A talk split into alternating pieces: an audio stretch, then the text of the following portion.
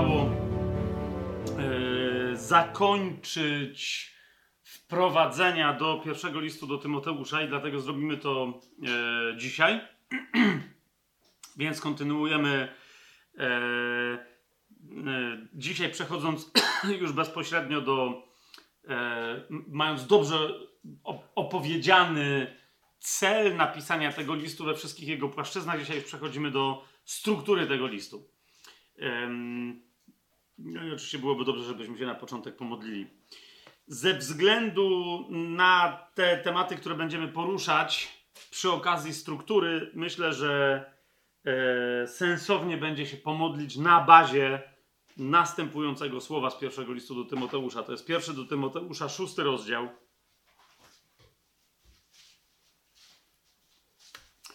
Od 11 mm, do 16 wersetu.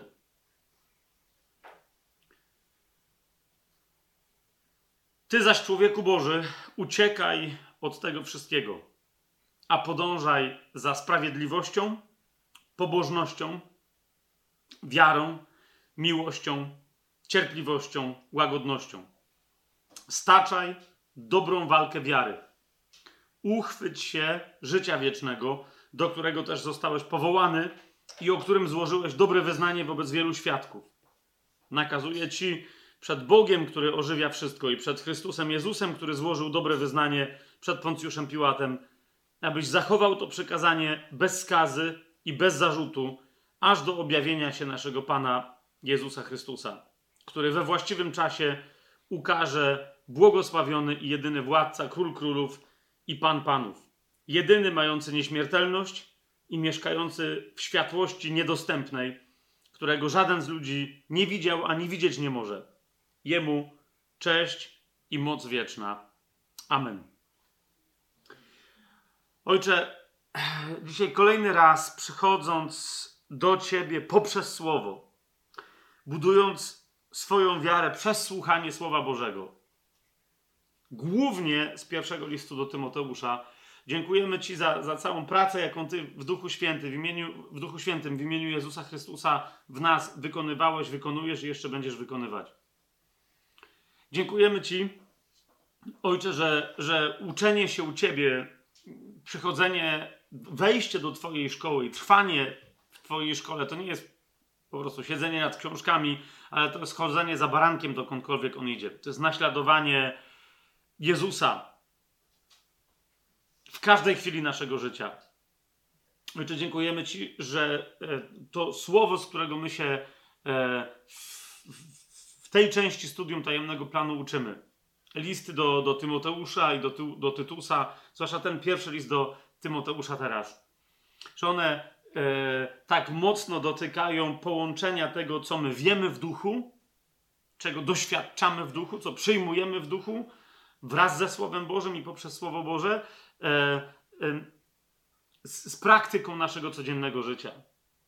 Dzięki Ci, Ojcze, że, że prawdziwie Jezus jest życiem, jest naszym życiem codziennym. To, to nie jest żadna abstrakcja, nie jest żadne, e, żadna poezja, która nic nie oznacza. E, nie jest jakieś hasło na przyszłość, ale prawdziwie Jezus jest naszym życiem dzisiaj i my zgłębiając to słowo do tej pory i dzisiaj jeszcze zgłębiając to słowo, po raz kolejny wiemy, Ojcze, że, że, że, że Ty nam dasz tego doświadczyć, nauczysz nas tego jeszcze mocniej tak żebyśmy jeszcze praktyczniej mogli to w każdej chwili naszego życia przeżywać. Że nie tylko specjalne spotkania, nabożeństwa, modlitwy osobiste, czytanie Pisma Świętego czy studium są przeznaczone na, na, na życie Chrystusowe w nas, ale całe nasze życie ma być i jest życiem Chrystusowym. I za każdym razem, Panie, wręcz kiedy my tego nie doświadczamy, to, to jest nasz problem, to, to nie jest zwyczajność życia, to jest wybicie nas z normalnego, zwycięskiego życia chrześcijańskiego. Dlatego dzisiaj, Panie, jeżeli o cokolwiek na początku mamy Cię prosić, na początku tego studium i chcemy Cię prosić, to przede wszystkim właśnie o to. Abyśmy byli prawdziwie ludźmi bożymi. Jak wzywał e, Tymoteusza Paweł, żeby, żeby, był człowiekiem Bożym w pełni. Żeby sobie nie pozwolił na, na utratę choćby chwili swojego życia, na, na powrót do ciała, na powrót do, duszy, do duszewności, do miałkości cielesnej codzienności. Panie, prosimy Cię, daj nam być ludźmi bożymi, którzy nie tracą ani chwili swojego życia, wręcz przeciwnie, w każdej chwili swojego życia doświadczają w pełni, że odzyskują czas, że przynoszą owoce. Daj nam, Panie, być takimi ludźmi. Daj nam, Panie, być ludźmi, którzy nie patrzą na, na to, co ludzkie, którzy nie patrzą po ludzku, którzy już nikogo nie znają według ciała. Daj nam, Panie, rozpoznawać z radością ciało Chrystusa. Nie po prostu braci i siostry jako swoich kumpli, jako swoje przyjaciółki, jako daj nam, Panie, widzieć prawdziwie ciało Chrystusa i Ciebie w naszych braciach i siostrach. A wszędzie tam, gdzie nie widzimy Ciebie, bo nie mamy jeszcze braci i sióstr, bo ludzie są nienawróceni, daj nam, Panie, zobaczyć pustkę i doświadczyć Twojego smutku, Twojego Twojego serca, które pragnie wszędzie widzieć zbawienie i odkupienie, bo Ty chcesz, Panie, aby wszyscy byli zbawieni i doszli do poznania prawdy. To studium, Panie, listów apostolskich Pawła do Tymoteusza i do Tytusa niech się dla nas stanie po raz kolejny pobudką i zarzewiem, Panie, takiego pragnienia e, życia, jak, jak, jak, jakim, jakim życiem Ty żyłeś, Jezu. Jakim życiem Paweł żył. Przynajmniej w większości tych świadectw, które o nim mamy. Jakim zapewne przez dużą część swojego życia żył Tymoteusz i tak dalej. Ale Panie, nam tak żyć, abyśmy przynajmniej dla niektórych, kiedy już nas weźmiesz w taki czy inny sposób z tego świata, e, mogli się stać owymi przywódcami, których życie, a zwłaszcza koniec życia, inni rozpamiętując, e, też poczują się zmotywowani zainspirowani do, do owocnego życia. Amen. Amen. Kochani, e, podsumowując tylko poprzednie e, e, spotkanie, cel napisania takiego treściwego listu, jak Paweł napisał do Tymoteusza, widzicie, można sobie w skrócie wyrazić Tymoteuszu, nie odpuszczaj, Tymoteuszu skoncentruj się, Tymoteuszu Pan powiedział, że złożył w tobie ogromne dary. W kim z nas nie złożył? Wiecie o co mi chodzi? E, od razu próbuję to odnieść do nas w duchu tej modlitwy też, którą przed chwilą myślę, że w imieniu nas wszystkich e, zaniosłem. Tymoteuszu, zostały wypowiedziane proroctwa na Twój temat. Dlaczego osiadasz na laurach swoich dotychczasowych sukcesów? Rozpal w sobie dar, który jest w Tobie złożony przez Pana, o którym On zaświadczył wobec całego Kościoła. Ale yy, to działanie, zarówno w życiu Tymoteusza, jak i w życiu każdej, każdego z nas, yy, ma właśnie pewną płaszczyznę publiczną, E, wręcz społeczną, płaszczyznę kościelną, płaszczyznę potem bardzo indywidualną. Każdy z nas wiedzie też życie, które jest tak bardzo prywatne, że nikt inny nie wie niczego na temat tego życia. E, na, nawet twoja żona, twój mąż, e, po prostu masz, e, istnieje taki rodzaj prywatności, intymności, że tylko Bóg o niej wie. Nikt inny, nawet, duchy, e, czy złe, czy dobre, nie wiedzą, tylko ty e, i Pan. I, i te wszystkie, czyli te, ten jeden prosty cel, Tymoteuszu, żyj swoim powołaniem. Paweł rozpisuje e, Tymoteuszowi e, w, tych, w tych trzech płaszczyznach. E, jak on ma nauczać, na jakie nauczanie ma zwracać uwagę, które korygować i w jaki sposób, do jakiego rodzaju życia e, i praktyki ma zachęcać innych w kościele e, i wreszcie jakiej praktyki duchowej wszelkiego rodzaju, e, nie tylko duchowej, ale nawet gastronomicznej, jakiej ma przestrzegać, że przypomnę wam o sławnym e, mm, spostrzeżeniu i uwadze e, Pawła do Tymoteusza w piątym rozdziale, w 23, w 23 wersecie, gdzie mówi do Tymoteusza mm, samej wody już nie pij, ale używaj trochę wina ze względu na twój żołądek i częste niedomagania. Teraz kochani, przechodzimy i to jest ostatnia rzecz, którą. oczywiście, że jest mnóstwo rzeczy, których moglibyśmy, e, o których moglibyśmy sobie opowiadać, które są wypowiedziane, mm, e, przedstawione w wyjątkowy sposób w pierwszym liście do Tymoteusza, ale my, e, taka jest teraz idea tajemnego planu, robimy de facto wprowadzenie do każdej księgi, do dużych tematów związanych mm, z, mm, z konkretnymi księgami. E, więc to, czego jeszcze nam brakuje, to jest opowiedzieć sobie o strukturze pierwszego listu do Tymoteusza. Już mówiłem ostatnio, struktura tego listu jest w sposób ewidentny chiastyczna. Tak?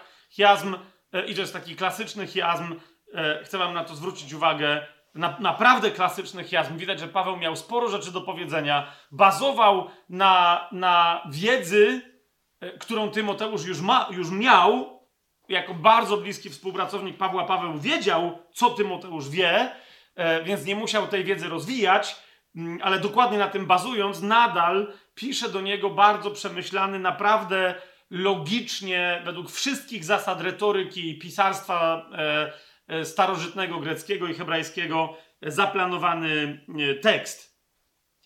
To, to jest taki klasyczny chiazm który ma swój szczyt w samym środku i tym środkiem jest e, pierwszy do Tymoteusza, trzeci rozdział, szesnasty werset. Wszystko zmierza do tego wersetu, od początku i od końca. Oczywiście my czytamy od początku do końca, w związku z tym wspinamy się na szczyt, którym jest trzeci rozdział, szesnasty werset i potem z tego, z tego szczytu schodzimy. A teraz, e, zanim przedstawię, chcę wam pokazać, jak E, że to nie jest tylko takie, wiecie, że wystarczy znaleźć jakiś środek i sobie powiedzieć, okej, czyli to jest szczyt, nie? To teraz zobaczymy, jak naprawdę ten list jest, po prostu widać w wielu elementach, e, jak, że ten list jest tak skonstruowany, plus co wynika z tej konstrukcji, ok? Co, co wynika z tej konstrukcji, ona jest nie bez przyczyny, e, ona nie bez przyczyny tak wygląda. Ale zanim w ogóle pójdziemy dalej, chcę się jedną myślą podzielić, bo myślę, że jest cenna, którą się ze mną podzielił brat Tymoteusz po ostatnim spotkaniu. myślę, że mogę o tym e, powiedzieć, bo w końcu zapomniałem Cię zapytać przed dzisiejszym spotkaniem. Mianowicie, jak smutną rzeczą jest, wiecie, jak ja czasami mówię o oryginalnym tekście biblijnym Nowego Testamentu. Czasem ludzie mówią, a, to, to, okej, okay, są różnice, tak jak w pierwszym liście Jana, czy E, czy w Ewangelii, a nawet są, mówią, to są duże różnice. Ale i miałem wiele takich rozmów rzeczywiście, gdzie ktoś przychodzi i mówi, no ale to nie, co to jest za różnica e, między tekstu z receptu za Nestle a Landem, kiedy, e, w, w, w, kiedy w tym rzekomo oryginalnym tekście podawanym przez rzekomo e, e, naukową metodę, która z naukowością nie ma naprawdę wiele wspólnego.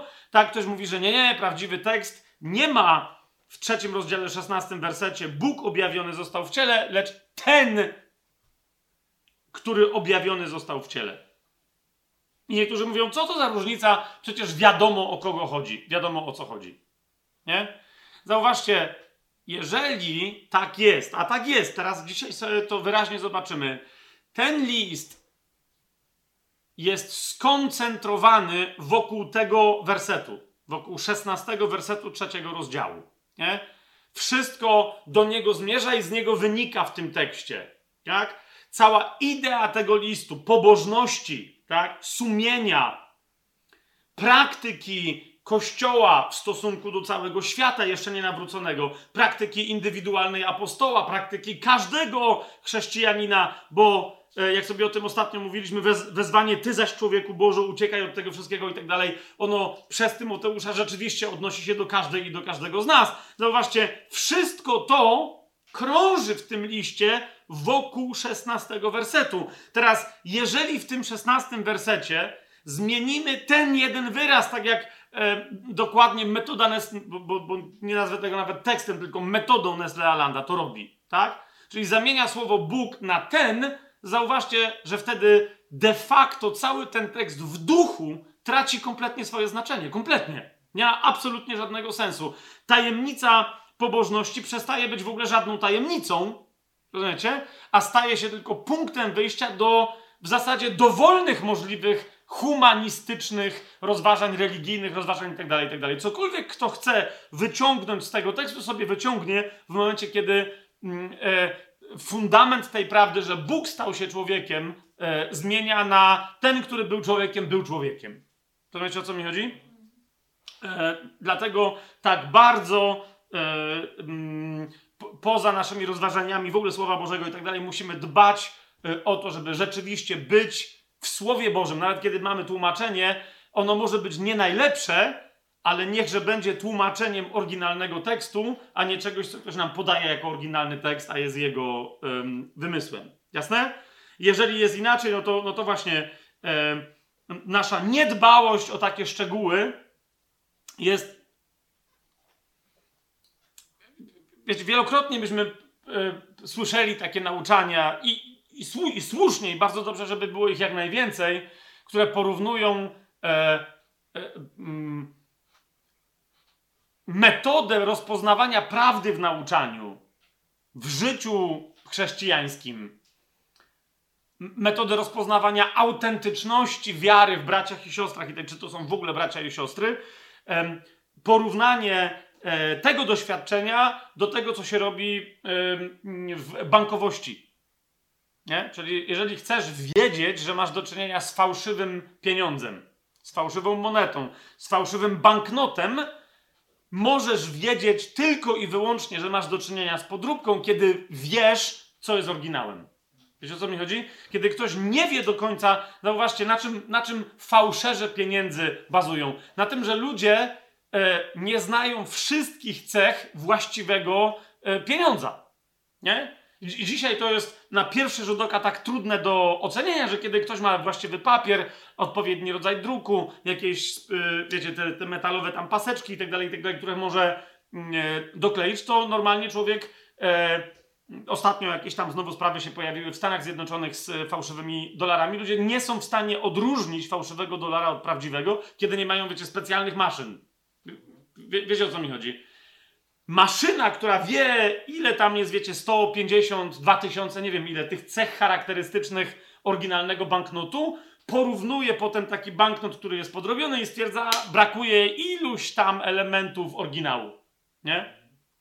Każdy element oryginału jest istotny i dokładnie yy, na przykład ten szesnasty werset, ten jeden wyraz w tym szesnastym wersecie, który jest wyra wyraz Bóg, ok?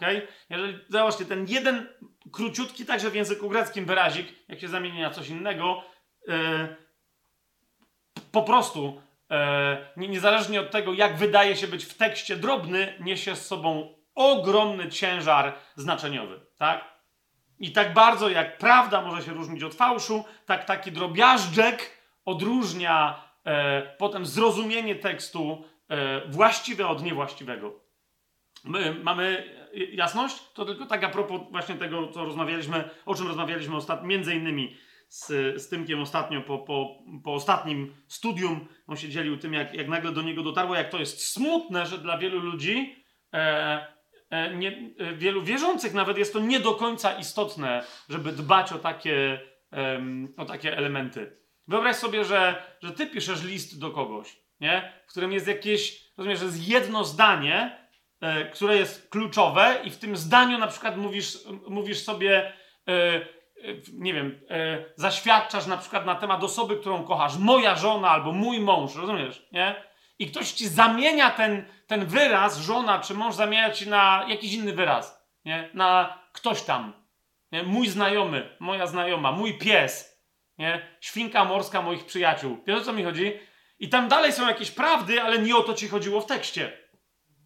Nie? Zauważ, jak wtedy nagle byśmy się czuli urażeni, że hej, zaraz, ale nie o to mi chodziło, to w ogóle zmienia całą moją wypowiedź. A tymczasem mamy tutaj wypowiedź znacznie istotniejszą, bo wypowiedź samego Ducha Świętego natchnioną. Tak? Powinniśmy się więc autentycznością i autentyzmem tej wypowiedzi naprawdę przejąć. Tak? Zanim zaczniemy. E, cokolwiek dalej mm, rozważać. I teraz, kochani, szybciutko przedstawimy, czyli, e, czyli e, punktem wyznaczającym nam chiazm, jeszcze raz, jest koniec trzeciego rozdziału. A zatem pierwsze trzy rozdziały pierwszego listu do Tymoteusza to jest chiazm wznoszący, a potem mamy drugą część schodzącą tego chiazmu, tak? Wszystko zmierza po kolei do 16 wersetu trzeciego rozdziału i potem z niego zmierza do końca stosownie. Stosownie do czego? To za chwilę. Plus mamy tu jeszcze dodatkowo taki, taką komfortową sytuację, że zasadniczo e, pewne działy, e, rozdziały myśli Pawłowej są zgodne jak rzadko, ok, z podziałem na wersety i na rozdziały, które dostaliśmy historycznie. Nie? Więc będzie dosyć łatwo nam rzecz sobie opisać. Teraz plan całego listu zasadniczo, okay, to są dwie części, czyli do szczytu i po szczycie. Tak? E, one potem tam się jeszcze rozdzielają na, e, na trzy części wewnętrzne, ale sobie e, dla absolutnego porządku e, rozróżnijmy pięć części. Okay? Czyli tak, pierwsza część jako część, ale chodzi mi o to, że wiecie, jakbyśmy mieli list, nie, który byłby w kopercie i tak dalej, i tak dalej, to to jest bardzo istotna część listu, tak? Czyli pierwsza część to jest adres, tak zwany adres, tak? E, zasadniczo w listach, ja mówię zasadniczo w listach, chciałem powiedzieć, że zasadniczo w listach mamy adres, w Biblii też. E, niektórzy uważają, że nie zasadniczo, tylko jak coś ma adres, to jest listem, a jak nie ma, to nie jest. Wiecie dlaczego więc powiedziałem zasadniczo, tak? Bo między innymi, znowu, gdy chodzi o taki drobiazg, jest potem dyskusja na temat listu do Hebrajczyków. Tak? Bo jeżeli to jest list, to gdzie jest adres? Ktoś mówi, no może się zgubił. A może się zgubił, może się nie zgubił. A może tam jest adres, a może ktoś nie zauważył. Ok? Jeszcze jak będziemy w liście do Hebrajczyków, będziemy o tym mówić. A dlatego na razie powiedziałem zasadniczo, żeby coś było listem, w starożytności musi mieć adres, a ten adres musi się znajdować w tekście, a nie na kopercie. Jasne? E, wtedy się wysyłało listy w taki sposób, że e, pisało się, a następnie składało list i pieczętowało i nie było osobnej zazwyczaj e, koperty. Pieczęć była tym, co, co dzisiaj, e, co my dzisiaj załatwiamy przy pomocy koperty, znaczka itd., tak itd. Więc adres to jest pierwszy list do Tymoteusza, pierwszy rozdział, pierwszy i drugi werset. Paweł, apostoł Jezusa Chrystusa, drugi werset do Tymoteusza, czyli jest nadawca, jest odbiorca. Mamy to?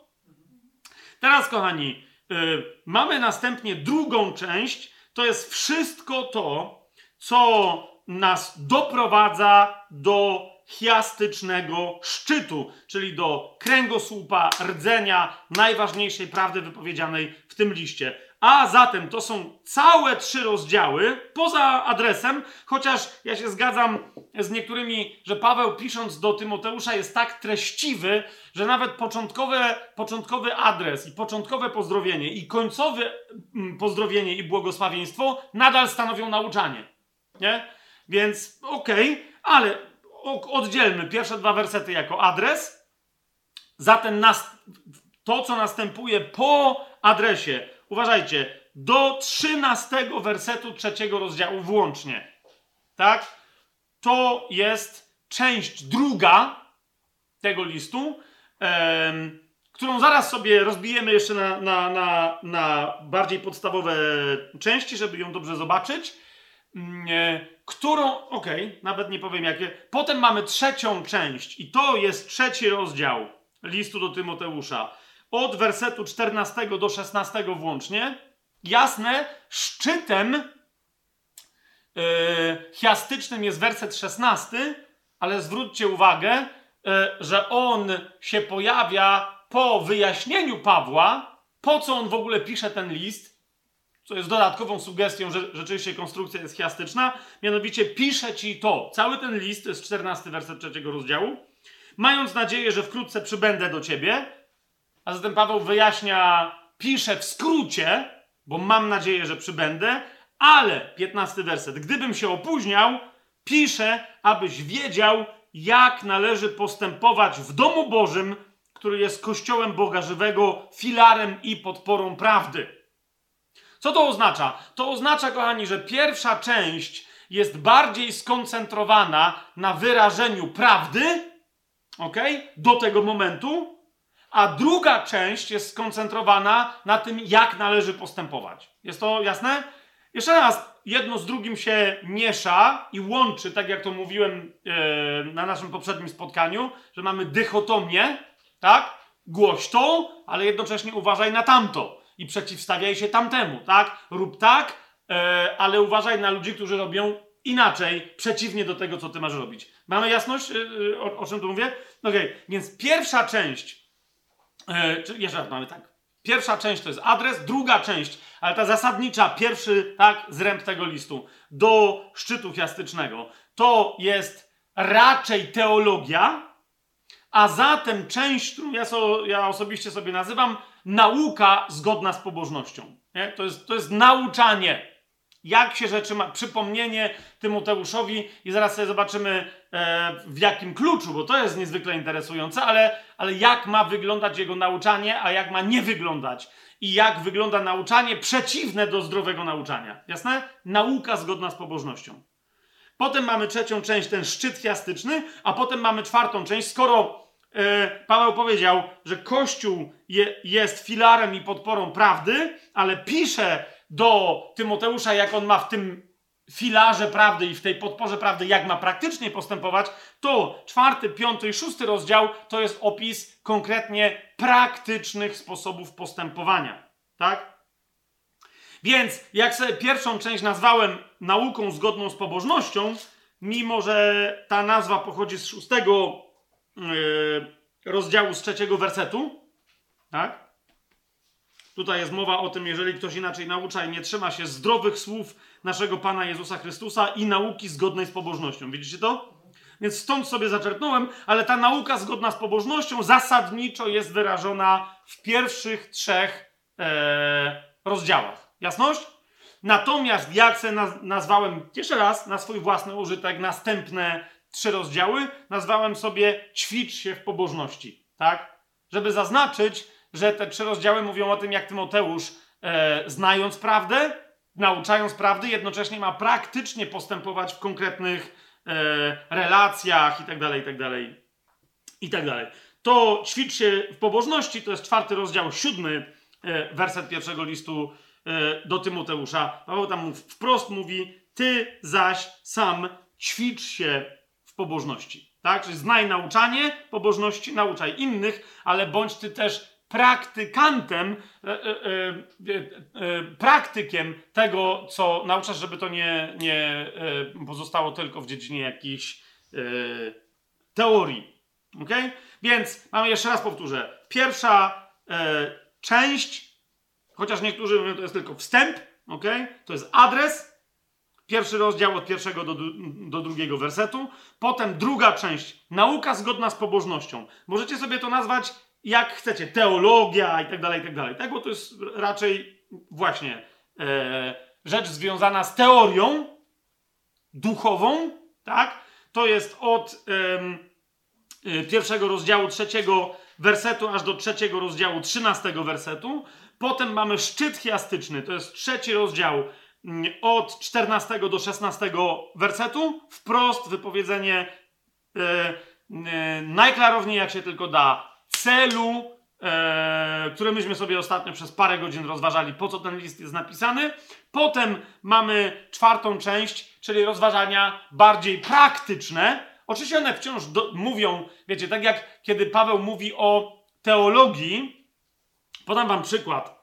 E, bo niektórzy mówią, nie, no jak to? No przecież na przykład w drugim rozdziale pierwszego listu do Tymoteusza mamy bardzo praktyczne wskazanie, Zachęcam, zobaczcie, drugi rozdział, pierwszy werset. Zachęcam więc przede wszystkim, aby zanoszone były prośby i tak dalej, i tak dalej. Drugi werset, za królów i za wszystkich sprawujących władzę. Nie? Wszystko elegancko, ale zwróćcie uwagę, Paweł nie akcentuje, co ma być robione, ale co jest celem w ogóle życia chrześcijańskiego tu na ziemi, tego życia tu biologicznego. A więc po co mają być, e, po co Paweł zachęca, żeby nadal trwać bo e, Efezjanie to robili. Tak? Ale po co Paweł mówi, po co my się mamy modlić za królów i tak dalej, i tak dalej, i tak dalej. Tak? I on mówi, abyśmy mogli prowadzić życie ciche i spokojne z całą pobożnością i uczciwością. Widzicie, temat pobożności tu się bardzo mocno zaczyna, akcentuje i tak dalej, i tak dalej, i tak dalej. To jest cel życia chrześcijańskiego. I teraz modlitwa o królów i tak dalej, dbałość o pewne do pewnych granic, tak? O pewne e, mm, aspekty życia społecznego niezwiązanego z Kościołem, jest dlaczego istotna, nie dlatego, że my jesteśmy do tego zobowiązani, bo się musimy zajmować polityką, e, podatkami, prawem i tak dalej. Nie.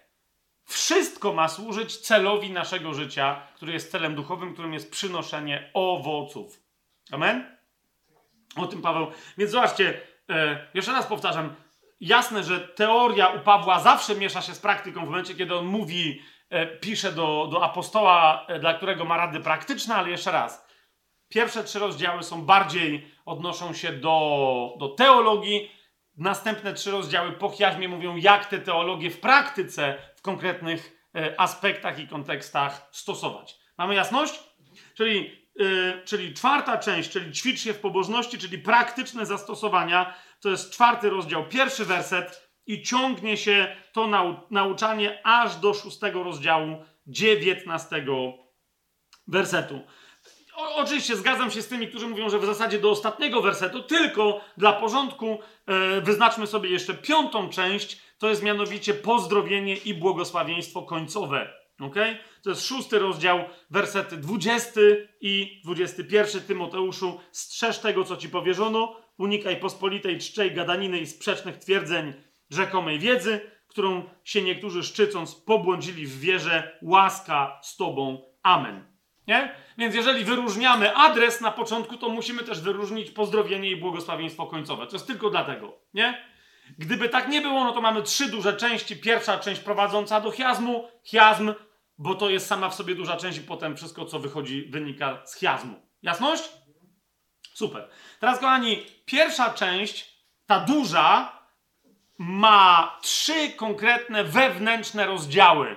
I dokładnie one się tak... Yy, tak plasują, jak, jak, jak mm, my mamy przez tradycję w kościele podane rozdziały e, tego listu. Czyli, kochani, nauka zgodna z pobożnością jest podzielona na trzy podrozdziały, czy właśnie rozdziały, trzy e, rozdziały tej, tej, tej dużej części do chiazmu. To jest pierwszy, drugi, trzeci rozdział. Tak? Ale jakie to są rozdziały? One, czyli e, e mówią, bo, bo Tymoteusz zna nauczanie. Jego nie trzeba nauczać, jemu je tylko trzeba przypomnieć we właściwym porządku. Więc Paweł przypomina Tymoteuszowi, że on jako apostoł odpowiedzialny za cały lokalny kościół musi pamiętać o trzech porządkach: o porządku duchowym, o porządku społecznym i o porządku kościelnym. Ok? O porządku duchowym, o porządku społecznym i o porządku kościelnym. O porządku duchowym Paweł pisze Tymoteuszowi w pierwszym rozdziale pierwszego listu do Tymoteusza. Jasność? O porządku społecznym pisze w drugim rozdziale i o porządku kościelnym pisze w trzecim rozdziale, do momentu chiazmu oczywiście. Zapytacie, jak to, o co chodzi? Szybciutko sobie odpowiadamy. Kochani, porządek duchowy, zwróćcie uwagę, jak to jest niezwykle istotne cały czas u Pawła w tym jego, e, w tym jego nauczaniu. Nie? porządek duchowy zasadniczo Paweł sprowadza do jednego e, zagadnienia, e, które wyraża, mianowicie e, to, jest, to jest kontrowersja wszędzie w kościele się pojawiająca i wtedy w tamtym, w tamtym czasie wszędzie prawie geograficznie, prawie wszędzie, nawet w Efezie, i dlatego Paweł przypomina Tymoteuszowi, kiedy Paweł pisze list do Efezjan, pamiętacie, on pisze do Efezjan jako do pogan, tam nie ma Żydów, nie? Ale jak tam jest Tymoteusz, e, oni się, oczy, e, ci różni e, ludzie flirtujący albo fałszywi bracia, de facto Żydzi, o czym dzisiaj sobie jeszcze więcej e, powiemy, na przykład o tym, kim być może był Aleksander, E, jako jeden z poważnych przeciwników e, Pawła, wymieniony w pierwszym rozdziale, w 20 wersecie, tam jest Hymenaios i Aleksander, zwróćcie uwagę. Tak? Ale jeszcze raz, jak, jaki to jest konflikt, kochani, który, który się pojawia jako fundamentalny, który albo zaburza porządek, zwróćcie uwagę, albo przywraca porządek. Ten fundamentalny konflikt to jest konflikt prawa z wiarą. Ok? Paweł mówi albo wiara, albo prawo. Ok? Dla tych, którzy wierzą, są usprawiedliwieni z łaski przez wiarę. prawo, temat prawa, tak jak jest rozumiany całej religii, włącznie z najlepszą religią świata, czyli z judaizmem, jest skończony dla ludzi wierzących. Tak? I teraz Paweł, e, więc jak ten pierwszy rozdział ja osobiście sobie zawsze tytułuję, dokładnie tak jak e, tym tekstem, którym Paweł się posługuje w pierwszym rozdziale, w czwartym wersecie, mianowicie zbudowanie Boże oparte jest na wierze. Ok? Końcem zaś przykazania jest miłość płynąca z czystego serca, z prawego sumienia i wiary e, nieobłudnej. Ok? I dziewiąty, czyli jedna rzecz, zbudowanie, wszelkiego rodzaju zbudowanie Boże jest oparte na wierze. Nie na przestrzeganiu jakiegoś prawa, czyli na żadnej formie legalizmu. Tak? Czy Paweł atakuje prawo? Nie, wielokrotnie o tym mówiliśmy przy okazji listu do Galacjan, listu do Rzymian itd., itd., itd. Paweł y, tylko jeszcze raz przypomina Tymoteuszowi no po prostu kwintesencję w dziewiątym wersecie, że prawo, jemu nie chodzi o to, że prawo jest złe, tylko, tylko y, przypomina Tymoteuszowi, dla kogo jest prawo. Nie? Dla kogo jest prawo? Prawo nie jest ustanowione dla sprawiedliwego. Po prostu. Tak? Prawo nie jest dla sprawiedliwych. Jeżeli ktoś zaczyna szafować e, tematem prawa w kościele, zaczyna nakłaniać ludzi albo wręcz przymuszać ludzi do tego, żeby takiemu czy innemu prawu jako prawu oddawali cześć w formie przestrzegania go raczej niż po prostu indywidualnej, codziennej, w każdej chwili rozpoznawanej woli Bożej, w miłości, okej? Okay? Która płynie z czystego serca, piąty werset, z prawego sumienia i wiary nieobłudnej, Paweł mówi, to jest sprowadzanie ludzi na powrót do pozycji nieusprawiedliwionych. Czy to jest jasne, co teraz mówię? Ok? Czy to jest jasne, co teraz mówię? Jeszcze raz, i to, rozumiecie, to musimy po prostu mieć w sobie wbudowane jako mechanizm.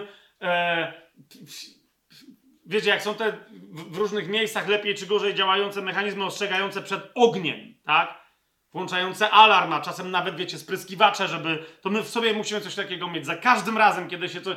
Pamiętaj, człowiek usprawiedliwiony żyje inaczej niż człowiek nieusprawiedliwiony. I to, co go odróżnia, to jest dokładnie to, że prawo nie jest dla niego. Okay? Jak, jak sobie przypomnicie, jeszcze raz, także w tym kontekście, w kółko potrzebujemy to robić, e, najważniejsza rzecz, prawo tak, jest, rozumiecie, jest, jest, jest dobre jako jako co? Jako poszukiwacz grzechu. Ok? Je jeżeli, e, jeżeli go nie ma, a ktoś zaczyna stosować prawo, to prawo, żeby znaleźć grzech, budzi cielesność. O tym list do Rzymian, między innymi mówił list do Galacjan, e, do, do tego potem powraca, tak? Prawo jest, jest czujnikiem na grzech, ale nie tylko czujnikiem pasywnym, ale aktywnym. Kiedy nie wyczuwa grzechu, to, to próbuje go wyprodukować. Więc prawo wskrzesza stare ciało. Po co?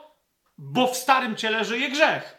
Wszyscy legaliści, jakkolwiek uprawiający jakikolwiek legalizm, mają problem z grzechem. Po prostu. Właśnie dlatego, że uprawiają legalizm. Tak? Człowiek, który jest usprawiedliwiony, nie ma problemu z grzechem, więc mu niepotrzebne jest prawo. Dlaczego nie ma problemu z grzechem? Ponieważ ludzie usprawiedliwieni to są tylko i wyłącznie ludzie, którzy żyją sprawiedliwością Syna Bożego. A On nigdy nie zgrzeszył, nie grzeszy i nie zgrzeszy w przyszłości. Amen? Jest to ok. I teraz druga bardzo istotna rzecz, kochani, jak mówiłem o tym, żeby uważać na słowa, jak ten jeden wyraz w 16 wersecie trzeciego rozdziału, Bóg zamiast ten jest istotny. Jeszcze raz, bądźmy uważni. Bodaj w niektórych e, e, tych prawosławnych kościołach przed czytaniem Pisma Świętego się śpiewa e, bądźmy uważni, bądźmy uważni.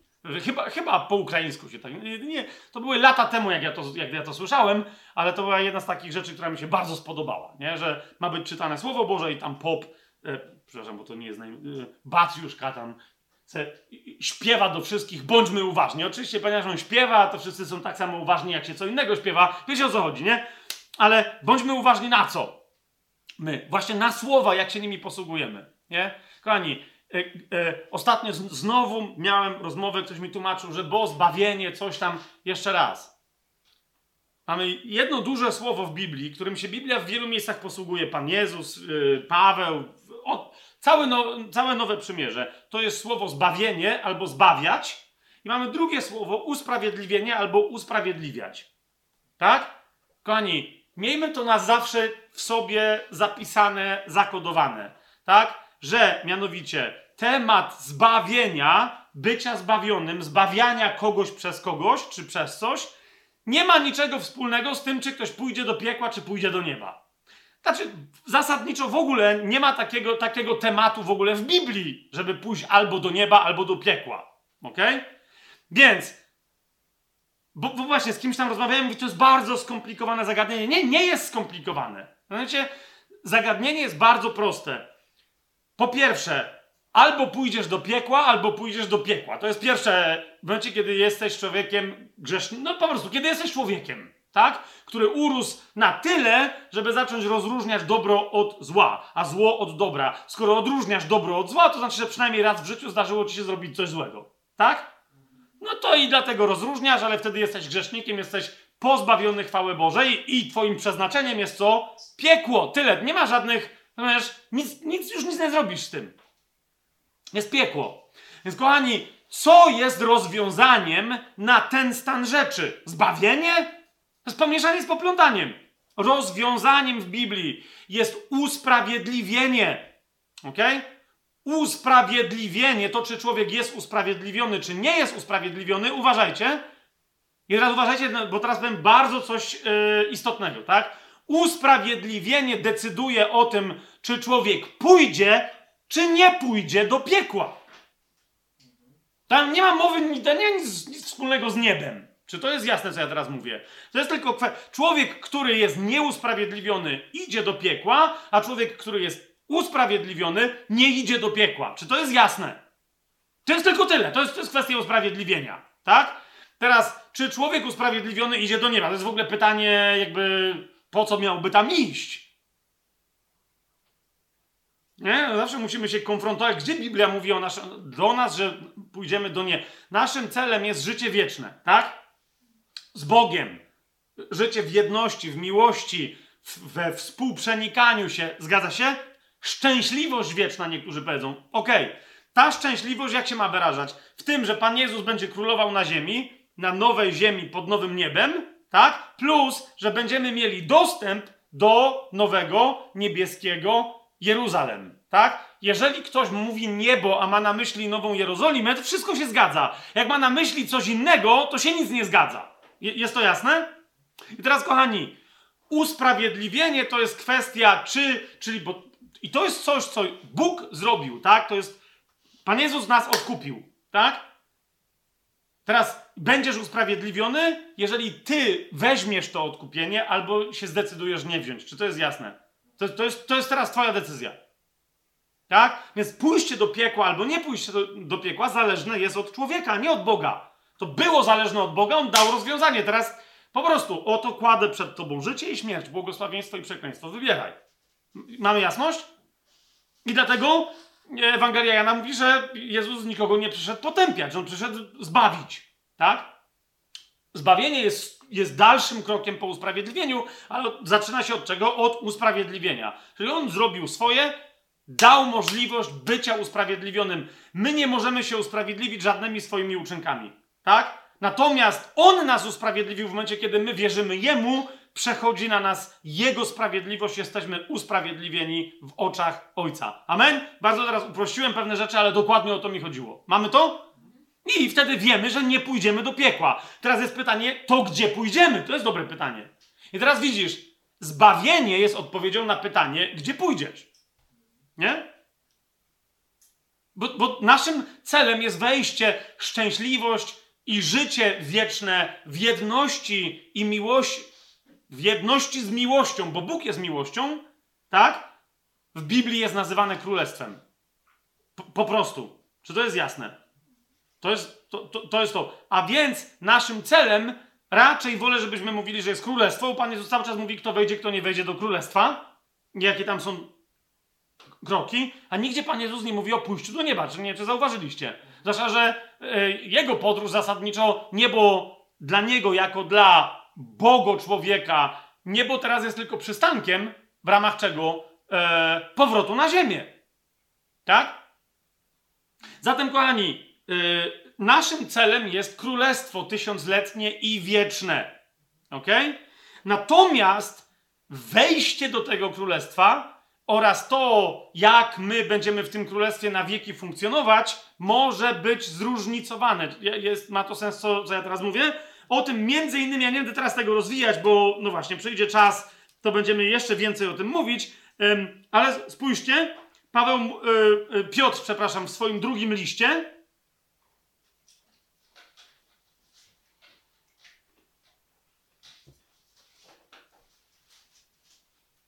Piotr w swoim drugim liście, w pierwszym rozdziale, w dziesiątym, jedenastym wersecie dokładnie o tym mówi. Zobaczcie, jak, jak jego język, i przy okazji język biblijny jest daleki od slangu, którym nam narósł przez wieki bycia protestantami, katolikami, jeszcze innymi, wiecie, wyznawcami różnych teologii konfesyjnych. Spójrzcie, jak on pisze. Dlatego, bracia, tym bardziej starajcie się umocnić wasze powołanie i wybranie.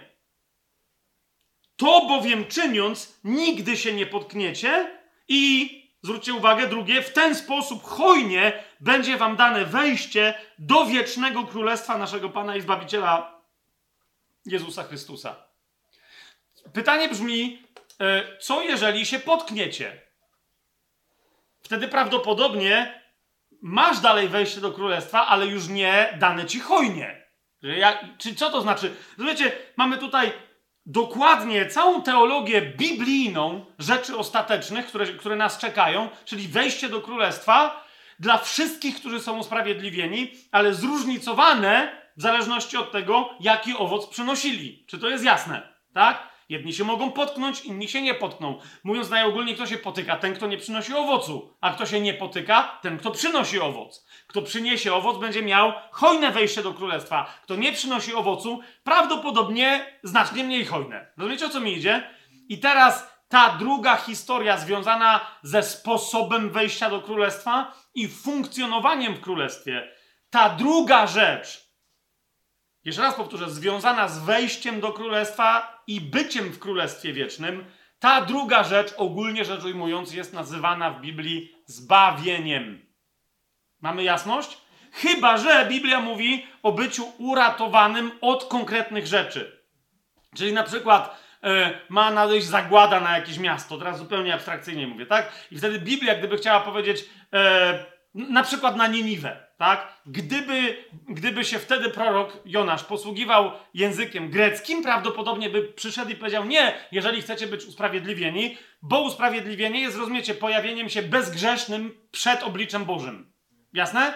Tylko on by przyszedł i powiedział: Jeżeli chcecie być zbawieni, to zróbcie to i to, i będziecie zbawieni. I oni by wszyscy zrozumieli, nie że pójdą do nieba, nie że nie pójdą do piekła, czyli tylko, że będą uratowani przed jakąś katastrofą, która nadciąga na Niniwę. Jest to jasne? Jak? Tak? Sodoma, Gomora również mogły być zbawione nie w sensie duchowym, teologicznym, tylko w sensie bardzo praktycznym.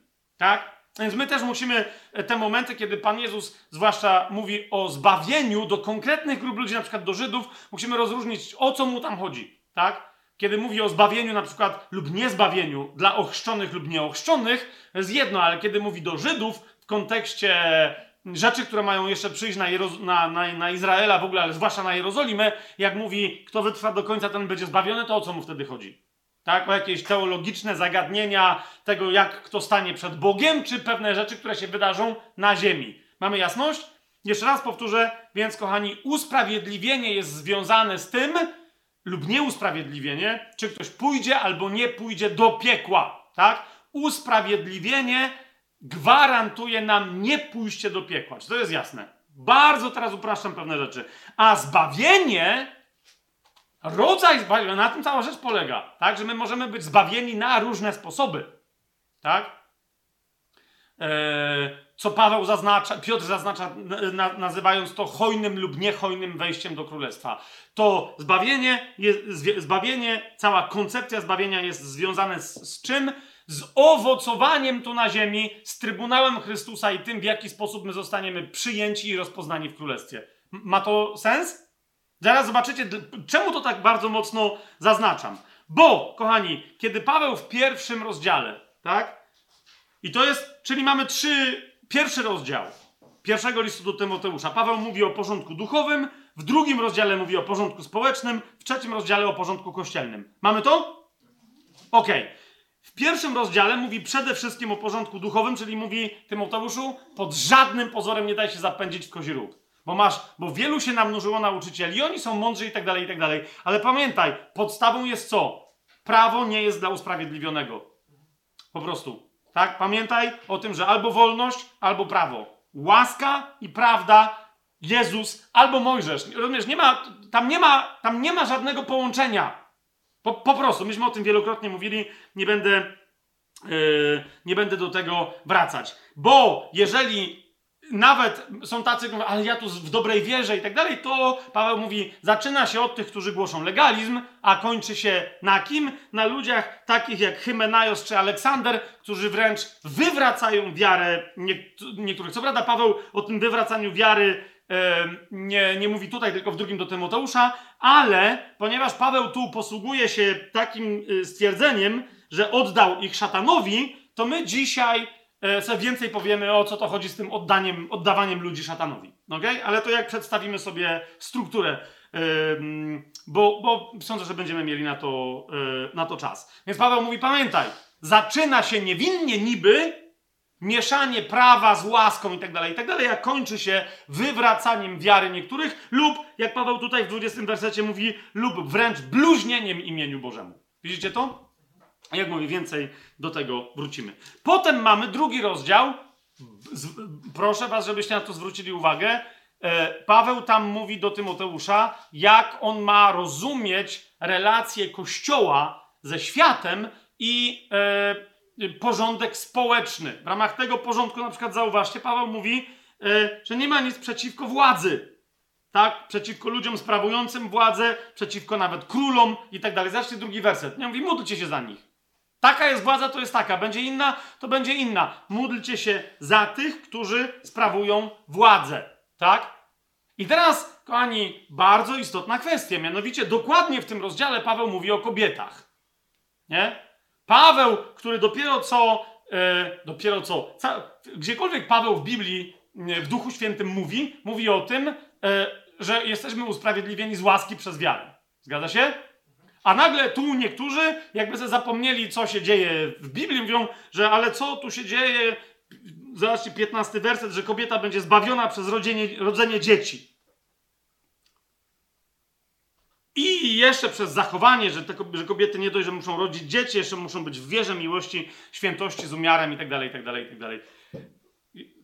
Rozumiecie o co mi chodzi? Jeżeli my pamiętamy, czym jest usprawiedliwienie, tak? Rozumiecie, Paweł, kiedy mówi o zbawieniu dla kobiet, on nie mówi, że kobiety pójdą do nieba albo nie pójdą, jak będą rodzić dzieci albo nie będą rodzić dzieci. On tylko pokazuje, jaki jest w ogóle społecznie przyjęty, jaki powinien zostać, zwróćcie uwagę, co, co się dzisiaj dzieje w XXI wieku na Zachodzie i co się rozlewa na cały świat. Jaki powinien zostać. Kościół, nawet jeżeli, jeżeli dotyka ciało Chrystusa, dotyka świata, nadal powinien w świecie promować dokładnie taką postawę. Tak? kobiety są stworzone do tego, aby przynosić kolejne pokolenia ludzi. Po prostu niezależnie od tego, co yy, niektórzy będą wymyślać, tak, że, że jakiś tam chłop urodził dziecko. No jasne. Oczywiście, jak się bliżej przyjrzeć, to się okazało, że to jest kobieta, która się zidentyfikowała jako mężczyzna, coś tam, coś tam, ale jakby, rozumiecie, biologicznie dlatego mogła urodzić dziecko, czy mógł, czy nieważne jak tam kto się czasownikami chce posługiwać i bawić językiem, po prostu to była dalej kobieta, biologicznie rzecz ujmując. Jasność? Więc Paweł mówi, jest związane z tym, nie, nie, będę dalej tych innych kontrowersji rozważać, bo pamiętajcie przy, pamiętacie przy okazji pierwszego listu do Koryntian rozważaliśmy między innymi te niby kontrowersyjne fragmenty związane z, yy, z kobietami, w tym także ten z drugiego listu do Tymoteusza. Pamiętacie?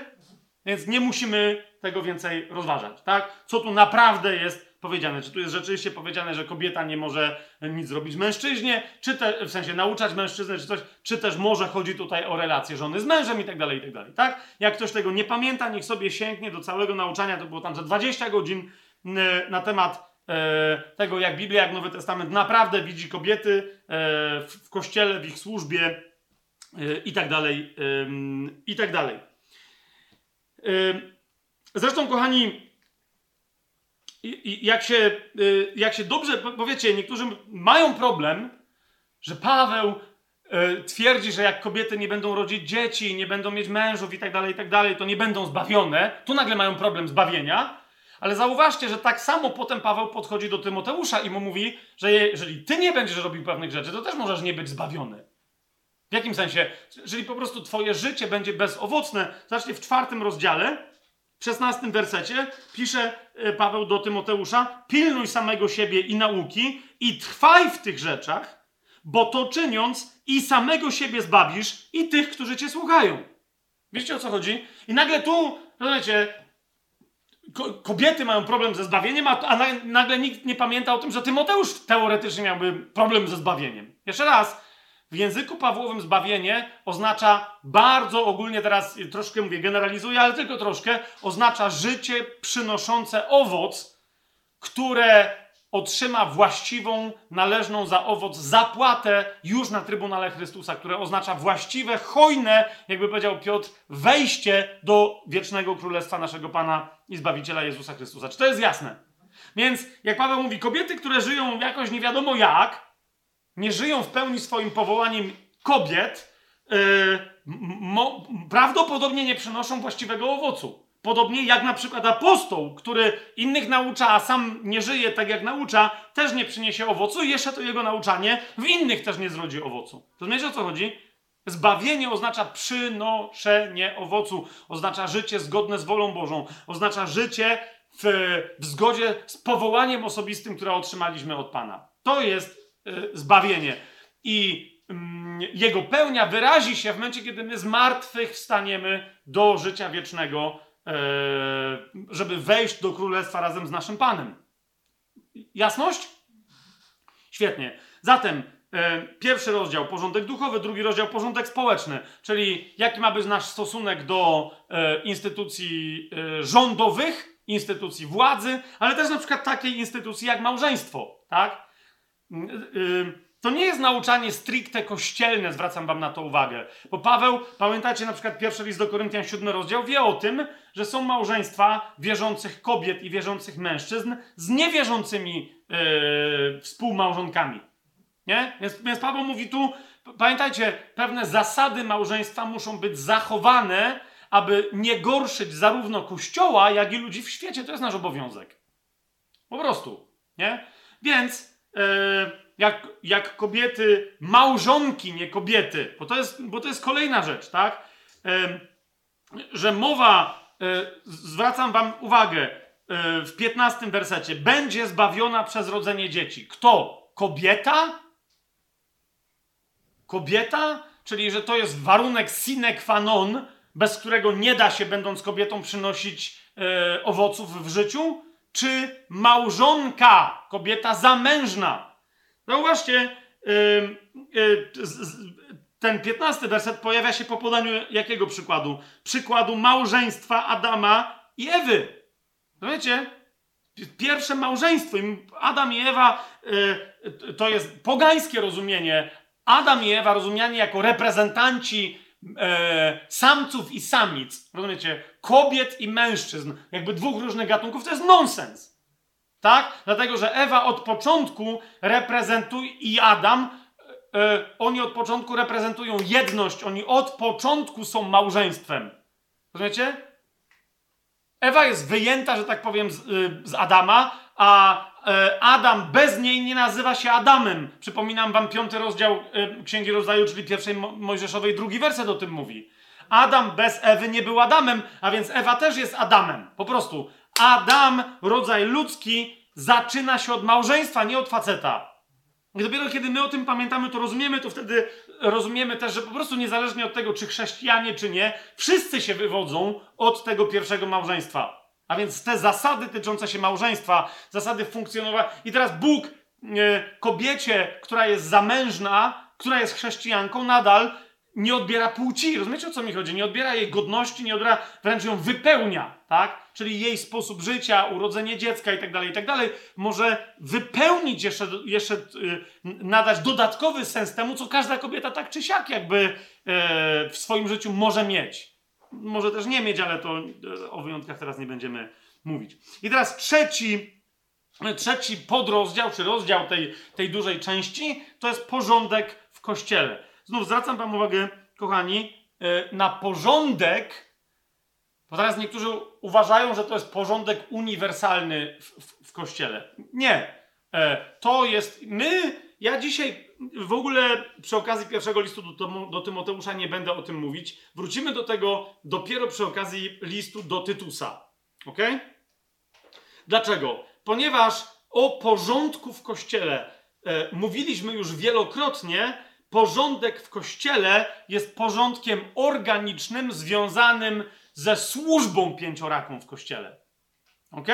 I to jest to. Natomiast w trzecim rozdziale tego pierwszego listu do, do Tymoteusza, podobnie jak e, paralelny tekst, który znajdziemy e, w liście do Tytusa, to jest porządek, uważajcie na to, to nie jest porządek nadprzyrodzony, charyzmatyczny w kościele. To nie jest porządek e, stricte duchowy. On jest duchowy, ale przechodzący przez namaszczonych ludzi w kościele. O co mi chodzi? Nikt nie może wybrać w kościele apostoła. Rozumiecie o co mi idzie? Że nagle ludzie zagłosują, teraz wybieramy, że Ania jest apostołką. Tak? Nikt nie może w kościele przez głosowanie, przez nie wiem, jest jakiś apostoł i teraz on mówi: Gosia, wyznaczam cię teraz na ewangelistkę. Wiecie o co mi chodzi? Nie, to są dary, które i misje z nimi związane, które pochodzą wprost od Pana Kościół. Jedyne co może to rozpoznać ludzi posłannictwie apostolskim, proroczym, ewangelizacyjnym, pasterskim, nauczycielskim. Rozumiemy, rozumiecie o co mi chodzi? Natomiast, kochani, następnie ten porządek, który Pan ustanawia w swoim ciele, który nazywam porządkiem charyzmatycznym, dalej jeszcze rozchodzi się za wolą ludzi, którzy są namaszczeni. Ok? I trzeci rozdział pierwszego do Tymoteusza, podobnie jak mówię, paralelny tekst w liście do Tytusa, o czym mówi? O czymś, co w pewnym tylko sensie zależy od Boga, a w bezpośrednim sensie zależy od kogo? Od apostoła w kościele. Bo zauważcie, Pan daje komuś namaszczenie prorocze, Pan daje komuś namaszczenie apostolskie, Pan i ono nie może być cofnięte, ponieważ dary łaski nie mogą być, tak, Bóg daje i one po prostu, one zostaną z Tobą na zawsze jako część Twojego posłannictwa, Twojej osoby, Twojej osobowości. Rozumiecie, co mówię? Natomiast, kochani, trzeci rozdział mówi o, nawet zostańmy przy tym słownictwie, o biskupstwie i o diakoństwie. Tak? Mówi o biskupach i o diakonach, jako o kim? Jako o funkcjach w kościele, które są zależne od apostoła i tylko i wyłącznie od apostoła. Okay? Apostoł jest człowiekiem namaszczonym, ale musicie, musimy, musicie, musimy pamiętać o tym, że pozostaje tylko człowiekiem. A zatem Bóg, jeżeli daje komuś dar apostolstwa, dar bycia prorokiem, ewangelistą, nauczycielem itd., tak Bóg jest nieomylny. Potem my możemy się sprzeniewierzyć temu darowi. Jest to jasne, co, co mówię, ale Bóg jest nieomylny. On wie, kogo wyznaczył, żeby był nauczycielem, ewangelistą itd. Tak Natomiast zwróćcie uwagę, biskup, czyli nadzorca kościele, głównie skoncentrowany na, na tym, żeby nadzorować czystość nauczania Słowa Bożego, lub diakon, a więc ktoś, kto nadzoruje dystrybucję środków materialnych w kościele, ci ludzie są wyznaczeni przez apostoła, ale skoro są wyznaczeni przez człowieka, to ten człowiek może się pomylić. Rozumiecie? Jeżeli Pan wyznaczył kogoś, żeby był apostołem, to ten ktoś może się sprzeniewierzyć swojemu posłannictwu, ale Pan namaszczenia nie cofnie.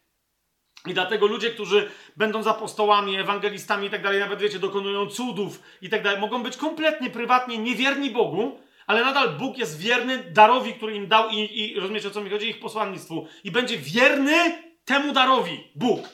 Tak? A więc Yy, ewangelista może publicznie głosić rzeczy, uzdrowić tysiące ludzi, potem wrócić do, rozumiecie, do swojego prywatnego życia i żyć jak grzesznik.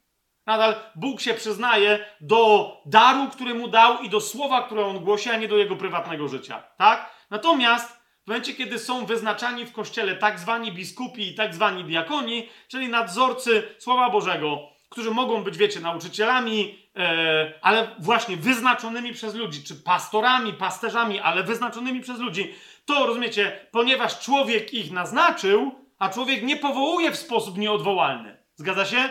To człowiek też może ich odwołać. Czy to jest jasne? Nie? Zauważcie, że o tej omylności tej decyzji najpierw w trzecim rozdziale Paweł y, pisze do Tymoteusza, jakimi, zauważcie, nie mówi mu módl się, musisz dostać objawienie i Bóg ci pokaże, kto ma być w twoim kościele diakonem czy biskupem. Nie? Tylko mówi, jasne, masz to rozeznanie w duchu, Bóg ci może pewne rzeczy pokazać, ale jak ty sobie je potwierdzisz? Musisz sprawdzić tych ludzi konkretnie, po ludzku, tak? Jakie oni mają cechy. I nadal, nawet jak to zrobisz, dobrze się zastanów, bo zauważcie, w piątym rozdziale, w dwudziestym drugim wersecie i dalej Paweł mówi: rąk na nikogo pospiesznie nie wkładaj, ani nie bądź uczestnikiem cudzych grzechów. Siebie samego zachowaj czystym. Dlaczego? Bo rozumiecie, w momencie, kiedy yy, on jako apostoł w Efezie uznałby, o, to jest gość, który się nadaje, tak? Jest mężem jednej żony i tak dalej, zna Słowo Boże, wychował dzieci, niech on naucza. I teraz na znak tego modli się cały Kościół, cały Kościół mówi, no to ty to rozpoznałeś? Tak. Kładę na niego ręce, gwarantuję, rozumiecie, jak ktoś kładzie na kogoś ręce, to znaczy, że coś w nim rozpoznaje. Nic mu nie udziela, tylko coś w nim rozpoznaje, tak? A potem nagle ludzie mówią, ty, no ale to wiedziałeś o tym, że on żonę w ogóle zdradza, że ma jakąś inną babę z drugiej strony miasta, czyli w innym... No nie, nie wiedziałem. No, no właśnie, tak? Więc Paweł mówi, rąk, nawet jak masz to rozpoznanie, prześwietl tego człowieka. Czemu? Ponieważ wyznaczenie biskupów i diakonów czyli usługujących nas słowem i usługujących materialnie w kościele, jest odpowiedzialnością człowieka, który ich wyznacza, a nie Boga. Rozumiecie o co mi idzie? I dlatego, jak powiedziałem, porządek kościelny jest opisany w trzecim rozdziale pierwszego do Tymoteusza, to dodam porządek kościelny zależny od namaszczonych ludzi. To nie jest porządek fundamentalny ciała Chrystusa, który jest zależny bezpośrednio od Boga, którym jest E, który jest opisany w kategoriach pięciorakiej służby. E, jest to zrozumiałe, co teraz powiedziałem? Doskonale. E, więc jeszcze raz, pierwsze trzy części tego listu do chiazmu, porządek duchowy, porządek społeczny, porządek kościelny, ale ten, który jest zależny od ludzi. My o tym będziemy mówić więcej, kochani, jeszcze raz. Ja, ja wiem, że to jest zagadnienie, które wielu interesuje, ale jeszcze raz, zaczekajcie, za dwa, najdalej trzy spotkania będziemy mówić y, o liście do, do Tytusa i tam dokładnie tego tematu porządku w kościele zależnego od ludzi będziemy mówić. To będzie e, rzecz, o której jeszcze do tej pory aż tak bardzo osobno, komplementarnie nie mówiliśmy, to sobie o tym opowiemy. Może tak być? Wytrzymacie? Okej. Okay. Teraz, jak trzy części E, trzy, trzy rozdziały ma pierwsza część tego listu do chiazmu, tak również trzy rozdziały ma druga część po chiazmie. Jakie to są rozdziały? Po pierwsze, to jest czwarty rozdział i najogólniej rzecz ujmując, e, nazwałbym go e, mm, e, misją osobistą. Tak? Czyli Paweł pisze, bo niektórzy mówią, to jest ogólna teologia, pro, Paweł prorokuje o przyszłości. Tak, prorokuje, ale nie mówi, na, na przykład na początku czwartego rozdziału, Paweł pisze do Tymoteusza, duch otwarcie mówi, że w czasach ostatecznych i tak dalej, i tak dalej, i tak dalej. Ale zauważcie, on mu nie mówi, powiedz to całemu kościołowi. Nie? Tylko pisze to do, do Tymoteusza, mówi Tymoteuszu, yy, duch otwarcie mówi, to znaczy tu, gdzie ja teraz jestem modliliśmy się i są proroctwa na ten temat. Jest to jasne, co, co ja mówię? Duch, tu duch otwarcie mówi. Ja ci to przekazuję, tak? Po co? Żebyś ty wiedział, jak się pojawi nauczanie, które będzie mówić nie jedz mięsa, nie wstępuj w związek małżeński, żebyś wiedział z całą pewnością, że to jest nauka demonów. To, jest, to, jest pierwsze, to są pierwsze wersety czwartego rozdziału. Połączenie tych dwóch rzeczy, tak? Nie jedz niekoniecznie mięsa, nie jedz konkretnego rodzaju e, jedzenia i miej w nienawiści małżeństwo, tak? Nie wstępuj w związek małżeński, nie żeń się, nie wychodź za mąż. Połączenie tych dwóch rzeczy to jest nauka demonów. Tutaj Paweł nie zostawia żadnych nam także wątpliwości, Tymoteuszowi też nie. nie? My zresztą wiemy, że e, z gnozą, którą bezpośrednio Paweł nie tylko tu, ale tutaj zwłaszcza z imienia atakuje w pierwszym do Tymoteusza, to nauczanie podważające sens małżeństwa, sens jedzenia pewnych rzeczy i tak dalej, to nauczanie jest, jest nieodzownie, e, wręcz powiedziałbym, koniecznie związane. Nie? Za każdym razem, jak będziecie mieli, e, rozumiecie, na, najdziwniejsze formy gnozy, zauważycie, że w taki czy inny sposób dokładnie te dwa aspekty się pojawią, tak?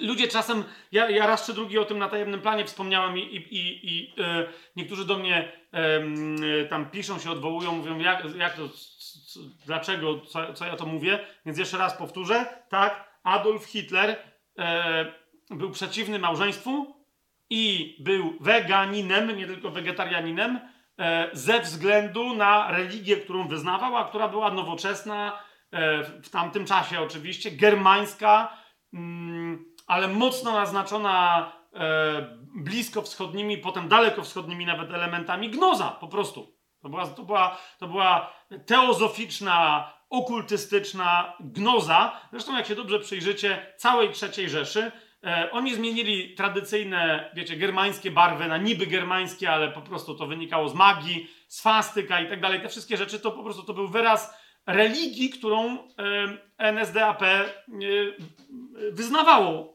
Jak ktoś by się chciał zapoznać z tym tematem, to odsyłam do książki na przykład Religia Hitlera, czy po prostu historycznych, profesjonalnych yy, yy, dzieł. Więc yy, wiecie, ludzie znają Hitlera jako, jako, jako potwora, a, ale teraz okazuje się, że on prywatnie i nawet dziś, no to jest interesujące, że dzisiaj podnosi się taka tendencja, żeby robić potworów z innych ludzi, a, po, a, a, a stwierdzić, że na przykład Hitler jest, był, on nie wiedział, co się dzieje. On nie wiedział nic o żadnych obozach koncentracyjnych, on nie, o, o, o Żydach nic nie wiedział, wszyscy za, zapomnieli, co pisał w Mein Kampf. Okej, okay, w Mein Kampf pisał coś tam o Madagaskarze, ale nadal nienawiść jego do Żydów, rozumiecie, była taka, powiedziałbym, wzorcowa dla, dla całego antyjudaistycznego satanizmu, opisany, który jest w Biblii klarownie opisany, tak? A, a przedstawiają go jako kogo? Jako człowieka, który był zagubiony, który był malarzem, tylko potem się pogubił, był marionetką jakichś tam, wiecie, tajemnych tam różnych bractw. No i, no i dowodem na to, że to był w sumie dobry człowiek, jest właśnie to, że no, no właśnie, nie? On tak bał się wejść w związek małżeński, nie jadł mięsa, cztery czy pięć razy dziennie się kąpał, dlatego że regularnie uważał, że dodam jeszcze jedną rzecz, która dosyć będzie niebezpieczna, jak to powiem, ale to powiem. Cała trzecia Rzesza, a zwłaszcza hitleryzm, E, ta, ta tendencja nazistowska była zbudowana na obawie przed pandemią. Nie? Tylko, że e, przed zarazą Hitler e, nie jadł mięsa, bo się bał, że przez mięso i tak dalej, że, że przejdą na niego jakieś, wiecie, emocje, które zwierzęta w sobie zatrzymały. Zobaczcie, jak dzisiaj niektórzy głoszą niejedzenie mięsa, że tam zwierzęta, ja nie mówię, że zwierzęta nie cierpią, tylko no rozumiecie o co mi chodzi, tak? E, że małżeństwo właśnie jest złe, bo zanieczyszcza człowieka w sposób e, też emocjonalny i, i duchowy. Ale oprócz tego e, człowiek jest podatny na, na wszelkiego rodzaju zarazki intelektualne, fizyczne i tak dalej. Dlatego Hitler z jednej strony fizycznie on się kąpał przynajmniej cztery razy dziennie, rozumiecie, całe, całe ciało. To był, to był jego codzienny zwyczaj, kąpał się. Ale stąd zwróćcie uwagę, cały jego, jego Goebbelsa, później Himmlera, w cudzysłowie nauczania na temat tego, że Żydzi roznoszą zarazy wszelkiego rodzaju. Te filmy propagandowe, jak sobie przypomnę, mam nadzieję, że nie widzieliście ich, porównujące Żydów do, do szczurów, które roznoszą zarazy i tak dalej, i tak że po prostu trzeba ich wytłuc, ponieważ oni roznoszą zarazy duchowe, emocjonalne, intelektualne, społeczne i tak dalej, i tak dalej, i tak dalej, nie? Cokolwiek było złe, na przykład marksizm, i ja teraz nie wiem, że marksizm jest dobry, tylko jak Hitler walczył z komunistami, wiecie, z czerwonymi, no to oczywiście kto roznosił e, tą zarazę? Żydzi, tak? Jak walczył z czymś tam, kto roznosił no, tą zarazę? Żydzi. E, jak walczył z tym, że chrześcijaństwo straciło swoją właściwą formę, to co, kto zepsuł właściwe chrześcijaństwo? Żydzi. Tak? No, pewnie począwszy od Pana Jezusa, ale no wiecie o co chodzi. Więc jeszcze raz, zwróćcie na, na to uwagę, że tak, Paweł dzieli się z Tymoteuszem w czwartym rozdziale. Tak?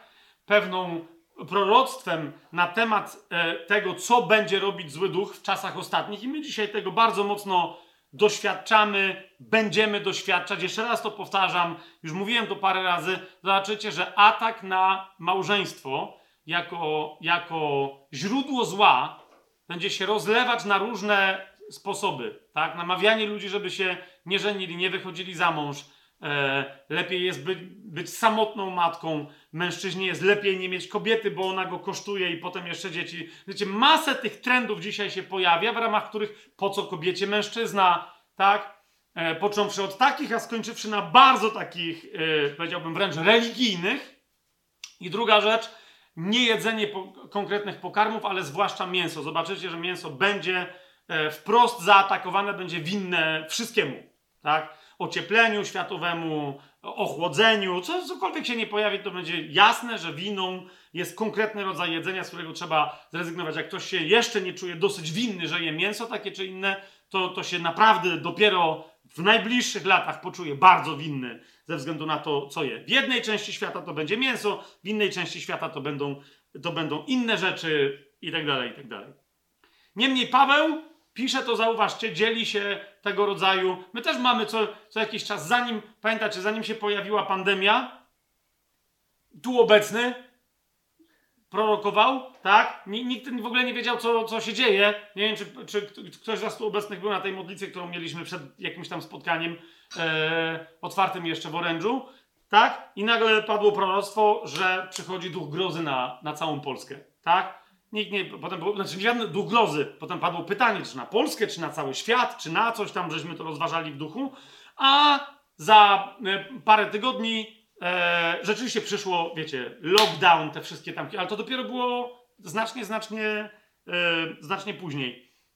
I z paroma innymi kwestiami tak, tak było. E, kiedy żeśmy sobie mówili o tym, żeby się przyglądać Rosji, jej konszachtom z Iranem, z Turcją i tak dalej, i tak dalej. Jeszcze pewne proroctwa, oczywiście, które są także w Biblii, e, mm, ale też pewne praktyczne rzeczy, które nie są e, wyeksplikowane w Biblii, ale pojawiły się przez usługę proroczą w Kościele, wiedza na, na pewien temat w ostatnich latach.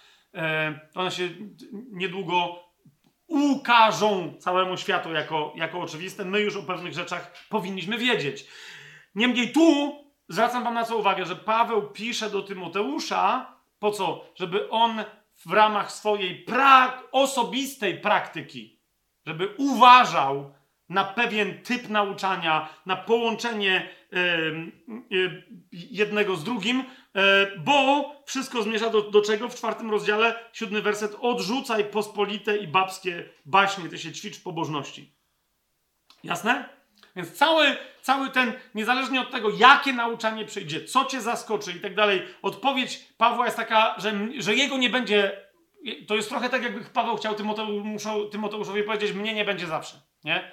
Ale są pewne zasady, których jak się będziesz trzymać, to Duch Święty będzie w stanie cię tak skutecznie nauczać, że niemniej są pewne rzeczy, które my już wiemy, że się pojawią, no i to jest właśnie to, co na początku czwartego rozdziału. Zatem, cała ta ogromna część, którą sobie nazwaliśmy praktyka, ćwicz się w pobożności, to jest rozdział czwarty. Ja bym go zatytułował Pilnuj samego siebie. Ok?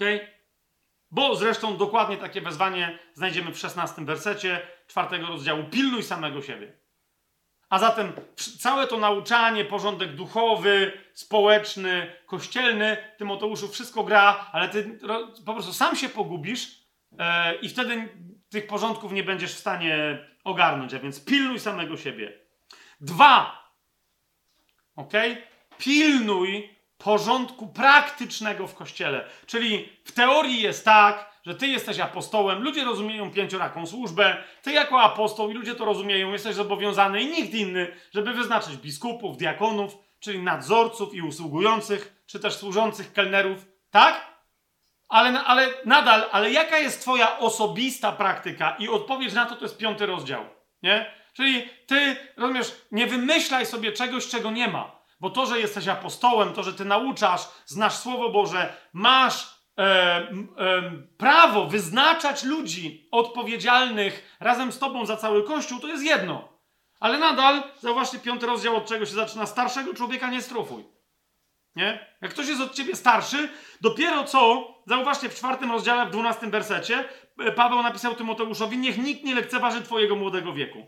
Tak? Ale nadal z drugiej strony ty nie cwaniakuj.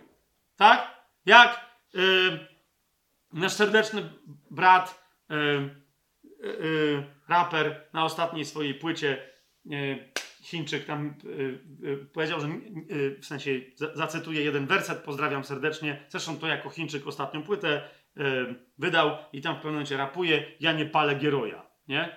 Więc dokładnie, to jest, to jest dokładnie to. Niech nikt ciebie nie lekceważy, ale ty też nie pal. Jak masz starszą osobę, to po ludzku normalnie w kościele traktuj go dobrze, tak? Dalej, jak masz podchodzić do kobiet, starszych, młodszych. Zauważcie, jaka ma być dbałość o formę też y, tego. Więc to jest bardzo praktyczne y, rozważanie, jak ty masz wyglądać w kościele. Rozumiesz? jak traktować wdowy. Tutaj Paweł podaje wręcz definicję wdowy. Nie? nie każda kobieta, co się zgłosi, że jest wdową, bo jej mąż umarł, od razu jest wdową w kościelnym rozumieniu. Nie? Więc tu są wdowy. Jak traktować tych, którzy nauczają w kościele w porównaniu do traktowania wdów. Nie? Więc to są bardzo praktyczne właśnie to, żeby nie spieszyć się z wyznaczaniem ludzi na stanowiska, nie kłaść rąk za szybko, tak? Ale yy, jeden z takich yy, często przeoczanych fragmentów, na który chcę wam zwrócić uwagę, jest, on jest dosyć specyficzny, bo bo piąty rozdział całościowo mówi o tym, jak człowiek odpowiedzialny za Kościół ma traktować Kościół. Nie? I w samym środku tego rozdziału znajduje się drobna uwaga, która mówi niesamowitą rzecz. Mianowicie pamiętaj, kiedy ty jesteś wierzącą osobą i masz swój dom, kiedy w twoim domu mieszka razem z tobą osoba niewierząca, masz ją traktować jak część swojego kościoła. Ok? Znaczy, to jest piąty rozdział, ósmy werset, gdzie Paweł y, jakby praktyczną rzeczą, która wiecie, dla Tymoteusza może nie była zbyt oczywista. On się wychował w domu, jak pamiętacie, prawdopodobnie wszystko na to wskazuje, bez ojca, za to z dwiema mocnymi kobietami, Żydówkami, czyli to robi mocną kobietę razy sześć. Ok? Więc on może niekoniecznie. Yy, on to na pewno miał w domu, ale niekoniecznie może rozumiał, że to jest uniwersalna chrześcijańska zasada, nie żydowska. Więc, więc Paweł mu przypomina, jeżeli ktoś nie dba o swoich, a zwłaszcza o domowników, ten wyparł się wiary i gorszy jest od niewierzącego. Niektórzy z jakiegoś powodu robią nauczania na temat tego wersetu, że tu chodzi o domowników wiary. Domownik to jest domownik, rozumiesz, tak? Jeżeli masz w domu, yy, tak jak na przykład ty masz dzieciaki w domu, tak? Nie wiem, czy się oni się nawrócili, czy nie. No właśnie, ale rozumiesz, o co mi chodzi? To nie, to ty masz o nich, kiedy się ktoś pojawia z kościoła, twojego kościoła domowego, tak? Ania. Pojawia się ktoś nie z kościoła domowego, ale kogo znasz skądinąd. Na przykład tu z tych spotkań tajemnego planu. Jeszcze ktoś i tak dalej. My musimy w życiu rozumiecie, podejmować decyzje. Nie? I często w kościele y, jesteśmy powodowani poczuciem winy, które albo sami w sobie mamy, albo inni w nas wzbudzają, bo to, bo to, co rozumiesz, bo ty jesteś winna, bo ty jesteś, musisz i tak dalej. Nie, nie. Paweł tu mówi o, jest prosta zasada bliskości. Wiecie o co mi chodzi? Czyli mówi, ty masz u siebie kogoś, ale to jest niewierzący mąż, a tu jest kościół, który. Rozumiesz? Ale to jest twój domownik. Rozumiesz? To jest twój domownik. Jeżeli ty o niego nie dbasz, tak? Dbaj o swoich, zwłaszcza o domowników. Jeżeli tego nie robisz, to się wyparłeś wiary. Jeżeli ktoś mówi, że nie może dbać o ludzi w domu, o dzieci swoje, o, o męża, o żonę, wiecie, ktoś przyjechał i zamieszkał teraz u nas, ale to są niewierzący i teraz zapuszcza ten temat, bo ma kościół. Jeszcze raz, rozumiesz, że to jest jedna z działań, jedno z działań religijnych, które wygląda na absolutny przykład wiary, a Paweł go to nazywa wyparciem się wiary i byciem gorszym od niewierzącego. Rozumiesz? Jeżeli jakaś kobieta mówi, że ona jest rozdarta, bo tu jej pastor każe coś robić, a tutaj w domu niewierzący, chamski mąż. Rozumiesz? Piotr powie, wróć do domu. Paweł mówi, wróć do domu, bo bez słowa, właściwą swoją postawą jako żona, przekonasz tamtego do wiary. I przestań się przejmować tym, co rozumiesz, co ci ludzie tłumaczą i do czego cię próbują, w co cię próbują wmanipulować, wywołując twoje poczucie winy, że ty jesteś coś winna Kościołowi. Najpierw swoi, najpierw domownicy, e, najpierw domownicy e, e, w tym porządku. Zresztą zauważcie, że potem jest ta druga zasada. Paweł mówi, Kościół jest zobowiązany wspierać wdowy, tak? Więc on mówi, oczywiście. Jakie wdowy? No takie wdowy, tak? I kto jest zobowiązany? Kościół. Ale zwróćcie uwagę, Paweł mówi tak, cały Kościół. Ale, zobaczcie, drugi raz wraca dokładnie do tej zasady. 16 werset, to jest piąty rozdział, 16 werset. Mówi, ale jeżeli jakiś wierzący lub wierząca ma w rodzinie wdowy, niech im pomaga, aby Kościół nie był obciążony i mógł przyjść z pomocą tym, które rzeczywiście są wdowami. Rozumiecie, o co mi chodzi? Czyli Paweł mówi, jest pewna zasada, kto jest wdową, ale jeżeli jakaś wdowa ma rodzinę wierzących ludzi, którzy mogą się nią zająć, to jest ich obowiązek, a nie kościoła. Więc nadal ona też jakby nie należy do kategorii wdów, którym jest zobowiązany pomagać kościół. Czy to jest jasne, co, co, co teraz mówię? Widzicie, co się tu dzieje? Paweł mówi, jest pewien porządek, jest pewna hierarchia. Zauważcie, jak wiele osób zaparło się praktycznie swojej wiary w kościele, porzucając domowników swoich, z którymi się nie czują najlepiej, a uciekając do kościoła. W, to jest po prostu zwyczajna bigoteria i dewocja w najgorzej rozumianym sensie. Rozumiecie o co mi idzie? W najgorzej rozumianym, e, w najgorzej rozumianym sensie. Więc Tymoteuszowi, jak w czwartym rozdziale Paweł przypomina, jak on się ma zachowywać. Tu mu mówi, jak on ma się zachowywać w stosunku do ludzi w kościele, ale czego też ma praktycznie uczyć innych. Jakby rozumiecie, teoria, teologia, wszy, wszystkie te duże słowa, ok, ale Paweł mówi, to się potem musi konkretnie oznaczyć pewnym, pewnymi postawami i to są takie postawy. Nie ma niczego złego, jeżeli yy, ty masz coś do zrobienia w domu, z ludźmi, którzy tam mieszkają, oni są niewierzący. Jeżeli wybierasz to, niż zostanie gdzieś, gdzie jest jakaś posługa. Rozumiecie, o co mi idzie? Ilu y, usługujących wielkich mężów bożych straciło służbę, najpierw straciwszy swój dom? I teraz nie chodzi mi o to, że zdradzili żonę, czy po prostu posypało im się wszystko w domu, bo cały czas mówili, że najważniejsze jest to, co ja robię dla Pana. Pan, jeżeli dał ci rodzinę, albo ty wziąłeś na siebie rodzinę, albo wzięłaś na siebie rodzinę i masz dom, rozumiesz, Pan najpierw patrzy na to, co jest najbliżej ciebie. Jeszcze raz, pamiętajcie, piąty rozdział, ósmy werset. Jeżeli ktoś nie dba o swoich, a zwłaszcza o domowników, tak? Czyli masz porządek. Pierwszy krąg domownicy, drugi krąg swoi. Kto to są swoi? No, jest dobre pytanie.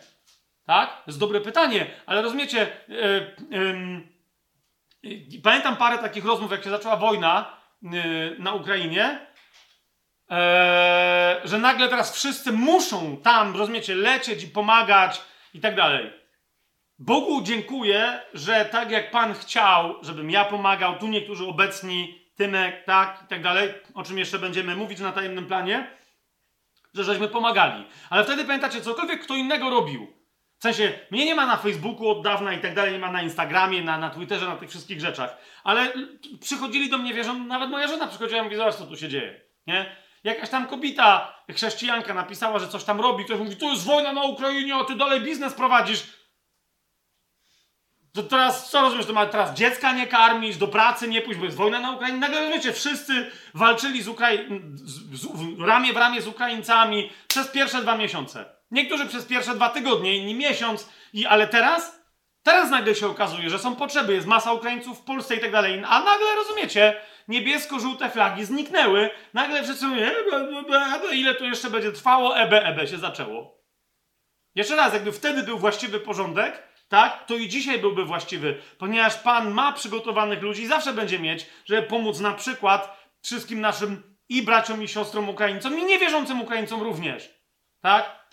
Tylko jeszcze raz, jeżeli ktoś wie, że ma się zająć, bo był do tego powołany 10 lat temu, pół roku temu i tak dalej, na przykład ma się zająć czymś, yy, na przykład, nie wiem, sierotami polskimi, to jest dla mnie jasne, że nie będzie wspierać sierot brazylijskich czy ukraińskich. To wiecie o co mi chodzi? Nawet jak się sprowadzą tu. Po prostu pan kogoś wysyła, to są cztery twoje yy, domy dziecka i tak dalej. Czemu nagle ta osoba ma być, rozumiecie, odżegnywana od czci i wiary? Tu masz, rozumiesz, sieroty, które przyjechały z Ukrainy. To, a to nagle co? To nagle polska sierota już przestała być sierotą, czy co się dzieje?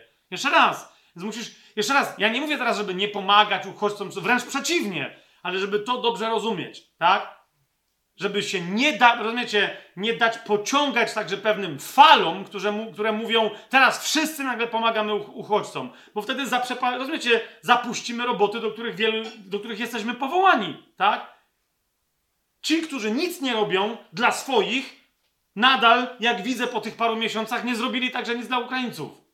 Po, po, prostu. Tylko cały czas, rozumiecie, siedzieli na, na mediach społecznościowych, na, na spotkaniach przy kawie, po nabożeństwach tak tak dalej i wiedzieli, co powiedzieć na temat wszystkich innych.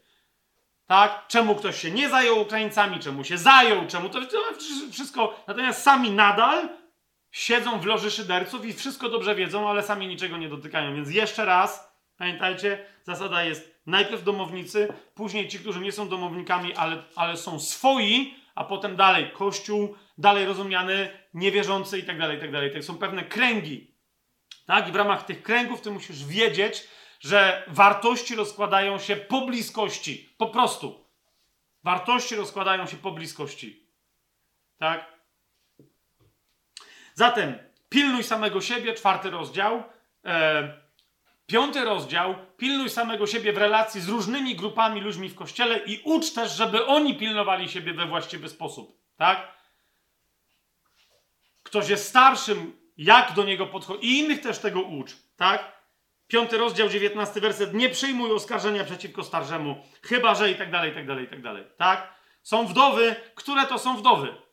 Są wdowy, żeby korzystać z darmowej opieki w kościele, czy gdzie są ich rodziny, tak? Ale już są naprawdę takie stare, żeby były wdowami, czy są takie młode, że mogą znowu wyjść za mąż i, i, i tak dalej, i tak dalej, i tak dalej. Czemu nie wychodzą? Co tam się dzieje? Tak?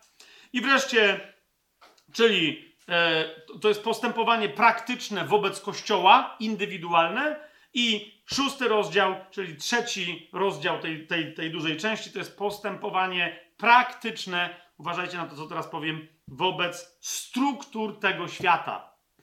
Ok?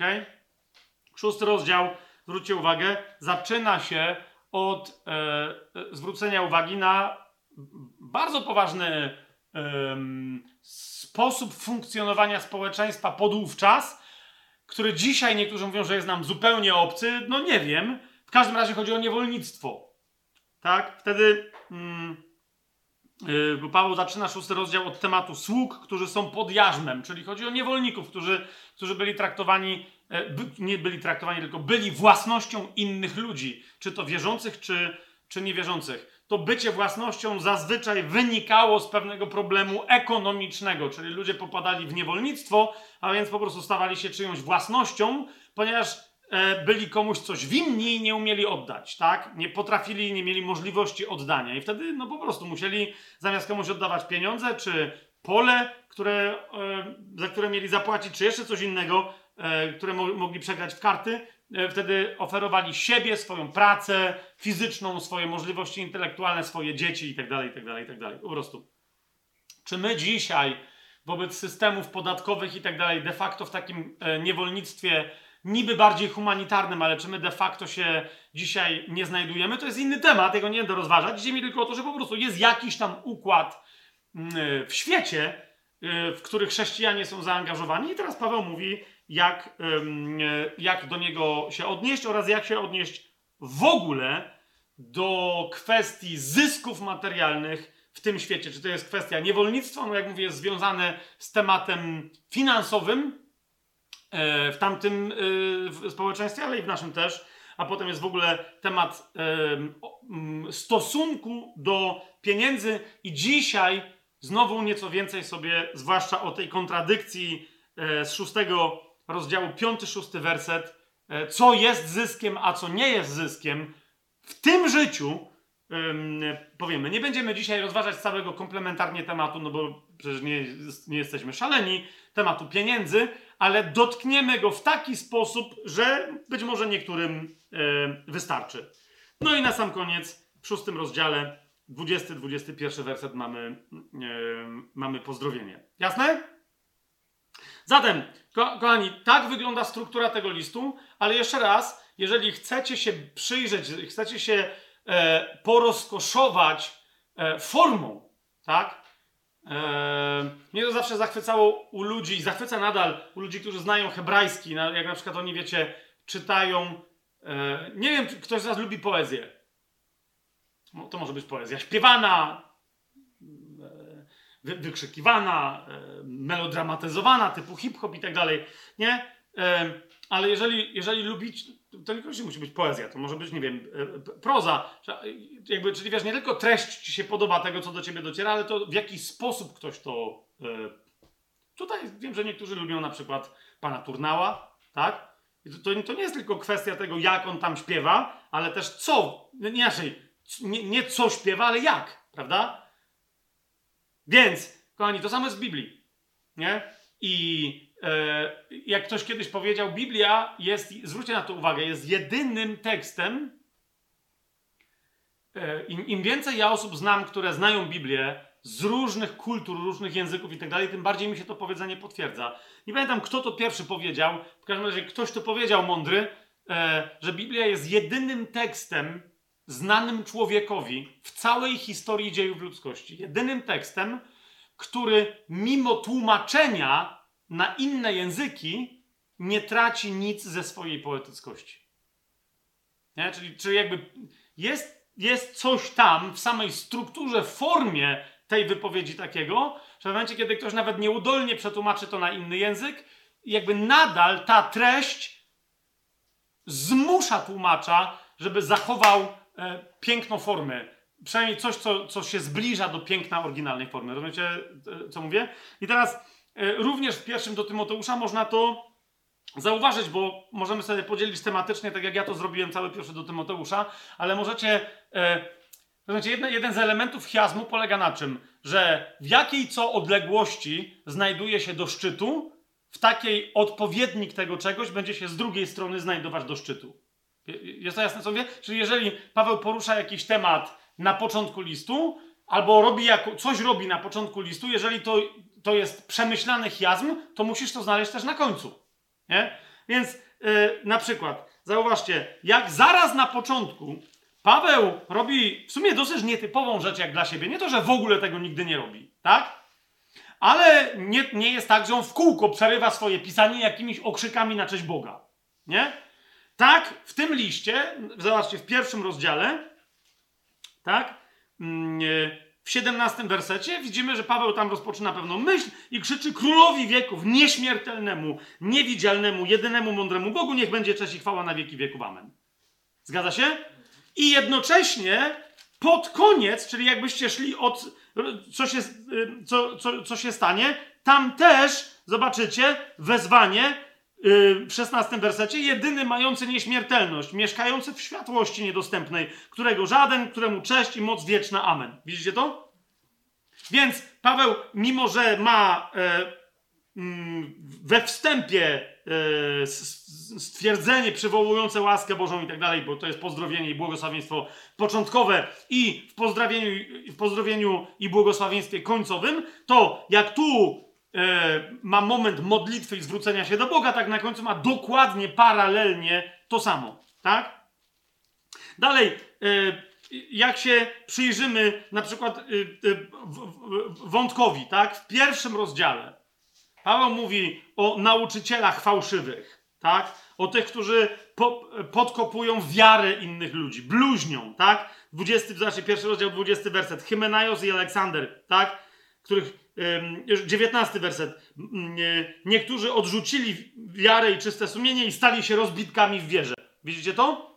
Zobaczcie, e, paralelnie, szósty rozdział, tak? Mówi na przykład w piątym wersecie o y, sporach ludzi o wypaczonym umyśle, pozbawionych prawdy, którzy uważają, że bycie pobożnym jest zyskiem y, cielesnym, którzy czwarty werset są nadęci, nic nie wiedzą i tak dalej, e, prowadzą spory. To jest dokładnie, rozumiecie, powrót paralelny do tego samego, tak? Spójrzcie, w drugim rozdziale mamy temat kobiet.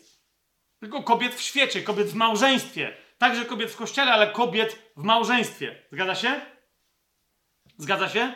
To jest środkowy e, rozdział pierwszej części. W środkowym rozdziale drugiej części wraca do tematu kobiet, tylko kobiet w kościele, wdów, e, zwłaszcza, ale nie tylko. Nie? Zauważyliście? Więc jak się temu, jak się temu bliżej, ale jeszcze raz, nie będę teraz wam e, pokazywać, jak sprytnie, jak chcecie się tym zająć, i jak pięknie zarazem Paweł konstruuje ten swój chiasm. Nie tylko wam pokazuje takie oczywiste rzeczy, które widać, że, że Paweł w takiej samej odległości od szczytu, tak, jak coś rozważa tu, to w takiej samej odległości z drugiej strony do tego, niekoniecznie do tego samego, problemu, ale do tego samego tematu wraca e, w inny sposób, z innej strony, inaczej go dotykając. Jasne? Ok. Teraz, kochani, czyli temat, e, myślę, struktury e, chiastycznej, planu tego listu mamy załatwiony. Jeszcze zajmiemy się dwoma tematami, mianowicie problemem oddawania ludzi wierzących lub niewierzących, ale to są raczej wierzący, oddawanie ludzi wierzących szatanowi, co to w ogóle się dzieje, co to za niecna praktyka, chamska, bolesna i bezczelna. I e, drugie, o co to chodzi z tym zyskiem e, w szóstym rozdziale, w piątym i szóstym wersecie. Zatem, czym jest, czym mogło być, czym może być, no teraz wiecie, jeżeli coś było praktyką w kościele, to czemu by nie miało być dalej, nie? Więc czym jest oddawanie ludzi e, wierzących szatanowi? Paweł pisze e, zasadniczo o, o tym oddawaniu szatanowi e, dwukrotnie.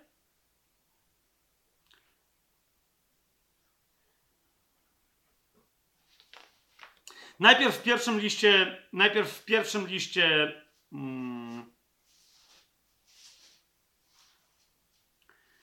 do Tymoteusza, znaczy nie najpierw, bo do Koryntian, jeżeli pamiętacie, on tam też y, kogoś przeznacza szatanowi.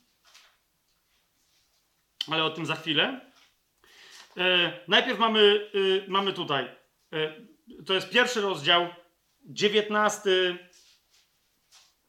i 20 werset. Paweł mówi e, Tymoteuszowi, żeby toczył e, dobrą, dobry bój wiary, tak? Mając wiary, czyste sumienie. I teraz nagle mówi tak, które niektórzy odrzucili. Co odrzucili? Wiarę i czyste sumienie, tak? I stali się rozbitkami w wierze. To jest bardzo istotne sformułowanie, już dzisiaj się do niego odwołałem przed chwilą, tak? I teraz wprost z imienia mówi, dlaczego no to właśnie to nam się per se wyjaśnia. Mianowicie mówi, że do takich rozbitków w wierze należą Hymenaios i Aleksander, Paweł mówi, których oddałem szatanowi, aby nauczyli się nie bluźnić. No więc to jest jedna taka instancja, kiedy Paweł mówi, oddałem ich szatanowi. I teraz, kochani, jedna bardzo istotna rzecz, na którą chcę zwrócić uwagę, bo wielu powiada, e, mają taką praktykę, więc przy tej okazji dotknę paru drażliwych tematów, tak? Mianowicie niektórzy mają taką praktykę, e, że wręcz kiedyś to było w kościele, kiedyś to było z ambony. Już nie mówię teraz o proboszczach kościele katolickim, tylko o pastorach, o innych nauczycielach i tak dalej. To nie, że ktoś wychodził i wprost publicznie do kościoła mówił o jakichś ludziach, piętnując ich. Nie? Że ktoś grzeszy, że coś tam, to jest jakaś tam praktyka. Inni potem to wynieśli na forum w ogóle publiczne, jak się pojawiły media społecznościowe, pojawił się YouTube, rozumiem, i na YouTubie. Nie? Ktoś wychodzi i mówi, ten to jest zły nauczyciel, ten coś, ten jest, ten jest grzesznikiem, ten jest jakimś. Jadą po sobie, rozumiecie, jak, jak po łysych kobyłach, jeden po drugim, po mnie też. Tak? Po prostu zmienia z nazwiska z tego, co, e, co się dowiaduje, chociaż tego nie sprawdzam. I teraz bardzo często argumentem, który, e, który, który się podaje przy tego rodzaju praktyce, czemu ja to robię, tak? Jest, że Paweł tak robił. Skoro Paweł tak robił, no to mi też wolno. Otóż zadaję pytanie skromnie, acz bezczelnie, czy Paweł tak robił. Bo zwróćcie uwagę, że Paweł pisze do Tymoteusza o wielu ludziach, może nie wielu, ale rozumiecie, o pewnej grupie, może to nie wiem, może to jest pięć osób, może ma na myśli 15 osób, ale o pewnej grupie ludzi, którą nazywa w tym miejscu rozbitkami w wierze. Widzicie to? Natomiast z imienia i z nazwiska, w tym wypadku z imienia, ale chodzi mi o to, że Tymoteusz wiedział, kto to jest Hymenaios i kto to jest Aleksander, wymienia tylko kogo? Kogoś, kogo Paweł oddał szatanowi. Czyli, no właśnie, jak sobie wyjaśnimy, co to jest oddanie szatanowi, to jakby Paweł dlatego mówi, yy, po, z imienia się na nich powołuje. Czemu? Ponieważ to jest tak czy siak wiedza publiczna i to jest coś, to oddanie szatanowi to jest coś, co musi być podane do wiadomości publicznej w kościele. Jest jasność, o czym ja teraz yy, gadam? Więc Paweł o różnych ludziach, o których myśli, że są rozbitkami w wierze, zauważcie, nawet w prywatnej korespondencji nie pisze do Tymoteusza, tak? Ale informuje go, że tych dwóch konkretnie ludzi oddał szatanowi, tak? Więc co tu się dzieje? Najpierw przyjrzyjmy się, co to byli za ludzie, a potem co to znaczy, że on ich oddał szatanowi i dlaczego w związku z tym to jest coś, o czym można mówić publicznie, tak? A o czym nie można mówić publicznie. Otóż, kochani, przyjrzyjmy się tym zawodnikom. Kto to był Hymenaios, kto to był e, Aleksander. W pierwszym do Tymoteusza,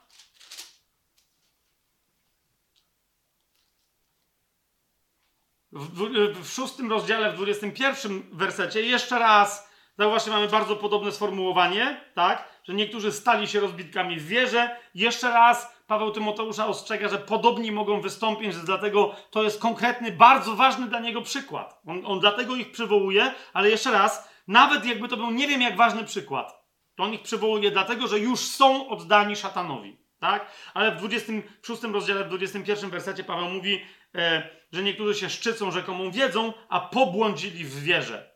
Jeszcze raz zauważcie, w tym miejscu również mówi, że no właśnie są gnostycy, de facto w kościele wyznający gnozę, ale zwróćcie uwagę, Paweł przywołuje tylko tych z imienia, którzy już są oddani szatanowi. Czy to jest jasne?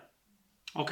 Teraz e, w drugim do Tymoteusza, e, w 17 e, wersecie, Hymenaios pojawia się nam powtórnie Raz zobaczcie najpierw, co się dzieje i co jest istotne. To nie jest coś takiego, że Hymenaios, rozumiecie, kogoś okradł i nikt o tym nie wiedział, tylko Paweł, ale Paweł to ujawnił. Albo nie chodzi o to, że ten ktoś występował przeciwko Pawłowi, chociaż niektórzy występowali. Rozumiecie, ale, ale idzie o to, że ci to są ludzie, tak jak Hymenaios, w, w tym wypadku na spółkę z Filetosem, ale to jest, wszystko na to wskazuje, że to jest ten sam Hymenaios z pierwszego listu, tak?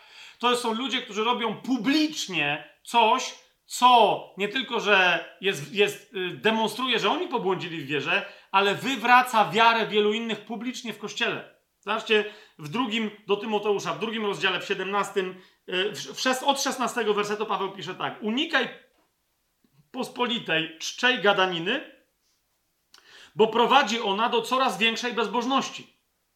A ich mowa szerzy się jak gangrena. Do nich należą Hymenaios i Filetos, w pierwszym był Hymenaios i Aleksander. Aleksanderem się za chwilę zajmiemy, ale chodzi o to, jest ten sam Hymenaios, tak? I teraz y, tu Paweł pisze jeszcze raz, na czym ta gangrena polega. Hymenaios i Filetos, którzy pobłądzili w sprawie prawdy, mówiąc, że zmartwychwstanie już nastąpiło i wywracają wiarę niektórych. O co chodzi? Bo, bo niektórzy mówią, no ale zaraz przecież Paweł mówi, że zmartwychwstanie już nastąpiło. I chcę wam na to zwrócić uwagę, że zaraz przecież Paweł, tak mówimy, tak mówimy, wyznajemy, to jest część wyznania naszej wiary, tak? W liście do Efezjan, no w liście do Rzymian, y, wiadomo w szóstym rozdziale, ale w liście do Efezjan y, jest to bardzo jasno wyrażone, jak sobie otworzymy drugi rozdział, od piątego wersetu, Paweł przecież pisze, i to wtedy, list do Efezjan, drugi rozdział od piątego wersetu, i to wtedy, gdy byliśmy umarli w grzechach, ożywił nas razem z Chrystusem, gdyż łaską jesteście zbawieni i razem z Nim wskrzesił. No jest tak napisane, czy nie? Jest. W liście do Kolosan. Twórzmy sobie list do Kolosan. Jeszcze raz mówię, w liście do, przy, e, mówiąc o chrzcie w imieniu Jezusa, w szóstym rozdziale listu do Rzymian Paweł mówi to samo, ale jeszcze raz, tak żeby to mieć klarowno, czarno, klarownie czarno na białym. W drugim e, rozdziale listu do Kolosan, e, w dwunastym wersecie, pogrzebani z Nim w chrzcie, w którym też razem z Nim zostaliście wskrzeszeni przez wiarę. W trzecim rozdziale, jeśli więc razem, w pierwszym wersecie listu do Kolosan, jeśli więc razem z Chrystusem powstaliście z martwych, i tak dalej, i tak dalej, czyli, no co, hej, Paweł sam mówi, że zostaliśmy wskrzeszeni, tak? I, I tak jest, ale jednocześnie Paweł wyraźnie opisuje, że jeszcze nie fizycznie. Zatem co to oznacza? Ci ludzie natomiast głoś, głoszą, że jakie miało nastąpić zmartwychwstanie, takie już nastąpiło i żadnego innego już nie będzie. Rozumiecie? E, echa tego nauczania znajdziemy na przykład w pierwszym liście do Koryntian, bo Paweł się ewidentnie do tego typu nauczania odwołuje. e, mówiąc, to jest pierwszy list do Koryntian, e, klasyczny, 15 rozdział.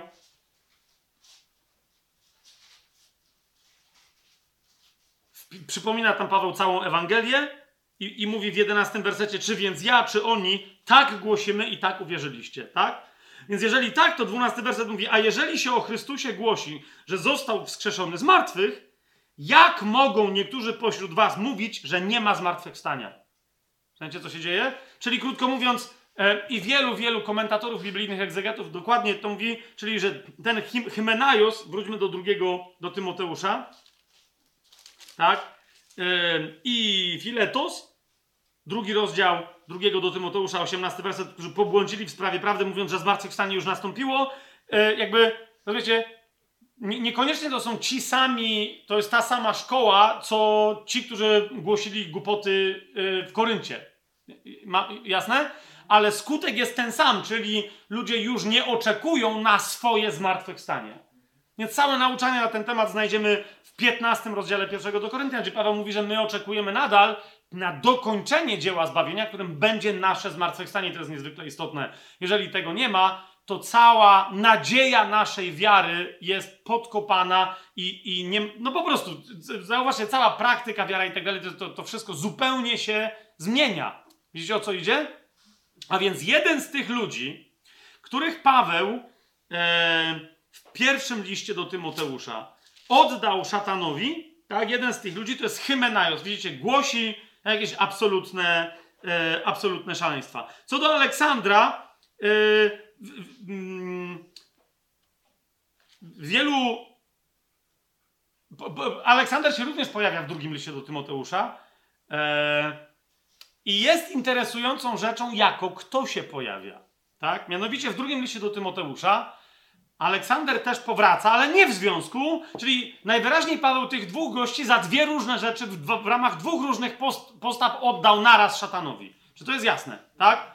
Bo potem widać, że Hymenaios jest, jest, jest, jest, jest, jest bzdur nauczających, yy, nauczającym nauczycielem, natomiast gdzie się pojawia Aleksander? To jest czwarty rozdział drugiego listu do Tymoteusza i to jest czternasty i piętnasty werset kiedy to już w zasadzie gotowy na swoją śmierć, Paweł nadal ostrzega Tymoteusza przed Aleksandrem, mówiąc mu: Aleksander, ludwisarz, wyrządził mi wiele zła, niech mu Pan odda według jego uczynków. I ty się go strzeż, bo bardzo sprzeciwiał się naszym słowom. Bardzo podstępny człowiek, źle czyniący, nie tylko źle mówiący, ale źle czyniący apostołowi Pawłowi, który może być podstępny i fałszywie działający wobec Tymoteusza. Okej? Niektórzy zwracają uwagę, zaraz, to jest ludwisarz, tak? No tak. Co robi ludwisarz? To różne rzeczy, zasadniczo z miedzi. Nie? Różne rzeczy z miedzi. A wtedy, nie wiem, czy wam się coś kojarzy, bo powinno się natychmiast skojarzyć jedna dziwna rzecz, e, która właśnie dzięki temu, że mamy obydwa listy do Tymoteusza, być może jest wyjaśniona, mianowicie kim jest ów Aleksander, którego ni stąd, ni zowąd przyzywa Łukasz w dziejach apostolskich i jak go przyzywa, tak jednocześnie kończy temat. Słuchajcie, jest jeden Aleksander, który się pojawia w dziejach apostolskich, o którym nagle Tymoteusz mówi, e, nie Tymoteusz, tylko Łukasz, pisze dzieje apostolskie, jakiemuś, wiecie, chłopu w Rzymie i ni stąd, ni zowąd przywołuje imię Aleksandra. Ok? List do Tymoteusza, drugi, Paweł pisze skąd? Z Rzymu. Nie? To musi być osoba, która jest związana z Rzymem, skoro w Rzymie, rozumiecie, zachodzi za skórę Pawłowi, ale jednocześnie musi być dobrze znana w Efezie Tymoteuszowi, która, która może być, musi być związana z, Efe, z Efezem. Jest to jasne? Teraz zobaczcie, otwórzmy sobie dzieje apostolskie, żeby było jasne, o kim ja mówię. Otwórzmy sobie dzieje apostolskie, napisane przez bliskiego współpracownika, yy, bardzo bliskiego współpracownika Pawła. Zresztą jeszcze zanim pójdziemy do dziejów, chcę wam jedną rzecz przypomnieć, nie? Że w pewnym momencie, kiedy pisze list do Tymoteusza, drugi list do Tymoteusza, ostatni znany nam tekst Pawła, tak? Nieważne ile on później jeszcze tekstów mógł napisać, w Biblii po tym tekście Paweł umarł. Jasność? Zwróćcie uwagę, autor dziejów apostolskich okay? który zna świetnie Pawła, jest wspomniany w drugim liście do Tymoteusza w czwartym rozdziale jako jedyny, który jest w tym momencie e, z Pawłem. To jest drugi list do Tymoteusza, czwarty rozdział, jedenasty werset. Paweł mówi wprost: Tylko Łukasz jest ze mną. Tylko Łukasz jest ze mną. Widzicie to? Oczywiście Łukasz, jak już znamy yy, chronologię właściwą, dzieje apostolskie pisał i skończył je pisać parę lat wcześniej, bo to jest prawdopodobnie drugie osadzenie Pawła. Wiecie o co mi chodzi? Yy, nie to, kiedy jeszcze nawet Neron był mu tam powiedzmy nieco przychylny. Yy, jasne jest to, to, co mówię, ale nadal, ale nadal, więc tak jak i tu, tak i wtedy, jeszcze raz, tu jest Łukasz wspomniany i za chwilę Aleksander w 14 wersecie. Widzicie to? Przez Pawła ten Aleksander, Łukasz o nim wiedział i, i znał historię jego i tylko zwrócił uwagę temu, kogo nazywa Teofilem w dziejach apostolskich, że Aleksander, kapujecie, my pytamy, jaki Aleksander? Ale najwyraźniej to jest Aleksander, który jest tak wpływowy, że czytelnik oryginalny pierwszy dziejów apostolskich, czyli Teofil, musi, musi go znać. Rozumiecie, o co mi idzie? To jest ktoś, kto wyrządził wiele zła mm, Pawłowi. Otóż są to dzieje apostolskie, znana scena, gdzie w Efezie, oczywiście, że w Efezie, tak? Dzieje apostolskie, 19 rozdział, kiedy pamiętacie, e, e, e, zbiera się całe zgromadzenie na, e, gdzie, gdzie, tam się mogło zebrać w tym e, Efezie i wszyscy krzyczą, e, że Efez, Afrodyta Efeska, że Diana, pamiętacie to, tak? I teraz chaos się robi nieprawdopodobny. To jest 19 rozdział, yy, 32 werset. Czy, tymczasem jedni krzyczeli tak, a drudzy inaczej. W zgromadzeniu bowiem zapanował zamęt, a większość z nich nie wiedziała, po co w ogóle się zebrali. Nie? Oni tylko wiedzieli, że ktoś atakuje ich religię lokalną, która im daje wszystkim zasadniczo zarobkować. Oni z tego żyją. Jest to jasne? I co się wtedy dzieje? Wtedy w 33 wersecie słyszymy, że Żyd. No bo wiecie, skoro jedni. E, wszystko się zaczęło od Pawła. Zobaczcie 26 werset, tak? Był tam pewien, 24 werset, był tam pewien złotnik imieniem Demetriusz. Widzicie to? No i to wiadomo, figurki złote, srebrne. Ja, to, jest, to, jest, to, to było to, dla najbogatszych ludzi. Najwięcej zarabiali ci, co robili złote i srebrne figurki, tak? Tej wielocycej e, bogini z Efezu, tak? Wielkiej Matki Boskiej Efeskiej. I jego oskarżenie jest przeciwko Pawłowi. 26 werset. Widzicie i słyszycie, że ten Paweł nie tylko w Efezie, ale prawie, w prawie całej Azji przekonał i odwiódł wielu ludzi i tak dalej, tak tak? Niemniej później, jak się gromadzi cały tłum, to się gromadzą różni przedsiębiorcy, producenci różnych rzeczy i tak dalej, i oni już nie wiedzą o co chodzi i że chodzi o Pawła. Natomiast wszyscy wiedzą, że o co chodzi o ich religię. I dlatego Żydzi, bo to ewidentnie z tekstu wynika, przestraszeni, bo wiecie, e, jak ktoś przychodzi, a nie wie, że istnieją chrześcijanie, albo nie wie, że chodzi o chrześcijan, to kto w tamtym czasie nie oddawał czci figurom i posągom? Żydzi.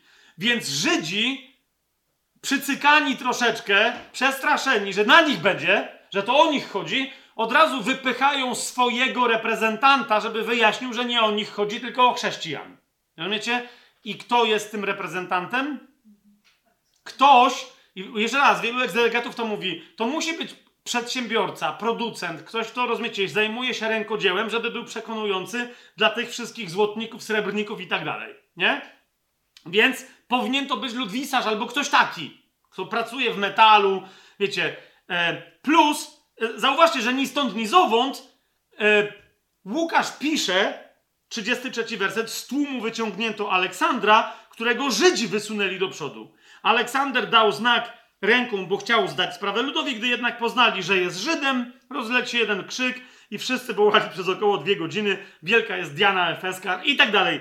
I my, to wiecie, i tyle. I Aleksander się nic nie wypowiedział wtedy. Nie? Niemniej Żydzi wiedzieli, że jeżeli ktoś ma wyjaśnić całej reszcie świata, że oni są niewinni, ale winny jest Paweł, to kto to ma być? Aleksander, Żyd z Efezu. Widzicie to? Jeszcze raz, my nie mamy żadnych jednoznacznych dowodów, że to jest ten Aleksander, czyli że on się potem nawrócił, albo udawał bra al, brata, albo coś, Paweł go oddał szatanowi, że to jest ten Aleksander. ale wielu mówi, jeżeli to nie jest ten Aleksander, o którym Łukasz wiedział i dlatego jakby, no właśnie, on nie chciał go tu oskarżać o nic, że on się potem nawrócił, nie wiadomo co, wiecie o co mi idzie, tak? On go nie chciał o nic oskarżać, ale go tu umie, umieszcza bez żadnego wyjaśnienia. Czemu? Tak, mógł, napisać, że Żydzi kogoś tam wypchnęli, ale nikt ich nie chciał. Nawet nie musiał pisać, że w ogóle kogoś wypchnęli. A zauważcie, dwukrotnie podkreśla, że wypchnęli Aleksandra. Jakiego? Wielu komentatorów Biblii mówi, to jest ten sam człowiek i osobiście mam taką intuicję, że ma to sens. Wiecie o co mi idzie? Więc mamy Hymenajosa, którego Paweł w pierwszym liście do Tymoteusza pisze Tymoteuszowi, że oddał szatanowi i Aleksandra, którego również oddał e, szatanowi. Gdzie jeszcze znajdujemy wypowiedź te, jakby potwierdzającą, że to była praktyka w kościele? W pierwszym liście do Koryntian, w piątym e, rozdziale, czytamy następującą, e, następującą rzecz. Myśmy tam troszeczkę rozważali, więc zapewne te historie dobrze pamiętacie. E, mianowicie pojawił się tam taki człowiek, który nie tylko, że Kościół zgorszył, ale w ogóle zaczął niewierzących ludzi tam gorszyć, nie? Mianowicie na początku piątego rozdziału czytamy, to jest pierwszy do Koryntian, piąty rozdział, pierwszy werset, słyszy się powszechnie, czyli rozumiecie, że wszyscy mówią, że chrześcijanie w Koryncie, wierzący i niewierzący mówią, co tam się dzieje? Słyszy się powszechnie o nierządzie wśród was i to takim nierządzie, o jakim nie wspomina się nawet wśród pogan, że mianowicie ktoś ma żonę swojego ojca. Nie? I tam Paweł mówi, a wy się wbiliście w pychę, nic z tym nie robicie i tak dalej, i tak dalej, i tak dalej. I teraz w, w tym kontekście Paweł mówi, jakie jest rozwiązanie, czyli no wy nic nie robicie, bo ten człowiek sobie nic z tego nie, nie robi. Więc Paweł mówi, jakie jest rozwiązanie. W piątym rozdziale, w piątym wersecie mówi tak wydajcie takiego szatanowi na zatracenie ciała, żeby duch był zbawiony w dniu Pana Jezusa. Wow! To znaczy, że to jest jakiś akt, który może spowodować, że człowiek będzie dotknięty fizycznie, na przykład zachoruje, a może nawet umrze, ale przestanie przynajmniej grzeszyć, bo jak w innym miejscu Słowo Boże mówi, kto zachorzał fizycznie, ten przestał, e, za, zabolał fizycznie, ten przestał grzeszyć. Przynajmniej tyle. Więc czasem niektórzy lepiej, że pamiętacie, gdzie się znajduje ten fragment, który o tym mówi? Dobra, okej, okay. nieważne, teraz to jest nieważne, ale to jest ważne, żeby w ogóle pamiętać, że to ja teraz tego nie wymyśliłem, taką zasadę, tylko to jest napisane w, w Biblii i nie przez Pawła, tak, tak podpowiem. Ale w każdym razie, tak? Więc Paweł mówi, wydajcie takiego szatanowi na zatracenie ciała, żeby duch był zbawiony w dniu Pana Jezusa, żeby nie dokładał grzechu do grzechu. Jasne? To jest celem tego e, aktu. I dalej Paweł pisze, wasze chlubienie się nie jest dobre. Czyli, że popisujecie się, no ale my jesteśmy duchowi, tu jesteśmy tolerancyjni. Nie mówi, czy nie wiecie, że trochę zakwasu zakwasza całe ciasto? Ta wypowiedź zaczyna nam sugerować, na czym polega oddanie wierzącego szatanowi. To jest bardzo konkretna, prosta praktyka. W siódmym wersecie Paweł mówi: e, Usuńcie więc stary zakwas, abyście byli nowym ciastem, jako że jesteście przaśni. Chrystus bowiem, nasza pascha, został ofiarowany za nas. Najprościej rzecz ujmując, co, do czego Paweł tu nie wyjaśnia, na czym to polega, ponieważ najwyraźniej Koryntianie wiedzą, na czym to polega, ale im przypomina, żeby, że jeżeli ktoś został w ramach napominania, zaraz jeszcze sobie zobaczymy, jak wygląda cała dynamika, ale w ramach procesu napominania w kościele, który to proces jest zgodny z tym, czego już Pan Jezus nas nauczył. Jeżeli docieramy do momentu, w którym ktoś zaczyna być przywoływany, albo wręcz został przywołany przed oblicze Kościoła, a więc zgromadzenia Bożego, lokalnego w imieniu Jezusa, i nadal nie chce zmienić swojego postępowania, wówczas powinien być zgodnie z tym, co powiedział Pan Jezus, do czego zaraz się odwołam, usunięty ze zgromadzenia. Na czym to polega? Nie na żadnej ekskomunice, nie na żadnym zakazie przychodzenia na nabożeństwa i tak dalej, i tak dalej, i tak dalej. Dlatego, że Biblia nic nie mówi o żadnych nabożeństwach. Zwracam wam uwagę. Ok? Na czym polega usunięcie kogoś e, e, e, z kościoła? Usunięcie zakwasu, abyśmy my byli przaśni. Za chwilę Paweł to wyjaśnia. Oznacza to bardzo konkretną praktykę. Otwórzmy, zerknijmy sobie dalej w tym piątym e, rozdziale. Oznacza to, abyśmy praktycznie, osobiście, każdy i każda z nas, e, pojedynczo, w mniejszych, większych grupach i tak dalej, żebyśmy nie przebywali z takimi osobami na żadnego rodzaju społeczności. Żebyśmy z nimi nie jadali, nie to, żebyśmy z nimi nie rozmawiali, tak? Bo Pan Jezus nam dał konkretną radę. Niech ci będzie jak, e, jak celnik, jak poganin i celnik, tak? To nie, znaczy, ja mam, to nie znaczy, że ja mam nie gadać z kimś takim, czy, ale nie mogę sugerować, że mam z nim społeczność. Odróżniam od słowa wspólnota, że mam z nim społeczność. Nie jadam z nim, nie, nie modlę się razem z nim i tak dalej. Ktoś przychodzi i mówi zaraz, powoli, ale co, co, co się tu dzieje? Tak? Paweł mówi, musicie mnie dobrze zrozumieć w tym piątym rozdziale. Jak wam powiedziałem, żebyście nie przestawali z rozpustnikami, to opacznie mnie najwyraźniej zrozumieliście. Bo niektórzy z was uznali, że tu chodzi o to, żeby nie przebywać z ludźmi ze świata. Mówi, ale przebywacie z grzesznikami z kościoła? Mówi, tu chodzi o dokładnie odwrotną rzecz. Zobaczcie dziewiąty werset i dalej. Paweł mówi tak, napisałem wam w liście, żebyście nie przestawali z rozpustnikami. Ale, patrzcie, mówi, ale nie z rozpustnikami tego świata w ogóle, lub z chciwcami, z dziercami, czy bałwochwalcami, bo inaczej musielibyście opuścić ten świat. Nie o to mi chodziło. O co mówi? Bo rozumiesz, bo ty przebywasz, ale każdy wie, ty jesteś wierzący, a ten ktoś jest niewierzący. Jesteś na, na imprezie u niewierzącego. Zapraszasz ludzi na, do siebie na imprezę, to są wierzący, a to, jest to, to są niewierzący. To jest moja rodzina, ale oni są niewierzący. To jest co innego. Natomiast Paweł mówi, teraz wam napisałem, jedenasty werset, zobaczcie, żebyście nie przestawali z takim, który nazywając się bratem, jest rozpustnikiem chciwym, bałwochwalcą, złorzeczącym, pijakiem lub zdziercą. Z takim nawet nie jadajcie. Po co mi sądzić tych, którzy są na zewnątrz? Mówi Paweł, czy wy nie sądzicie tych, którzy są wewnątrz? Tych, którzy są na zewnątrz, osądzi Bóg, a wy usuńcie złego spośród was samych. Czy to jest jasne? To według mnie, wprost mówiąc, e, praktycznie jest opis oddania wierzącego szatanowi. To znaczy co? To znaczy usunięcie go na powrót w, że się tak wyrażę, ramiona tego świata. Ok? I, I, zaraz uzasadnię jeszcze bardziej swoją wypowiedź, tylko, żeby, yy, rozumiecie, żeby to było jasne, nawet apostoł nie może podjąć takiej decyzji arbitralnie. Ok? Tylko musi zachować, Paweł ewidentnie to zachowuje, zarówno w przypadku tego człowieka w Koryncie, jak i Hymenajosa i Aleksandra później, tak? Mianowicie, gdzie znajdujemy przepis, że się tak wyrażę, jak mamy postępować? To jest Ewangelia Mateusza, 18 rozdział.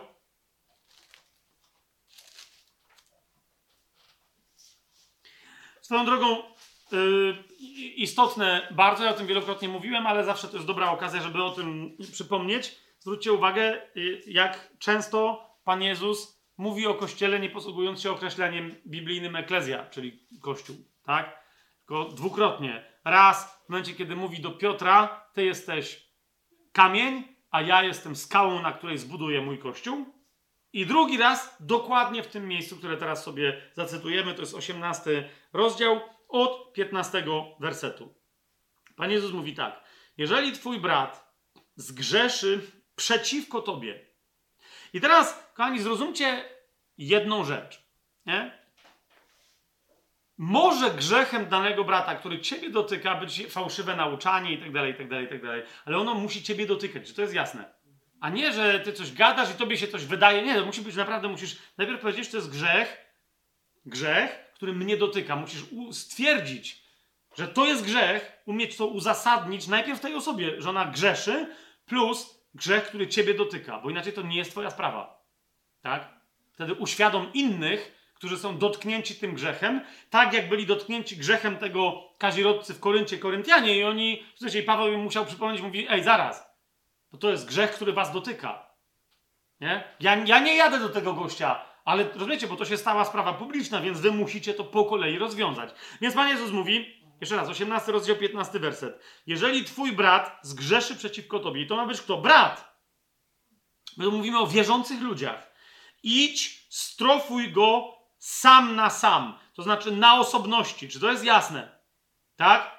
Najpierw w cztery oczy. Jak nie masz odwagi tego zrobić, to nie masz prawa robić niczego innego. Czy to jest jasne, co, co, co Pan Jezus, nie co ja gadam, tylko co Pan Jezus mówi. To jest to. Jak nie masz odwagi tego zrobić, nie, albo nie czujesz obowiązku, to, to zamknij jabłko we, w każdym innym kontekście. Tak?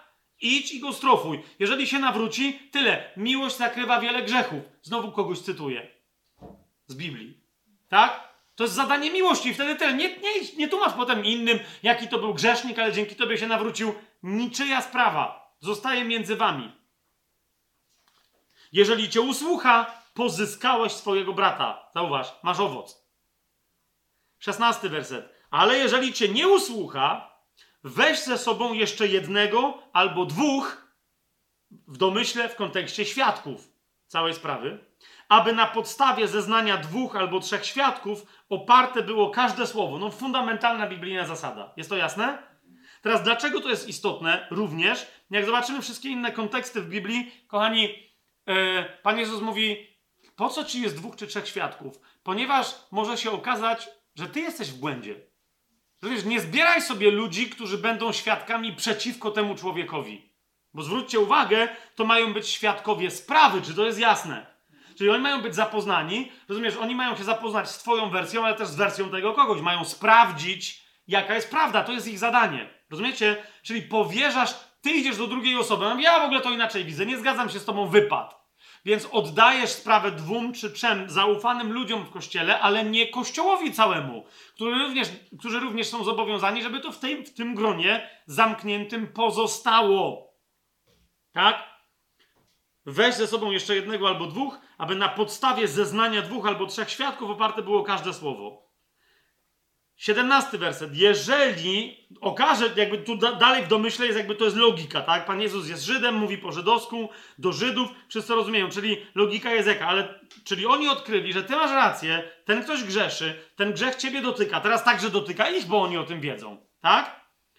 A i oni mówią, nawróć się, a ten mówi, nie interesuje mnie wasze zdanie, to wtedy Jezus mówi, jeżeli ich nie usłucha, powiedz Kościołowi. I to jest ten dru ta druga instancja, kiedy we wszystkich Ewangeliach Pan Jezus posługuje się słowem zgromadzenie. Teraz, kochani, od razu Wam zwracam uwagę, jak często przez wieki to, to sformułowanie było nadużywane. W jaki sposób? Idź do ludzi, którzy szefują czemuś, co, co se nazywają Kościołem. I niech oni teraz robią swoje. Jeszcze raz Pan Jezus tu wyraźnie mówi w kontekście jakim biblijnym, mianowicie kościołem jest co? Eklezja, czyli co? Zgromadzenie. Zgromadzenie, które wy wszyscy, ty, ten człowiek, którego oskarżasz, że grzeszy przeciwko tobie, i tych dwóch, trzech świadków, które wy, zgromadzenie, które wy rozpoznajecie jako kościół jeszcze szerszy. Wasze połączenia. Być może nawet trzeba zrobić takie zgromadzenie ze względu na tą sprawę. Czy to jest jasne, co ja teraz powiedziałem? Jezus tu nie mówi o żadnej instytucji kościoła. Zwróćcie uwagę, proszę was, na to, tak? Tylko mówi wtedy, jeżeli ich nie usłucha, powiedz zgromadzeniu. Jakiemu? No jest dobre pytanie. Takiemu, jak Biblia je rozumie, że jest prawdziwym kościołem. Zwłaszcza, że za chwilę Pan Jezus mówi, gdzie dwie albo trzy osoby gromadzą się w moje imię, tam ja jestem pośród nich. To musi być zgromadzenie, w pośrodku którego ja jestem. Zgromadzenie ludzi szersze niż ta czwórka czy piątka zaangażowanych i wszyscy teraz muszą wiedzieć. Tak? Jeszcze raz zwracam Wam uwagę, że to konkretne zgromadzenie ma wiedzieć, a nie cały Kościół w Brazylii, w Chinach i w Stanach Zjednoczonych i w Polsce, rozumiecie? Plus jeszcze cała reszta, która słucha YouTube'a. Tylko to konkretne zgromadzenie, do którego się zwrócicie, tak? Jeżeli ich nie usłucha, powiedz Kościołowi. I nadal ten ktoś ma, na, zwróćcie uwagę, ma prawo się bronić, ale jeżeli Kościół uzna, no nie, to nie ma sensu żadnego, ma obowiązek przyjąć strofowanie. Ale jeżeli go nie przyjmuje, zwróćcie uwagę, 17 werset, jeżeli Kościoła nie usłucha, niech będzie dla ciebie jak poganin i celnik. Co mówi Jezus? Nawet jak w pewnym momencie to był ktoś z, z wewnątrz, widzicie, to jest ta, ten sam temat, co w piątym rozdziale pierwszego do Koryntian, ma dla ciebie się stać, jakby na powrót stał się człowiekiem z zewnątrz. On nie jest, bo jest wierzący. Usprawiedliwionego, no nie możesz tego zmienić, tak? Ale traktuj go, jakby był poganinem i celnikiem. Co oznacza od tej pory jest na zewnątrz.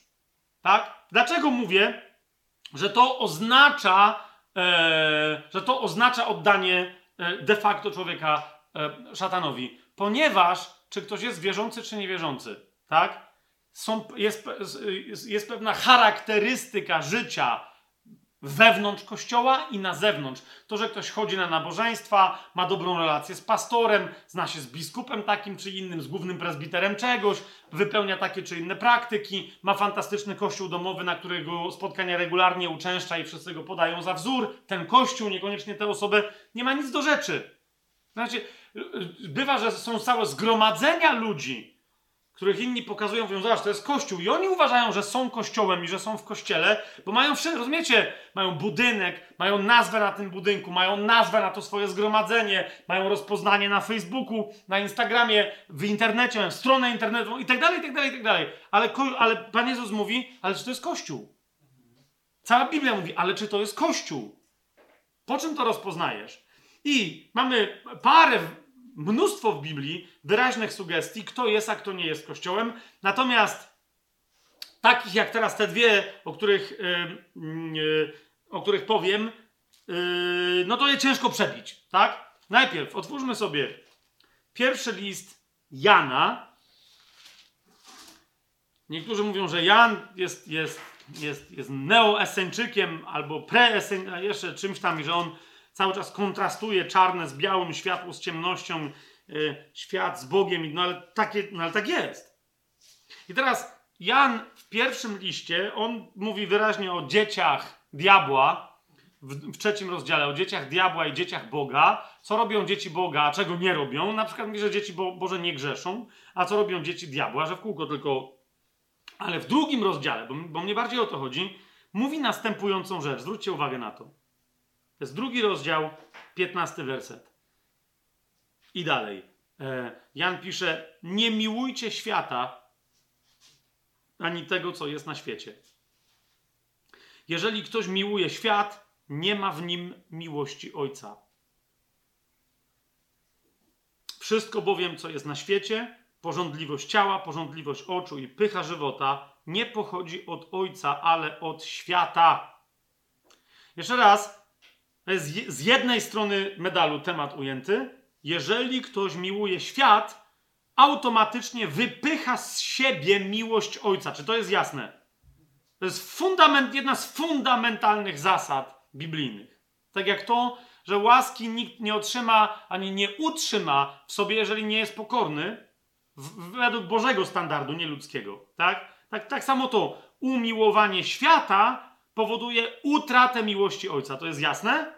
Ale Jakub na to wszystko doda nam rzecz, która dla niektórych bywa w kościele do dzisiaj cały czas szokująca. Mianowicie w czwartym rozdziale, w czwartym wersecie powiada: Przyjaźń ze światem jest nieprzyjaźnią z Bogiem. Czy o tym nie wiecie? Jeszcze raz, czwarty rozdział, czwarty werset. I on tam wierzących ludzi, żeby ich przebudzić, nazywa, zauważcie, bez ogródek, cudzołożnikami i cudzołożnicami. Zamiast powiedzieć bracia i siostry, mówi cudzołożnicy i cudzołożnice. Oho.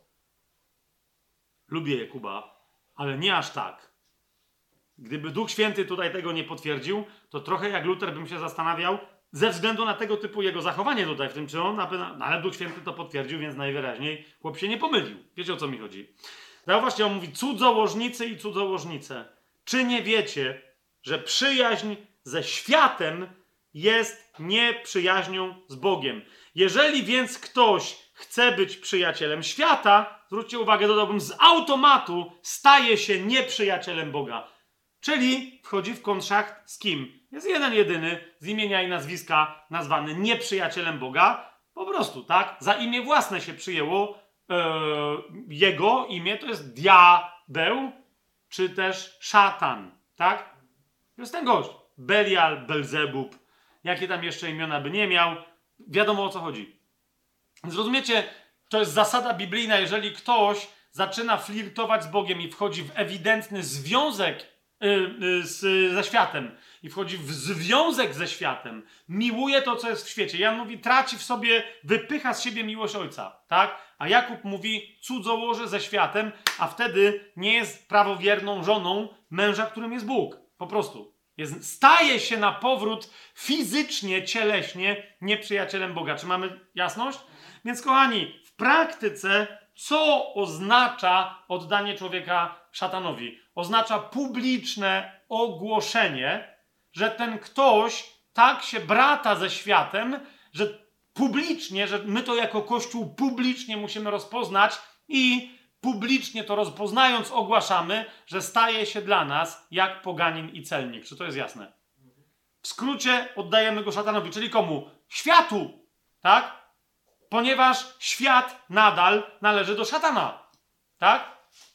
W pierwszym liście, gdzie Jan mówi, Jana, gdzie Jan mówi y, o tym, że, że kto miłuje rzeczy, które są w świecie, nie ma w sobie miłości Ojca, jednocześnie mówi, że kto jest w świecie? Ten, od którego ten, który w nas jest, jest większy. Czyli w świecie jest szatan, a w nas jest Chrystus. W świecie jest duch antychrysta, a w nas jest prawdziwy Chrystus. Czy to jest jasne? Jeżeli ktoś miłuje więc świat, to nawet jeżeli jest usprawiedliwiony, to idzie drogą niezbawienia. Rozumiecie, o co, o co mi idzie? A, a zatem oddanie kogoś szatanowi nie jest jakimś mistyczną formą jak rzucenia na kogoś jakiejś anatemy, tylko jest publicznym ogłoszeniem, tak jak Paweł w piątym rozdziale pierwszego do Koryntian sugeruje, nie, nawet z nim nie jadajcie i ogłoście to wszędzie publicznie. Rozumiecie, o co idzie? Dlatego taka osoba, która, tylko jeszcze raz, ona już publicznie wobec danego zgromadzenia musi się temu zgromadzeniu przeciwstawić. Jasne? Najwyraźniej więc Hymenaios i Aleksander byli ludźmi, którzy publicznie, no zresztą Paweł mówi, że publicznie, tak, Aleksander mu się przeciwstawiał, Hymenaios też, skoro głosił publicznie te swoje brednie, że zmartwychwstanie już nastąpiło, i to musiał też publicznie się z nim Paweł zetrzeć, że to są bzdury. Rozumiecie o co idzie? I ten, skoro wobec Kościoła uznał, jak to ja wiem lepiej, to dlatego Paweł powiedział, w takim razie oddaję cię szatanowi. Co to znaczy? Trwaj sobie w swoim grzechu, ale niech się okaże w Kościele kto jest prawowierny, a kto chce iść za tobą. W ten sposób powstaje, rozumiecie, sekta. Tak? Dlatego między innymi, między innymi bo to nie oznacza, że, że wszyscy będą w jedności i nie będą teraz z nim jadać i, się, i rozumiecie, i się z nim modlić, bo niektórzy powiedzą, a Paweł nie ma racji, nie? Ale wtedy, jak Paweł wielokrotnie to demonstrował i uczył tego Tymoteusza, wtedy będzie wiadomo, tak? Czyli oddanie kogoś szatanowi pokazuje od razu, jak się gangrena rozeszła, rozumiecie, a dlaczego jest nawiązanie do gangreny? Bo jak, zwłaszcza w tamtych czasach, jak się wdała gangrena, to co się robiło, żeby człowieka uratować? Jeszcze raz. Rozumiecie, o co idzie? Dlatego oni byli oddani szatanowi, czyli żeby odciąć, żeby się nie zakaziło dalej tą niewiarą, tak?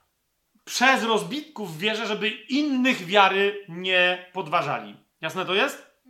To jest publiczne ogłoszenie, ale jeżeli ktoś dalej chce z nimi przestawać, coś tam robić, Paweł nikomu nie zabrania, to nie o to chodzi, tak? Ale jest to od razu rozpoznanie, mhm, gangrena. Miejcie jasność, ktoś taki jak Paweł, ktoś taki jak Tymoteusz, ale załóżcie, to nie musi być nikt taki.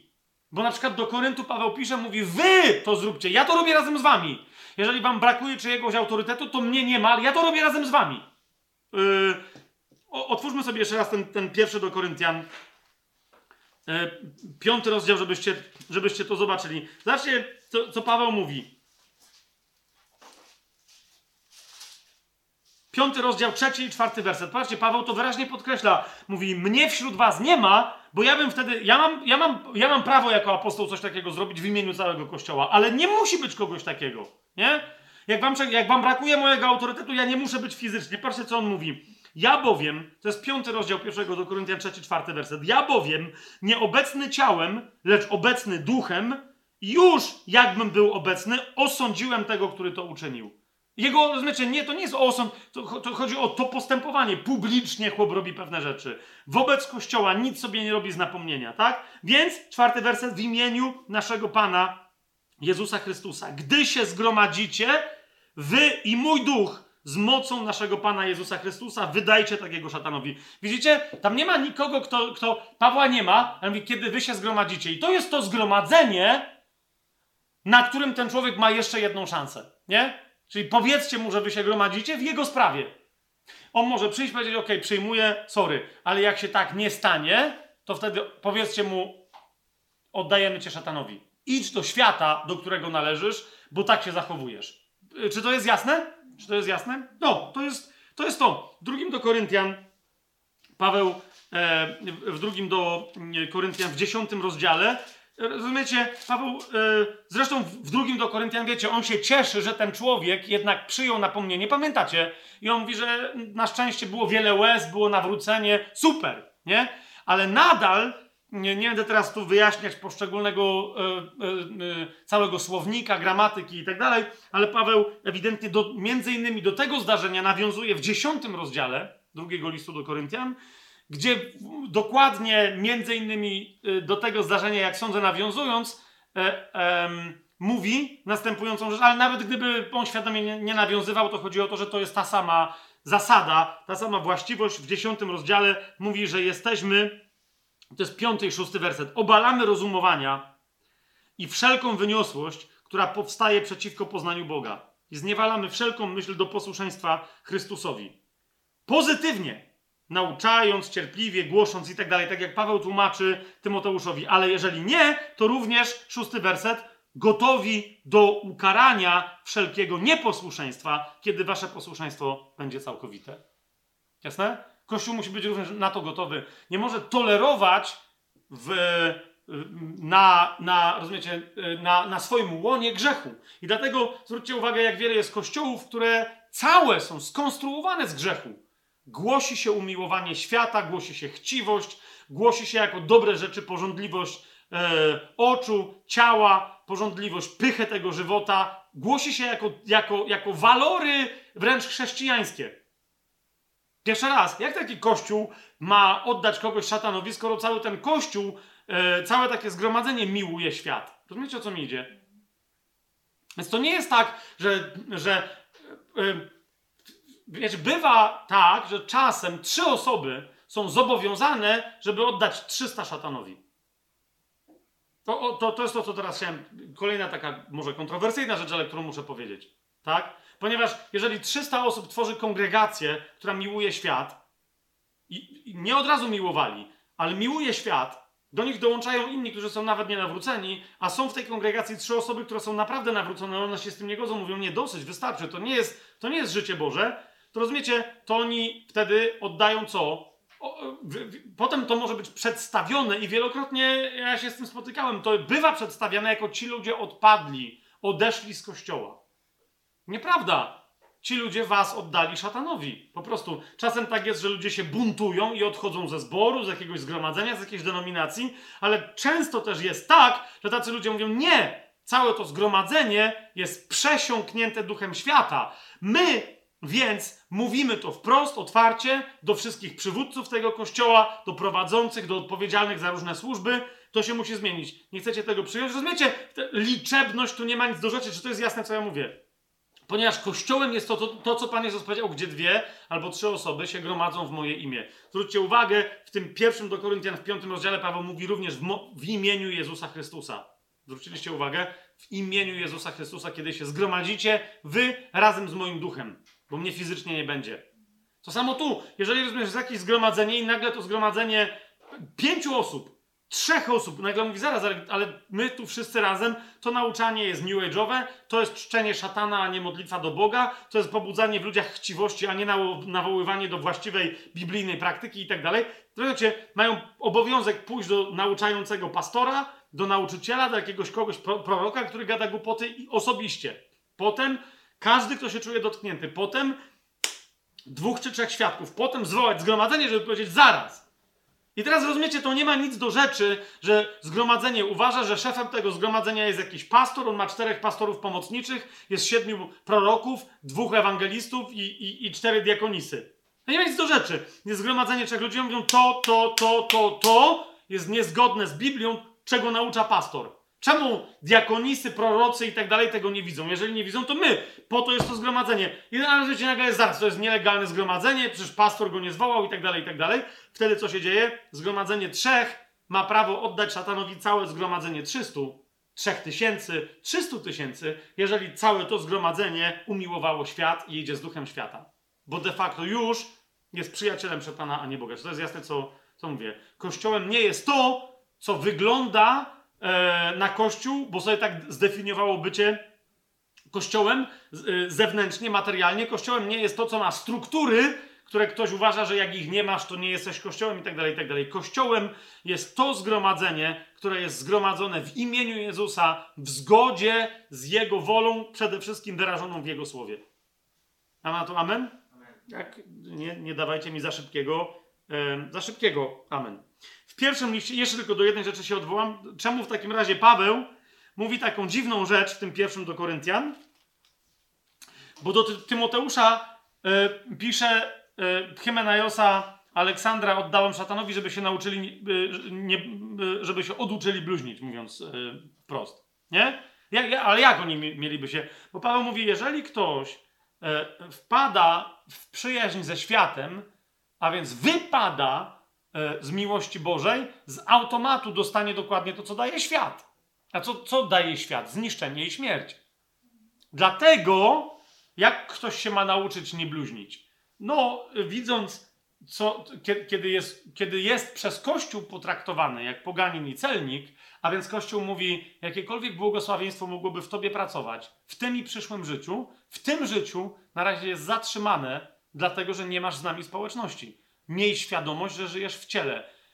Co siejesz w ciele, pamiętacie zasadę z listu do Galacjan, to będziesz zbierać w ciele, a jeżeli ktoś sieje w ciele, to zbiera co? Zniszczenie.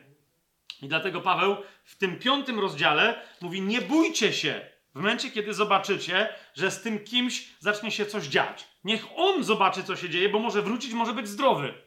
Nie? Niemniej mówi w piątym rozdziale pierwszego do Koryntian, jeszcze raz w piątym wersecie, wydajcie takiego szatanowi na zatracenie ciała. Jeszcze raz, miejcie świadomość, że tak się to skończy.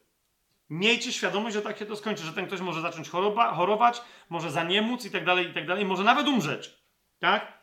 Ale lepiej, żeby się zatraciło ciało, niż żeby duch miał dos, doświadczyć uszczerbku na zbawieniu e, w dniu e, Pana Jezusa. Czy jest zrozumiałe to, to oświadczenie tutaj u Pawła? Zresztą zwróćcie uwagę, Paweł do tego wraca i mówi, e, delikatnie sugerując, Niemniej widzicie, to jest człowiek, który grzeszy publicznie i dlatego Paweł mówi publicznie oświadczcie, że dosyć. Ale Paweł dalej wspomina o ludziach, którzy de facto grzeszą, ale nie publicznie.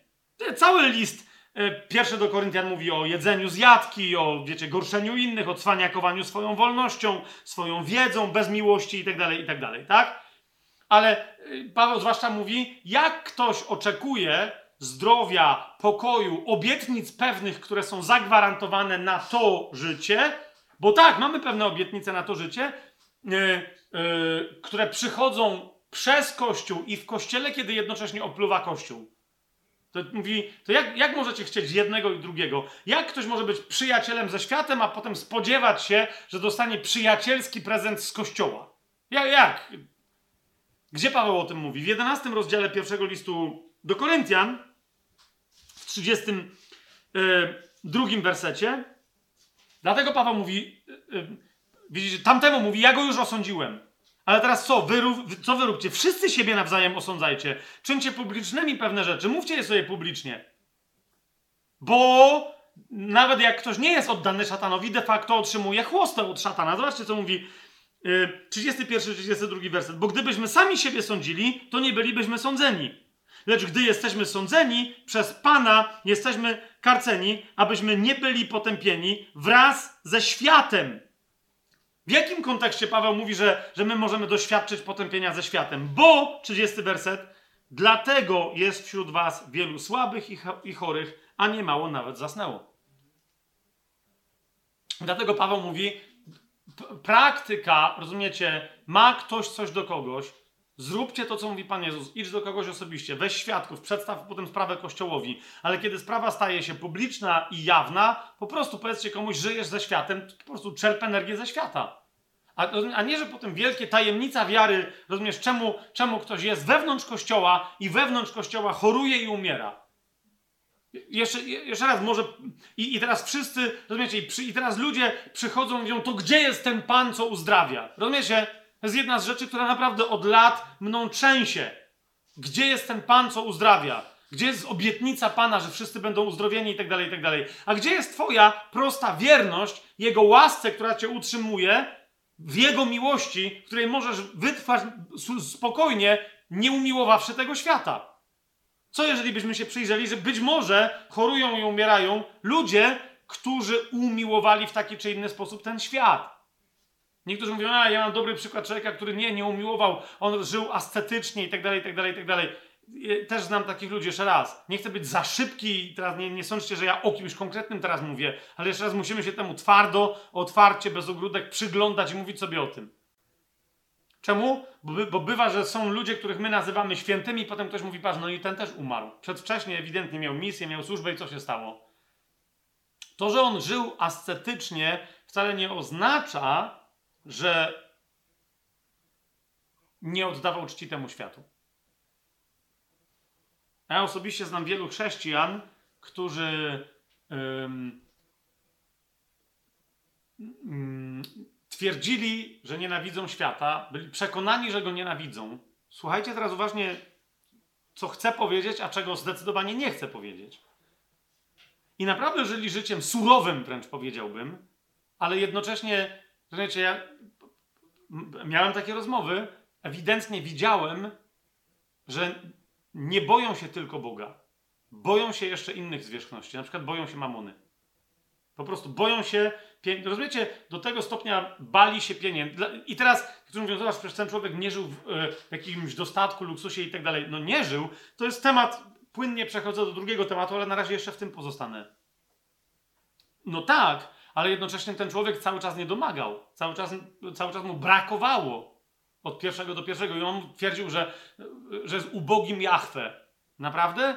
Wielokrotnie dostawał propozycje pracy lepszej, poradzenia sobie z pewnymi rzeczami, ich nie podejmował. Dlaczego? Ponieważ, jak mi powiedział wprost, bał się pieniędzy, bał się, że pieniądze go zepsują.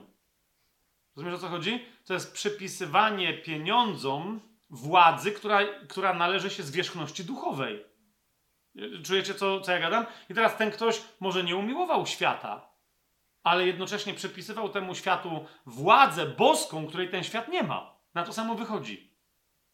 I dlatego dziw mnie nie bierze, że ten ktoś żył za krótko i następnie szybko umarł. Po prostu. Nie, to, bo nie tak to ma wyglądać. Cała ta koncepcja, że my, ci ludzie, którzy miłują świat, pławią się w dostatku i tak, to nie jest prawda. Nie będę teraz tego wątku rozważać, ale rozumiecie, poczytajcie Psalm 37 czy 73, Księgę Przysłów, Księgę e, e, Kocheleta na przykład. I tam wielokrotnie zobaczycie, że, że wyrazem miłości do świata paradoksalnie jest chełpienie się ze swojej biedy. Często biedni bardziej czczą pieniądz niż ludzie bogaci, bo bogaci go mają, biedni go pragną, a że go nie mają, to nienawidzą bogatych, ale w sumie by chcieli mieć, bo sobie wyobrażają coś, że niby ci, bo... I no wiecie o co mi chodzi. Biblia w wielu miejscach to opisuje, że więcej grzeszą w związku z pieniądzem ci, którzy go nie mają, niż ci, którzy mają, nie? Są wręcz takie sugestie. Biedni bardziej ni, niż bogaci, bo tutaj chodzi o stosunek do pieniądza, a niekoniecznie posiadanie, nie? Kto prawdziwie nie służy mamonie, służy Bogu tylko i wyłącznie żywemu, nie ma żadnego problemu z pieniądzem. To jest jeden, e, żadnego problemu z pieniądzem czy z pieniędzmi. Żadnego problemu. Ktokolwiek ma problem z pieniędzmi. Teraz, jeżeli kogoś z Was tutaj dotknę, kogoś ze słuchających teraz na żywo, czy ktoś tego odsłuchuje gdzieś tam na YouTube jeszcze raz, rozumiecie, pieniądze, podobnie jak parę innych rzeczy, nasza seksualność, e, cielesność, nasze, nasze relacje rodzinne i tak dalej, one wszystkie są papierkiem lakmusowym autentyczności naszej duchowości. Rozumiecie, gdziekolwiek się pojawia problem z czasem, bo czas jest związany z naszą fizycznością, z ciałem, z, z materią, z posiadaniem fizycznym rzeczy, z korzyścią materialną, z pieniędzmi, z finansami, gdziekolwiek dalej mamy zamieszanie w świecie, tam nie, nie, nie, nie możemy tego przyklepywać i mówić, że okej, okay, tylko rozumiecie, mamy tam wejrzeć, bo dlaczego? Bo tam, gdzie mamy największy problem, tam prawdopodobnie tkwi klucz do naszego duchowego sukcesu. Rozumiecie, o co mi idzie? I tu zrobię, czyli czy temat, skończę tylko temat oddania szatanowi, yy, bo czasem ktoś mnie pyta, no dobra, że to jest pewne spekulacje. czy to wystarczy na wyjaśnienie, co to jest oddanie szatanowi? Tak? Ale osobiście uważam, bo rozumiecie, to nie musi być, to nie musi być, to nie jest żadna formuła, to nie jest żadne jakieś przekleństwo, anatema, ekskomunika, nie? Więc e, jeżeli my zrozumiemy, co się tu dzieje, to, to rozumiejąc, e, mamy, wiecie, jedną konkretną scenę, znaczy osobiście mamy parę scen oddania e, wierzącej osoby szatanowi w Biblii. W Nowym Przymierzu, tak? Ale taką absolutnie klasyczną, która powinna natychmiast nam przyjść na myśl, jeżeli właściwie rozumiemy oddanie szatanowi, jest rzecz jasna piąty rozdział dziejów apostolskich i y, historia niejakiego Ananiasza i jego żony y, Safiry. No, no powiedzcie mi, czy to nie jest de facto oddanie ich szatanowi, które skończyło się czym? Zatraceniem ciała, ale z pewnością zbawienia duszy później. Rozumiecie, o co mi idzie?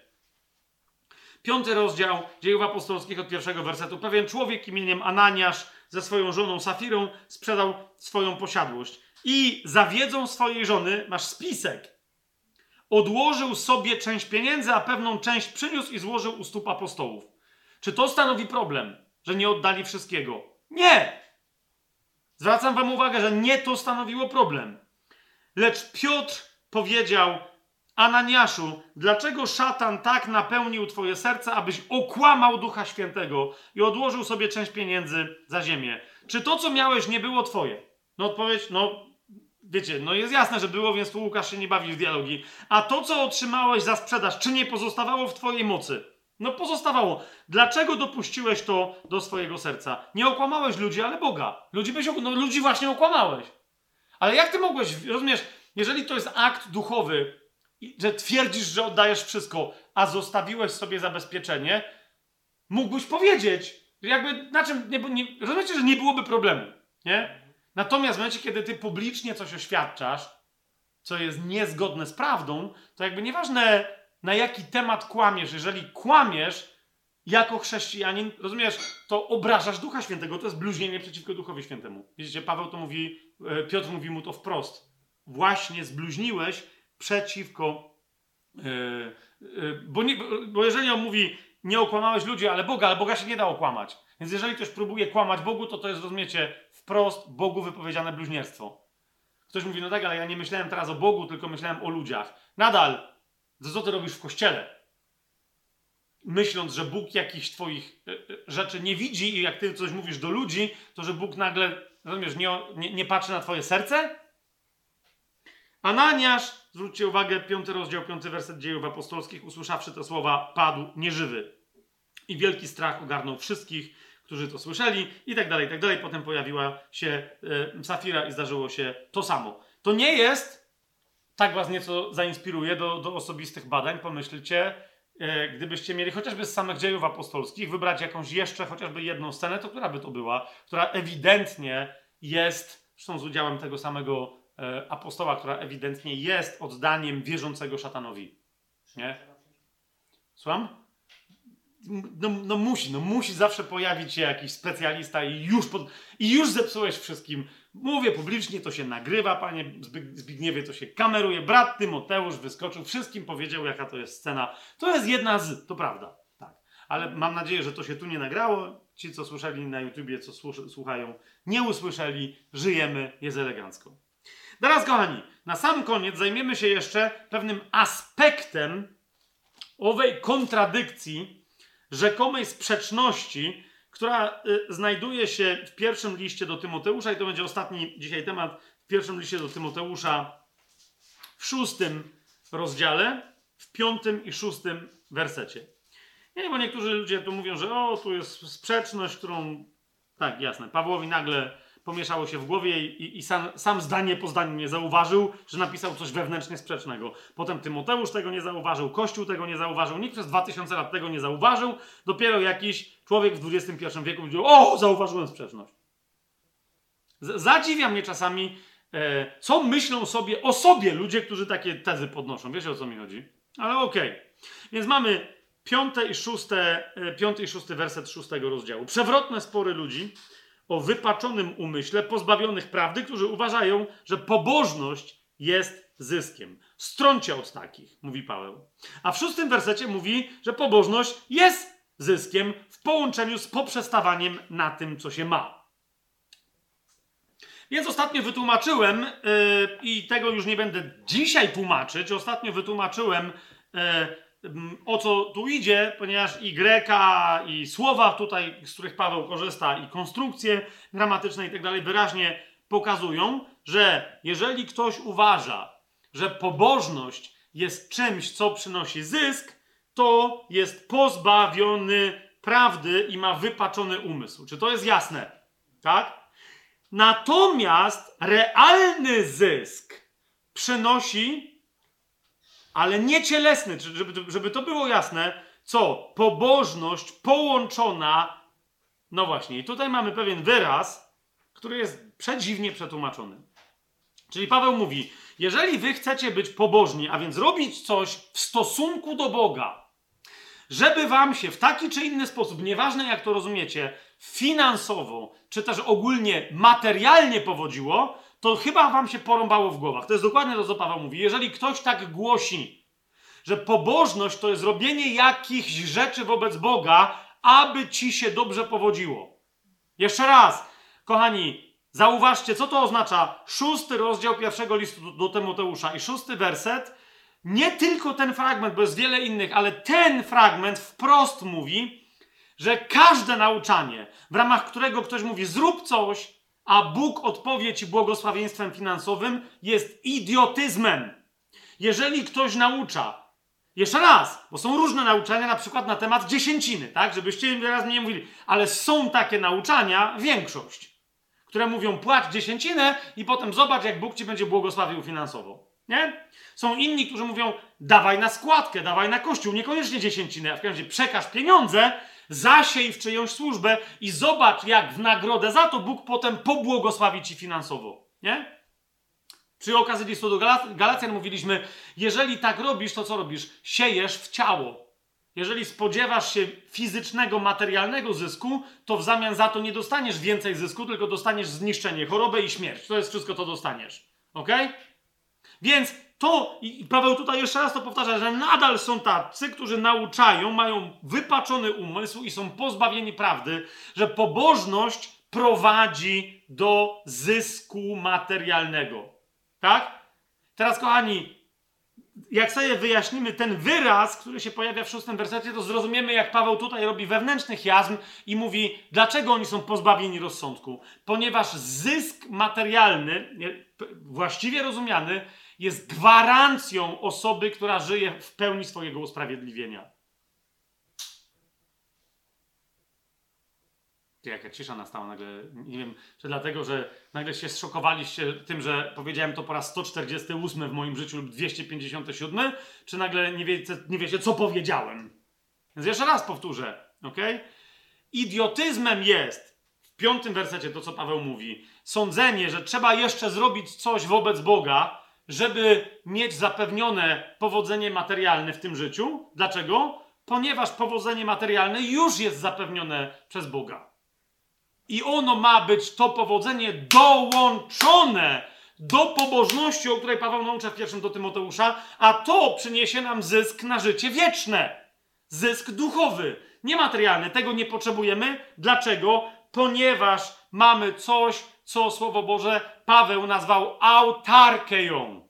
Autarkeja to jest wyraz, który się pojawia w szóstym rozdziale, w szóstym wersecie i z jakiegoś oszalałego powodu jest przetłumaczony jako, przetłumaczony jako poprzestawanie na tym, co się ma. Hmm? Okej, okay, ten wyraz się nie pojawia za często, a ściśle rzecz ujmując się pojawia w ogóle nieczęsto, czyli dwa razy w Biblii jako rzeczownik. Pojawia się tu i, w jeszcze drugim liście do Koryntian, ale też jego e, forma dla nas istotna pojawia się jako przymiotnik. Okay?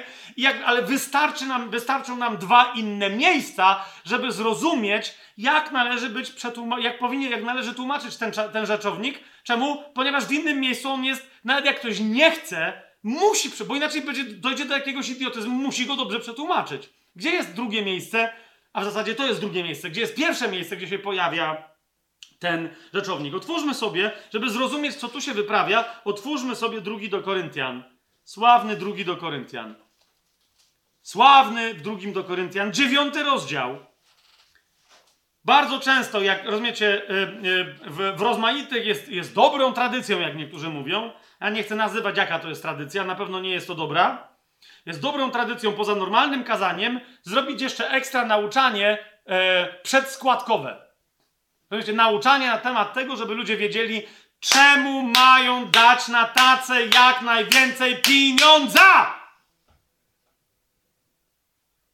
I tak często jak się da, jeżeli się znajdziecie na nabożeństwie, na którym będzie takie nauczanie, stawiam na to, że no nie wiem, 7 na 10 razy to będzie nauczanie dokładnie z tego dziewiątego rozdziału. Na czym polega bezsens? I ono, i to jest nauczanie, w ramach którego się mówi, im więcej dasz, tym więcej potem Bóg da tobie. Dlaczego uważam? No widzicie, i tu i do, dokładnie paradoks, o którym później Paweł mówi w pierwszym do Tymoteusza, wy, wynika dokładnie stąd. Jak ktoś może na podstawie dziewiątego rozdziału drugiego do Koryntian mówić takie bzdury, skoro przede wszystkim w, w tymże dziewiątym rozdziale mamy napisane, zobaczcie sobie w dziewiątym rozdziale ósmy werset, Bóg ma moc udzielić wam obficie wszelkiej łaski, abyście, mając autarkeję, sprawdźcie sobie w języku greckim, nie, ok? Abyście mając autarkeję, czyli abyście mając zawsze wszystkiego, mając zawsze pod każdym względem autarkeję, czyli mając zawsze wszystkiego pod dostatkiem, obfitowali we wszelki dobry uczynek. Niektórzy z tego robią, że Bóg ma moc udzielić wam, żebyście mieli wszystkiego pod dostatkiem. Ale jeszcze raz, naprawdę nie wiem, jak ktoś musi manipulować Słowem Bożym. Bóg ma moc, aby kiedy już spowodował, że macie zawsze wszystkiego pod dostatkiem, teraz ma moc spowodować, abyście obfidowali we wszelki dobry uczynek. Czy rozumiecie, co tu jest napisane? Tu jest stwierdzone, że autarkeja jest zagwarantowana dla ludzi, którzy są usprawiedliwieni z łaski przez wiarę, którzy są włączeni w ciało Chrystusa, którzy nie żyją cieleśnie, nie boją się tego świata i nie flirtują z tym światem. Jeszcze raz, rozumiecie, co to jest autarkeja teraz? To jest dosłownie e, autarkeja powinna być przetłumaczona jako e, samowystarczalność. Tak? Ale to byłoby nie, y, jakby, to, to byłby a, mm, y, mm, y, archaizm, bo, bo, to by było narzucenie pewnych naszych. Autarkeja oznacza stanie, ja to sobie aż zrobiłem swoją, e, jak popatrzycie szerzej po literaturze tamtego czasu, jak w Grece koine wyraz autarkeja był wykorzystywany. On oznacza stan pełnego zaspokojenia wszystkich potrzeb możliwych, jakie może mieć człowiek. Okej? Okay? Czyli wyobraź sobie, że masz różne potrzeby, wszelkie możliwe, cielesne, emocjonalne także. Ok? Co to jest autarkeja? To jest stan, w ramach którego mówisz, mam te potrzeby, ale one są już zaspokojone.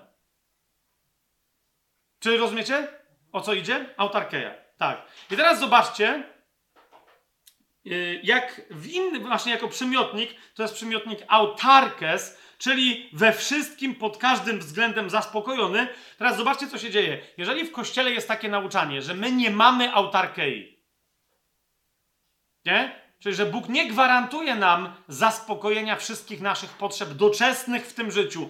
My się bliżej przyjrzymy, czy tak rzeczywiście jest. No tutaj ewidentnie Paweł pisze, że to jest, do Koryntian tak jest, nie? I cała reszta Biblii też tak mówi. Ale o co mi chodzi? W momencie, kiedy my nie mamy takiej teologii, tylko mamy dziwną teologię, że my najpierw musimy zrobić coś Bogu, żeby On nam oddawał jakieś pieniądze. Żeby On nam mnożył pieniądze. Żeby On nam zaspokajał inne potrzeby. Słyszycie, co ja teraz, y, słyszycie, co, co, co ja teraz gadam? To wtedy powstają nam takie dziwolągi, jak na przykład w liście do Filipian, jeżeli sobie zechcecie go razem ze mną e, otworzyć, który kompletnie kompletnie przeinacza to, co pisze Paweł. W, w, miejscu, na który ja tam zwracałem uwagę, że tam jest jakaś uwaga. No nie, a teraz ją wypowiem publicznie i otwarcie. Otóż w czwartym rozdziale mamy przesławny dziesiąty werset i jedenasty i dwunasty nie? Ludzie potem robią z, z, tego tu fragmentu, wiecie, wszystko mogę w tym, który mnie umacnia. I pieśni śpiewają, i się powtarzają se mantry, że wszystko mogę wszystko mogę i potem stwierdzają, że są y, bogami i wszystko mogą. Przechodzić przez ściany i, i tak dalej, i tak dalej, i tak dalej. Nie? Tymczasem, co Paweł napisał tutaj w tym y, liście do Filipian w czwartym rozdziale od dziesiątego wersetu? Mówi tak: Uradowałem się bardzo w Panu, że teraz zakwitło na nowo wasze staranie o mnie, bo staraliście się o to, lecz nie mieliście sposobności. Tu chodzi o przesłanie mu, wiecie, zaopatrzenia, pieniędzy i tak dalej, i tak nie? I teraz on mówi, że się cieszy i teraz tak, mówi, nie mówię tego z powodu niedostatku. Dlaczego? Czyli Paweł nie, nie, nie ucieszyłem się dlatego, że byłem w niedostatku, a wyście zaspokoili moje potrzeby. Nie? Chociaż patrzcie, Paweł mówi, nie mówię, jakie jest tłumaczenie? Nie mówię tego z powodu niedostatku, bo nauczyłem się poprzestawać na tym, co mam. Tak samo jest potem, tu jest autarkes, nauczyłem się być autarkes. I tak potem masz autarkeję przetłumaczoną, po, pobożność i poprzestawajcie na tym, co macie. Nie? Paweł mówi, mówi, ja nie mówię tego, że, że się ucieszyłem, że wyście mi przysłali pieniądze, bo mi ich brakowało. Dlaczego? Ponieważ nauczyłem się być autarkes. To znaczy, nauczyłem się, że niezależnie od tego, jak moje potrzeby są zaspokojone z zewnątrz, są zaspokojone przez Pana. To znaczy autarkes. Moje potrzeby, czy mam pomoc z zewnątrz, czy nie, są zawsze zaspokojone. Nauczyłem się być autarkiem, znaczy nauczyłem się być w stanie pełnego zaspokojenia moich potrzeb. Czemu? Ponieważ Pan je zaspokaja. Umiem się, stąd wynika dwunasty werset, umiem się uniżać, umiem też obfitować. Wszędzie i we wszystkim jestem wyćwiczony. Umiem być syty i cierpieć głód, obfitować i znosić niedostatek. Trzynasty werset, znaczy autarkes. Wszystko mogę w Chrystusie, który mnie umacnia, który jeden, jedyny jest źródłem mojego zaopatrzenia, więc to nie ma nic do rzeczy, że ja w danym momencie jestem gościem u bardzo bogatego rzymskiego dostojnika, u którego jedzenia jest potąd, picia jest potąd. Rozumiecie o co mi chodzi? I codziennie mam kąpiel w basenie 40 metrów kwadratowych z wszystkimi możliwymi yy, zapachowymi olejkami świata? Czy też siedzę w gnoju w więzieniu 16 miesiąc?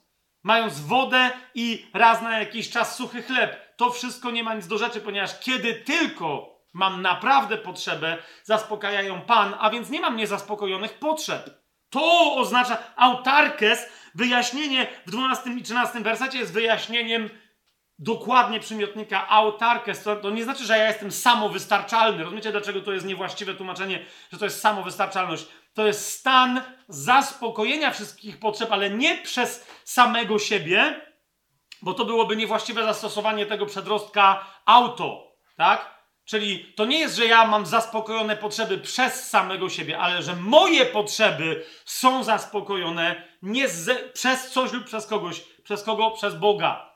Rozumiecie o co idzie? On jest tym, który powoduje autarkę, jest zaspokojenie wszystkich waszych osobistych potrzeb, każdej i każdego z was. To jest to, co Paweł mówi w drugim liście do Koryntian w dziewiątym rozdziale, w ósmym wersecie. Czy to jest jasne? Nie? To teraz zobaczcie, jeżeli tak jest, co Paweł pisze w pierwszym liście do Tymoteusza. W szóstym rozdziale. Jak już mamy yy, wyjaśniony wyraz autarkeja zaspokojenie wszystkich moich osobistych potrzeb, nie potrzeb wspólnoty, rodziny, moich osobistych potrzeb. Paweł pisze tak, szósty rozdział, mm, piąty werset pierwszego listu do Tymoteusza. Przewrotne spory ludzi o wypaczonym umyśle, pozbawionych prawdy, którzy uważają, że pobożność, ja teraz daję to właściwe tłumaczenie, prowadzi do zysku materialnego. Od takich stroncie jakkolwiek by nie głosili, że pobożność zapewni ci zysk materialny. Dlaczego? Zobaczcie szósty werset. Ponieważ jest wielkim zyskiem co? Pobożność wraz z autarkeją. Jeszcze raz, sprawdźcie sobie, co, się, co jest napisane w języku greckim. To nie jest poprzestawanie na tym, co się ma. Bo co jak ktoś nie ma? Wiecie, bo tu niektórzy ludzie mówią, no ale ja nie mam za bardzo, nie mam, wiesz, co do gęby włożyć czasami dzieciom i tak dalej. Biblia mówi, że masz na tym poprzestawać, co masz. Jak nie masz, no to co zrobić? Nie! Pobożność, która jest połączona z czym? Z zaspokojeniem wszystkich potrzeb, ze świadomością, że tak jest i z, yy, z korzystaniem z tego, że tak jest. Czy to jest jasne, co, co ja powiedziałem teraz? Jeżeli to byłoby niejasne, to zobaczcie. I za chwilę tu wrócimy, co, co dalej z tego wynika. Zobaczcie na przykład drugi list Piotra. Nie? Zobaczcie drugi list Piotra. Nie? To, co Paweł powiedział, Bóg ma moc e, spowodować, żebyście obfitowali we wszelkie dobre czyny, skoro już zapewnił wam autarkeję, czyli zapełni, zape, zapewnienie wszystkich waszych potrzeb, to teraz co? Bądźcie pobożni, przynieście owoc pobożności. Zobaczcie, to samo pisze Piotr. To jest pierwszy, drugi list Piotra, pierwszy rozdział, trzeci werset. Jako, że Jego boska moc obdarzyła nas wszystkim, co potrzebne do życia i pobożności. Jeszcze raz, Jego moc obdarzyła nas już wszystkim, co potrzebne do życia i do pobożności. Jeżeli masz jakieś życiowe potrzeby, rozumiesz, to Jego boska moc już ci wszystko, zapewnienie tych wszystkich potrzeb, zaspokojenie tych wszystkich potrzeb e, zapewniła. Do życia i do pobożności. Widzicie, to jest to samo. Ok? To jest zagwarantowane. A zatem przestań się kon koncentrować na swoim życiu, jakby obowiązkiem w Twoim życiu było zapewnianie sobie bytu najpierw. Um, wiecie co, chcę wam, chcę wam pokazać parę fragmentów, które my, mimo że mają niezwykle ducho... Ja mam teraz takie przekonanie w duchu, żeby to zrobić. Bo jak czasem przywołuję drugi rozdział tego, yy, przepraszam, dziewiąty rozdział drugiego listu do Koryntian. Ten drugi, yy, pierwszy rozdział drugiego listu Piotra. I ludzie czasem mówią, no to są tylko dwa fragmenty. No to jeszcze pierwszy do Tymoteusza, szósty rozdział. To są tylko trzy fragmenty. No wiecie, to jest takie jakby mało, ale jeszcze raz, rozumiecie, ta prawda, my tak bardzo się boimy, że inaczej cierpimy niezaspokojenie naszych potrzeb w życiu, tak bardzo jesteśmy skoncentrowani na tym, że musimy sobie zaspokoić te potrzeby, że to nas blokuje na przyjęcie pełnego zaspokojenia i jednocześnie to nas blokuje na życie prawdziwą pobożnością, nie przynosimy owocu. Ale jednocześnie czytamy Biblię i nie widzimy, jak Biblia jest. Rozumiecie, za każdym razem, kiedy Biblia jest, jest, jest, jest zaprasza nas do krzyknięcia na temat najwznioślejszych prawd duchowych, jednocześnie, rozumiecie, mówi wyraźnie, że czemu my możemy sobie swobodnie krzyczeć o prawdach duchowych? Ponieważ cokolwiek jeszcze byłoby naszą potrzebą cielesną, materialną, finansową, emocjonalną także, mamy zagwarantowane, że jest zapewnione. I rozumiecie, my jesteśmy tak skoncentrowani na tym fałszywym rozumieniu pobożności, że ona nas dopiero doprowadzi skłoni Boga, żeby nam pobłogosławił finansowo i tak dalej, że nie widzimy, jak ta prawda się przewija przez, cały, przez całą Biblię. Weźcie sobie razem ze mną na przykład list do Rzymian, otwórzcie. Parę takich, yy, po prostu sobie rzucimy przykładów, ale rzucam wam też wyzwanie, żebyście poznajdywali więcej tego typu fragmentów. Będziecie zszokowani, co się dzieje. Nie? Bo jeszcze raz, zaraz, jeszcze raz, zanim tam otworzycie, na co chcę zwrócić uwagę? Jest taka konstrukcja, która bywa różnie tłumaczona, E, a powinna być raczej tłumaczona wszystkie rzeczy. Wszystkie rzeczy. W drugim liście Piotra, przepraszam was, w drugim liście Piotra, pierwszy rozdział, trzeci werset, zobaczcie, jest napisane, jako że Jego boska moc obdarzyła nas wszystkim. Nie? E, nie pamiętam, jaki tu dokładnie jest wyraz. Przypuszczam, że to jest panta greckie, czyli obdarzyła nas wszystkimi rzeczami, co oznacza rzeczy materialne i niematerialne, ale typu na przykład, wiecie, właściwymi emocjami, nastawieniem umysłu i tak dalej, czyli rzeczami, które się wyrażają cieleśnie. Czy to jest jasne? To są wszystkie rzeczy. Nie wszystkie idee. W języku greckim idee, coś duchowego nie jest nazywane rzeczą, nawet, nawet domyślnie, tak? A więc jego boska moc obdarzyła nas wszystkimi rzeczami, które są potrzebne do życia i do pobożności tu w tym życiu. Czy to jest jasne? Nie? Ten wyraz, natomiast z całą pewnością, na przykład, jak sobie otworzycie ósmy rozdział, nie? I teraz popatrzcie, jak mówimy o tym, że Bóg e, dla ludzi, którym zapewnił błogosławioną, szczęśliwą przyszłość, jednocześnie błogosławi już tu teraz e, w, materii i w ciele. Zobaczcie, jak to jest szokujące w miejscach, w których zazwyczaj nie zwracaliśmy na to w ogóle żadnej uwagi. Zobaczcie na przykład ósmy rozdział, e, 31 werset, nie? I dalej. Cóż więc na to powiemy? Jeżeli Bóg z nami, któż przeciwko nam? Zobaczcie 32 werset. On, który nawet własnego syna nie oszczędził, ale wydał go za nas wszystkich, jakże nie miałby z nim darować nam wszystkiego? Darować nam wszystkiego, a dokładnie w języku greckim to jest wszystkich rzeczy. Wszystkiego, powiecie, tu jest według mnie mowa dokładnie o tym, o czym Paweł potem mówi do Koryntian, o czym Piotr mówi, kiedy pisze swój list i tak dalej, że mamy zapewnione wszystko w tym życiu, co jest potrzebne, istotne do pełnego, dobrego życia. Przecież on powiedział, ja żeby owce miały życie i żeby je miały w obfitości. Czy nie tak? Autarkę, a to jest dokładnie to Pan Jezus miał na myśli. Ale jeszcze raz, tu niektórzy mówią, nie, Fabian, nie do końca. To zobaczcie, ta sama myśl jest wyrażona w pierwszym do Koryntian i proszę w duchu, dajcie się, dajcie się zachwycić Duchowi Świętemu. Słowu Bożemu jeszcze raz. W miejscu, w którym myśleliśmy, że już wszystko wiemy i wszystko, yy, wszystko widzieliśmy. Zacznijcie razem ze mną pierwszy list do Koryntian, trzeci rozdział. Czyż nie, skoro wydał samego siebie, czy nie dał nam wszystkiego? Zobaczcie, trzeci rozdział pierwszego listu yy, do Koryntian od 21 wersetu. Niech więc nikt nie chlubi się ludźmi wszystko bowiem jest wasze. Wszystkie rzeczy są wasze. I teraz popatrzcie, co tu jest napisane. Czy Paweł, czy Apollos, czy Kefas, czy świat, czy życie, czy śmierć, czy to, co teraźniejsze, czy to, co przyszłe, wszystko jest wasze. Czy widzicie to tutaj teraz? Wszystko, czy to, co teraźniejsze, czy to, co przyszłe, czy to, co należy do tego życia, czy co należy do przyszłego życia, co przed śmiercią i co po śmierci. Wszystko jest wasze. Wy jesteście Chrystusa, a Chrystus Boga. Widzicie to? Że tu jest także konkretne materialne zapewnienie, cielesne zapewnienie dla zbawionego, usprawiedliwionego w duchu człowieka. Więc jeszcze raz, wróćmy, zobacz, wróćmy do listu do Rzymian, i teraz patrz, to, to nie jest tylko zupełnie, rozumiesz, to nie jest tylko hymn na temat przyszłości i na temat nieutracalności naszego zbawienia. To jest hymn na temat pełni błogosławieństwa. Ósmy rozdział listu do Rzymian, 31-32 werset. Cóż więc na to powiemy?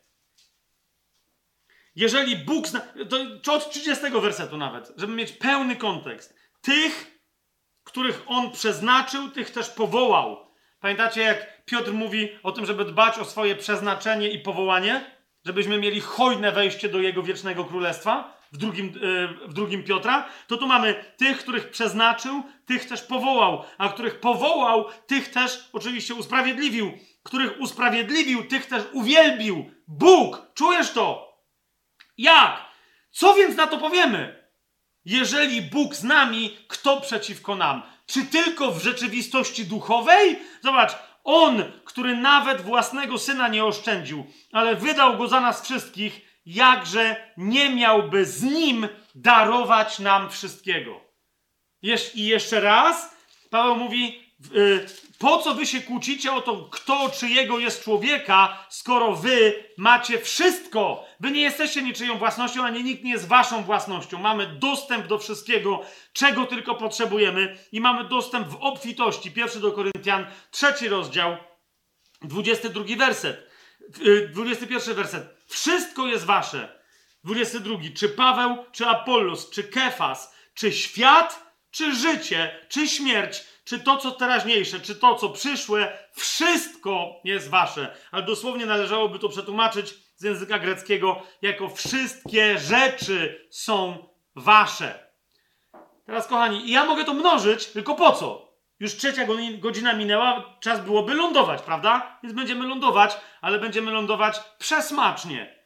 Zatem jeszcze raz wróćmy do pierwszego do Tymoteusza, szósty rozdział.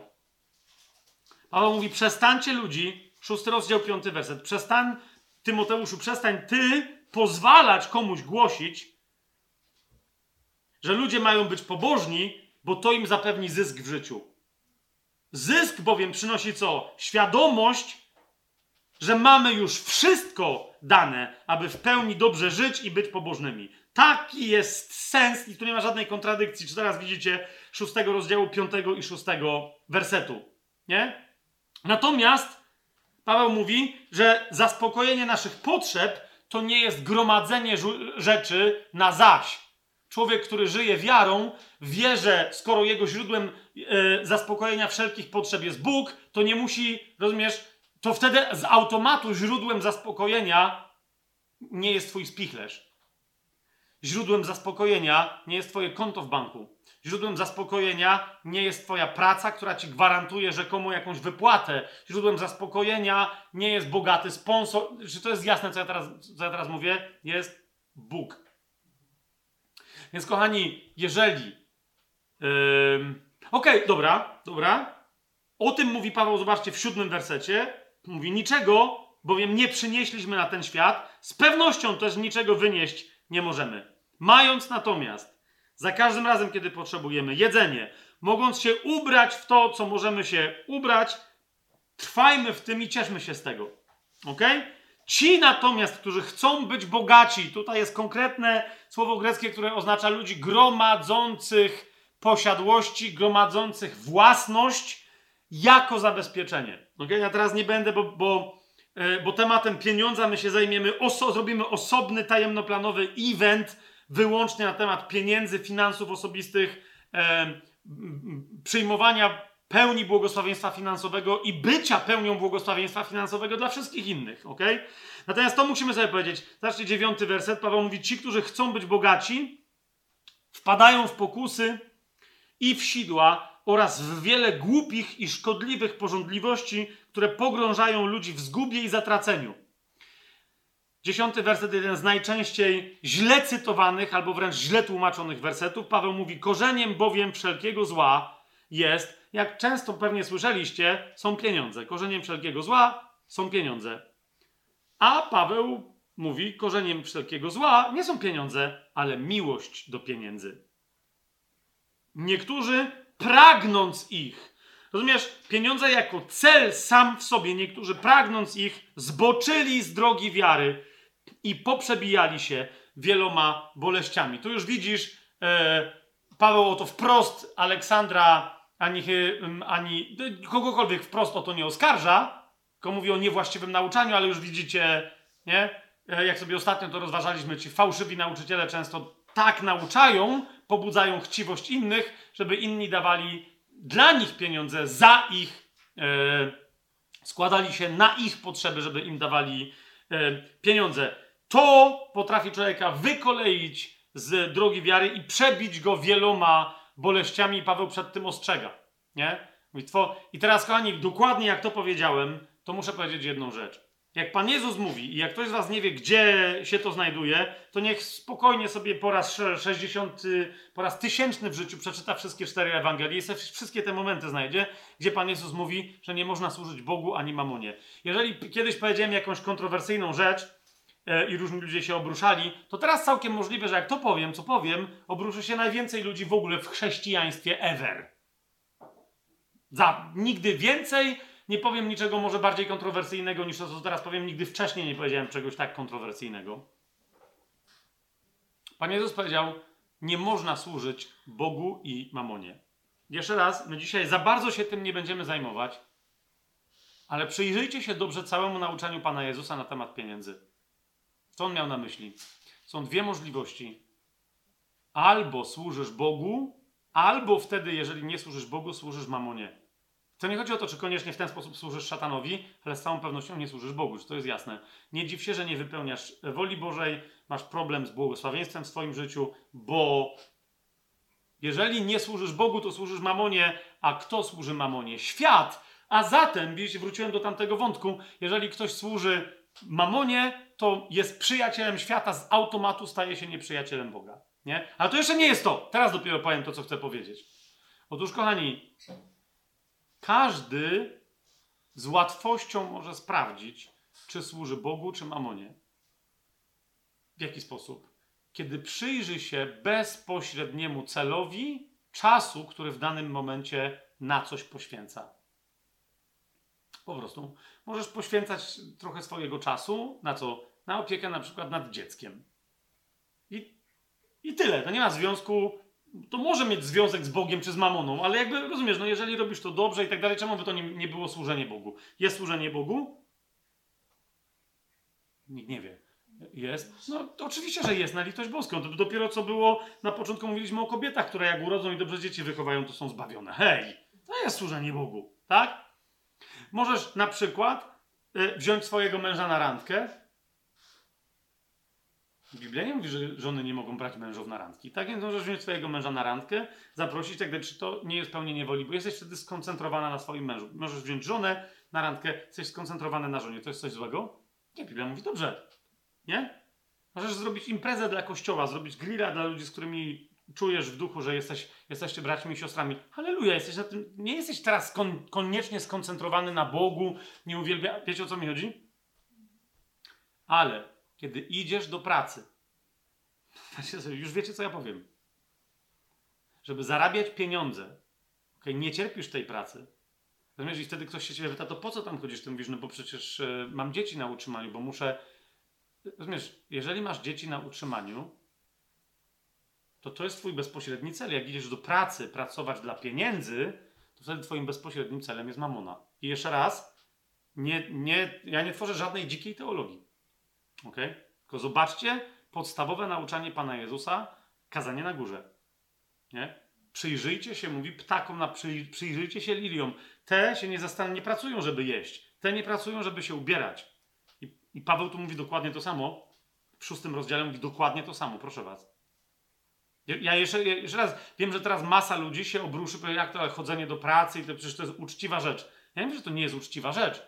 Ja tylko mówię, że jeżeli chodzisz do pracy, żeby zarobić pieniądze, i to jest Twój cel, ponieważ mówisz, ponieważ moim celem jest, że ja coś z tymi pieniędzmi zrobię dalej, to właśnie służysz mamonie. W tym momencie. Jeżeli to jest 8 godzin Twojego życia, 3 i tak dalej, wypełniasz pewne rzeczy, masz kontrakt do zrobienia, masz i tak dalej, masz firmę, której celem jest zarabianie pieniędzy. Jeszcze raz, nie? Słuchajcie, jeszcze, je, je, jeszcze raz, masę chrześcijan jest wpędzonych dokładnie ten model myślenia, w ramach którego to nie jest nic złego, jeżeli ich celem są pieniądze, ale oni przeznaczą pieniądze, które dostaną z łaski mamony na jakieś Boże rzeczy. Rozumiecie, o co mi chodzi? Biblia jasno temu się sprzeciwia. Biblia daje gwarancję wszystkim wierzącym. I wielokrotnie rozmawiałem e, z ludźmi, którzy mówią to, co wszyscy teraz mają żyć z wiary i wszyscy teraz mają, wiecie, do, dokładnie sobie taką koncepcję, że to teraz, e, to, to teraz kto będzie pracował w takim razie. To jest dziwne wyobrażenie ludzi, którzy sobie wyobrażają, że wszyscy mają w kościele głosić kazania. Rozumiesz, co mi idzie? Idzie mi o to, że w momencie, kiedy ty jako osoba Boża skoncentrujesz się, nie będę teraz tego wątku rozwijać, ale skoncentrujesz się na tym, jakie powołanie ma dla ciebie Pan. Rozumiesz? Czego On od ciebie chce? Jak, jaki, jakiego owocu od twojego życia się spodziewa? Jaka wartość przez ciebie w tym świecie ma być pomnożona? W kościele, w świecie. Wiecie, wiecie o co mi chodzi? Rozumiesz? To On da ci tworzyć tę wartość, przynosić ten owoc i będziesz mieć za to zapłacone. Rozumiesz? Bóg ci zagwarantuje i dlatego są ludzie, którzy, rozumiecie, robią najdziwniejsze rzeczy w swoim życiu. Nie? Najdziwniejsze rzeczy. Cały świat mówi, ale przecież to jest kompletnie nierentowne. Nie możesz się tym zajmować. Nie? Ja teraz mówię o bardzo konkretnych ludziach, których znam, którym cały rynek powiedział, to się kończy. Nie? na, na przykład wydawanie i sprzedawanie książek. Nie? Ci, którzy to robili, i teraz znowu niektórzy się księgarze obrażą czy coś, ale jeszcze raz. Niektórzy po prostu upadli, inni sprzedali swoje biznesy, ale są tacy, którzy na rynku umierającej książki z, tak, z czymś tak niszowym jak książka biblijna chrześcijańska żyją i kwitną. Jeżeli tylko robią to dlatego, że Pan ich do tego powołał, a nie robią to tego po to, żeby na tym się dorobić. Czy rozumiecie, o co mi chodzi? Nie? Bo służą Panu, a nie mamonie. Są ludzie, którzy uprawiają e, e, naukę. E, są mocno związani z akademią, z nauczaniem akademickim i tak dalej. Tworzą chrześcijańskie uniwersytety. Są rzeczy kompletnie nierentowne. Ja teraz pomijam całą masę tych wszystkich w stylu amerykańskich szkół biblijnych, za które trzeba tysiące dolarów płacić, żeby tam się dostać i tak dalej. Nie, ja mówię, wiecie, że są E, są rzeczy, w ramach których ludzie naprawdę dają nieprawdopodobne wartości akademickie. Genialne, niczego za to nie chcą. Tak?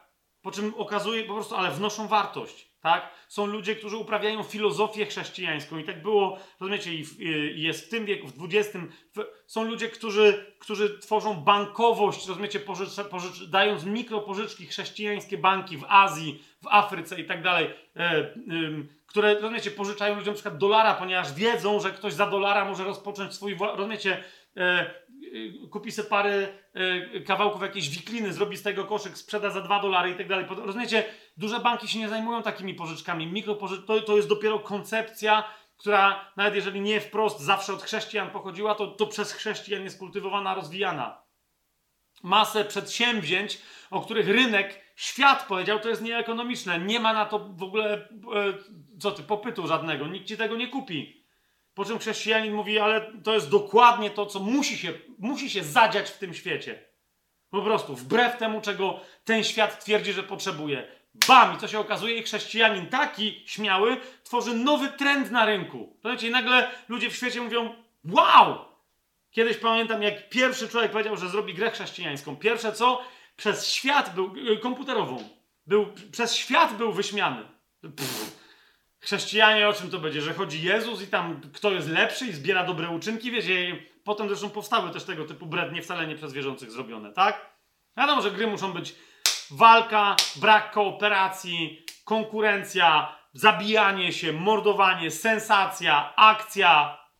Po czym ten człowiek, nie będę teraz mówił konkretnie, zrobił taką grę, Potem pojawiła się cała, rozumiecie, sieć, była w, w momencie boom na gry chrześcijańskie, które miały przez chrześcijan gwarantowany znak jakości, że to jest chrześcijańska robota. Dlaczego?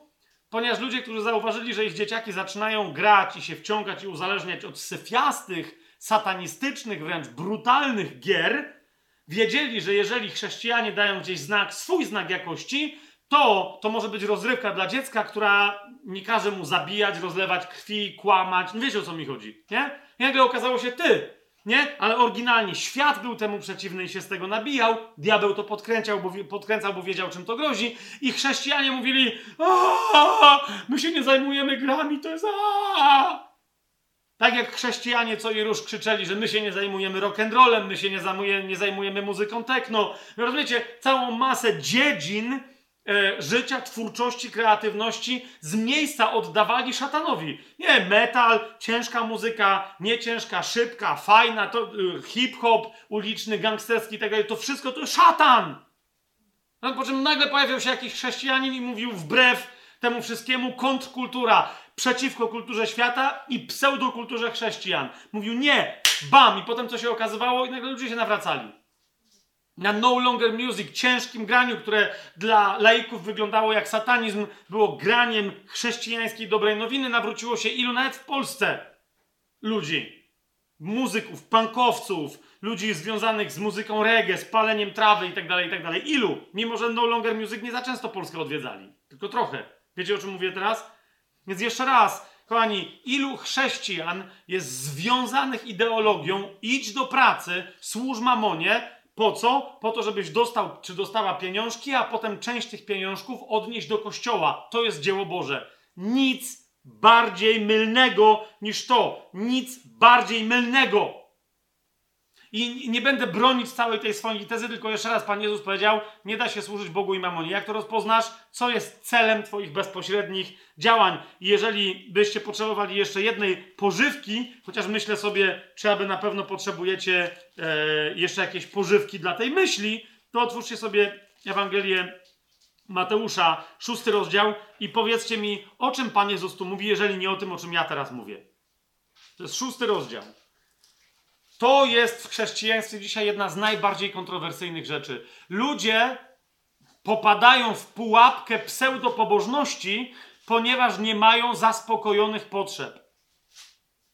Wpadają w pułapkę pseudopobożności, mówią: chodzę do kościoła, robię to, tamto, siamto, modlę się, czytam Biblię, wykonuję takie czy inne praktyki. Po co? Po to, żeby mi Bóg szczęścił. Gdzie? Tam, gdzie służą mamonie. Gdy tymczasem na czym polega paradoks? Na tym, że nie musisz się prosić od mamony o nic, ponieważ Bóg ci gwarantuje zaspokojenie wszystkich Twoich potrzeb. Autarkeja jest czymś, co Bóg ci gwarantuje. Pan Jezus jeszcze przed krzyżem nauczał, to jest szósty rozdział, dziewiętnasty werset Ewangelii Mateusza, szósty rozdział, dziewiętnasty werset i dalej. Nie gromadźcie sobie skarbów na ziemi, gdzie mól i rdza niszczą i gdzie złodzieje włamują się i kradną. Zauważcie, jak wielu ludzi w kościele mówi, dokładnie tym się tłumaczy. Ja mam jeszcze za mało, żeby się dzielić. Ja mam jeszcze za mało, żeby innych pobłogosławić. Mam jeszcze za mało, żeby. Nie? Zobaczcie, jak, jak wielu ludziom pasuje koncepcja 10%. Bo nie muszą się zastanawiać, czy by nie dać więcej. Bo nie muszą się zastanawiać, że teraz ktoś mi dał 20 tysięcy dolarów, może po to, żebym ja je przekazał dalej. Dokładnie, rozumiecie, bez, bez wzięcia ani pół centa. Zauważcie, jak wielu ludziom przekazanie tylko 10% z tego, co ja mam, pasuje. Jak wielu osób mówi, ja ufam tylko i wyłącznie Bogu. A ile masz na koncie? No, jakby wiesz, bo to dzięki Bogu. Nie! No nie! No, jeszcze raz, no nie! I dlatego tylko tyle, ile se zarobisz, potem tego pilnujesz. Czemu? No bo masz dziecko, no musi iść na studia, bo masz dom, on potrzebuje remontu. Cały czas mamy jakieś potrzeby. W momencie, kiedy my wejdziemy wreszcie do systemu ekonomicznego królestwa, które działa równolegle z systemem ekonomicznym tego świata, zaczniemy wreszcie służyć Bogu w pierwszej kolejności, to mamona zacznie służyć nam. W momencie, kiedy my nawet 5 minut swojego życia poświęcamy na służenie mamonie, to tych 5 minut wyciąga nas z królestwa i często nie wracamy już potem do królestwa. Jeszcze raz. Nie gromadźcie sobie skarbów na ziemi, gdzie mól i rdza niszczą i gdzie złodzieje włamują się i kradną ale gromadźcie sobie skarby w niebie, gdzie ani mól, ani rdzanie niszczą i gdzie złodzieje nie włamują się i nie kradną. Gdzie bowiem jest wasz skarb, tam będzie i wasze serce. Jeżeli, co, co Pan Jezus tu mówi? Kiedyś Derek Prince genialnie to znawca, genialny Greki to rozłożył. Mówi, co to oznacza? Gdzie sobie gromadzisz skarby, tam jest twoje serce. Dokładnie o to chodzi. Rozumiesz? Jeżeli część tylko Twojego czasu poświęcasz w swoim życiu na gromadzenie sobie skarbu tu na ziemi, dokładnie tam lokujesz swoje serce i wtedy to zamyka Twoje serce przed jego pójściem do nieba. Nie będę teraz tej myśli rozwijał, ale niektórzy z Was wiedzą, jakie to za sobą ciągnie niesłychane konsekwencje. Światłem ciała jest oko mówi Pan Jezus. Jeżeli więc Twoje oko jest szczere, całe Twoje ciało będzie pełne światła.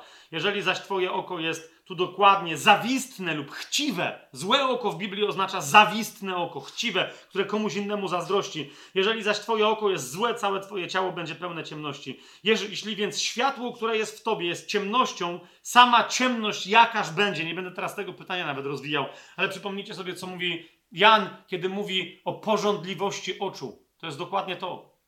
Chrześcijanie patrzą i zazdroszczą tym, którym się powodzi. Mówią, no ale ja tu muszę swoje przecierpieć, a potem może ja będę teraz chodzić do kościoła i Bóg mi wynagrodzi. Rozumiesz? To, to znaczy, że masz fundamentalny problem ze swoim sercem, bo uważasz, że trzeba jeszcze coś zrobić dla Boga, żeby On ci coś dał. On, który nie oszczędził swojego syna, nawet swojego syna ci dał. Rozumiesz, co się tu dzieje?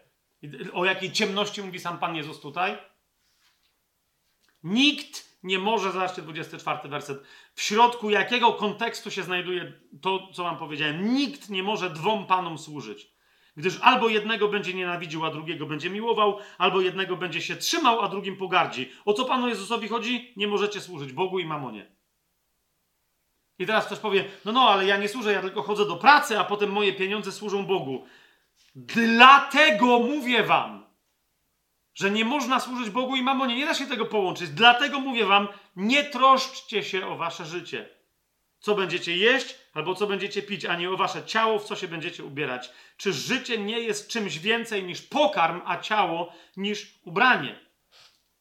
I tak dalej, i tak dalej, aż docieramy do fragmentu, który niektórzy rozbijają, jakby był, o co tu Panu Jezusowi chodziło? Dokładnie o to, o czym mówimy, o pieniądze.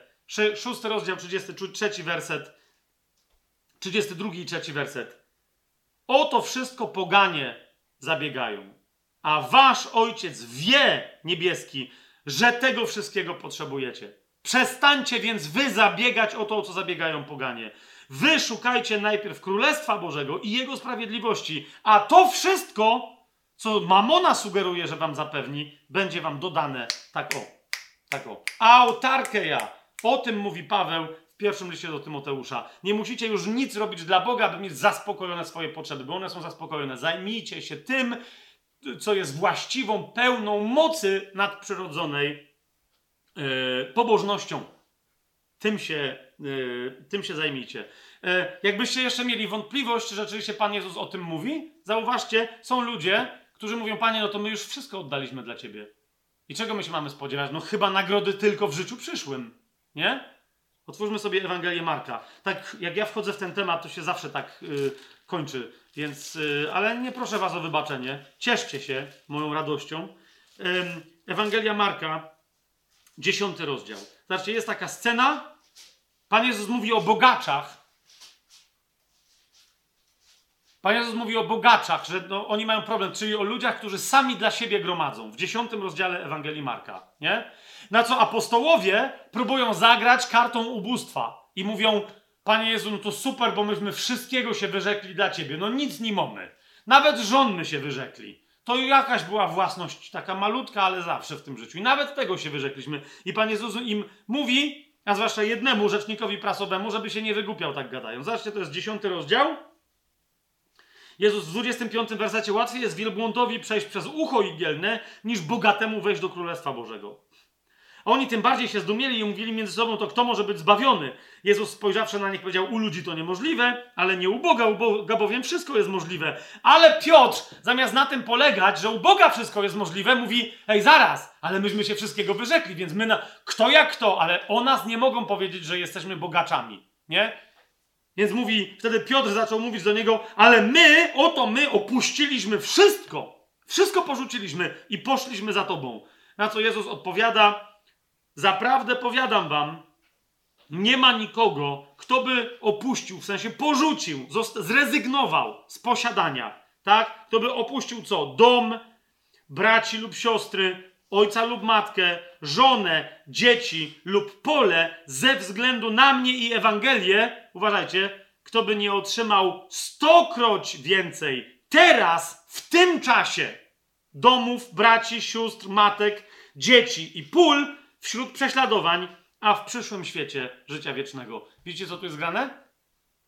Wyrzekłeś się domu? Masz sto. Wyrzekłeś się braci i siostr, sióstr rodzonych, wyrzekłeś się rodziny, znaczy wyrzekłeś się, opuściłeś ich, masz sto razy więcej. Zacznij, rozumiecie, wreszcie usłyszmy obietnicę Bożą. Jak jeszcze ma to być? Jasne, wśród prześladowań, ale nie w niedostatku. Czy rozumiecie, co mówię to w imieniu Jezusa Chrystusa teraz? Okej, okay, przeskoczmy jeszcze do Łukasza, bo on zawsze jeszcze pociesza moje serce. Zawsze sobie uzupełniam Łukaszem.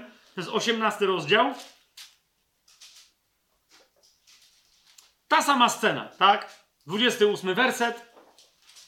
Piotr powiedział: Oto my opuściliśmy wszystko i poszliśmy za tobą. Jezus odpowiada, on zaś im odpowiedział: Zaprawdę powiadam wam, że nie ma nikogo, kto by opuścił dom, rodziców lub braci, żonę lub dzieci dla Królestwa Bożego, a nie otrzymał o wiele więcej w tym czasie, a w przyszłym świecie życia wiecznego. O wiele więcej. Rozumiecie? Pan Jezus mówi o wszystkich naszych możliwych źródłach zabezpieczenia. Posiadaniu materialnym, dom, rodzinie, jako wiecie, relacjach, które nas za, przyjdą trudne czasy, musisz mieć rodzinę, znajomych, przyjaciół, wieś, wiecie, skoncentrowaną na survivalu, nie? Jak redneki ze Stanów Zjednoczonych wierzące w Pana Jezusa. Halleluja, Bóg z nimi, nie? Musisz mieć pracę, pieniądze, pole, to jest to, na czym zarabiasz. Na polu siejesz, z pola zbierasz, rozumiesz? A Pan Jezus mówi, ten, kto idzie za Ewangelią, wyrzeka się tego wszystkiego i skutkiem tego jest co? Autarkeja, masz dostęp do znacznie, znacznie, znacznie większej ilości zasobów.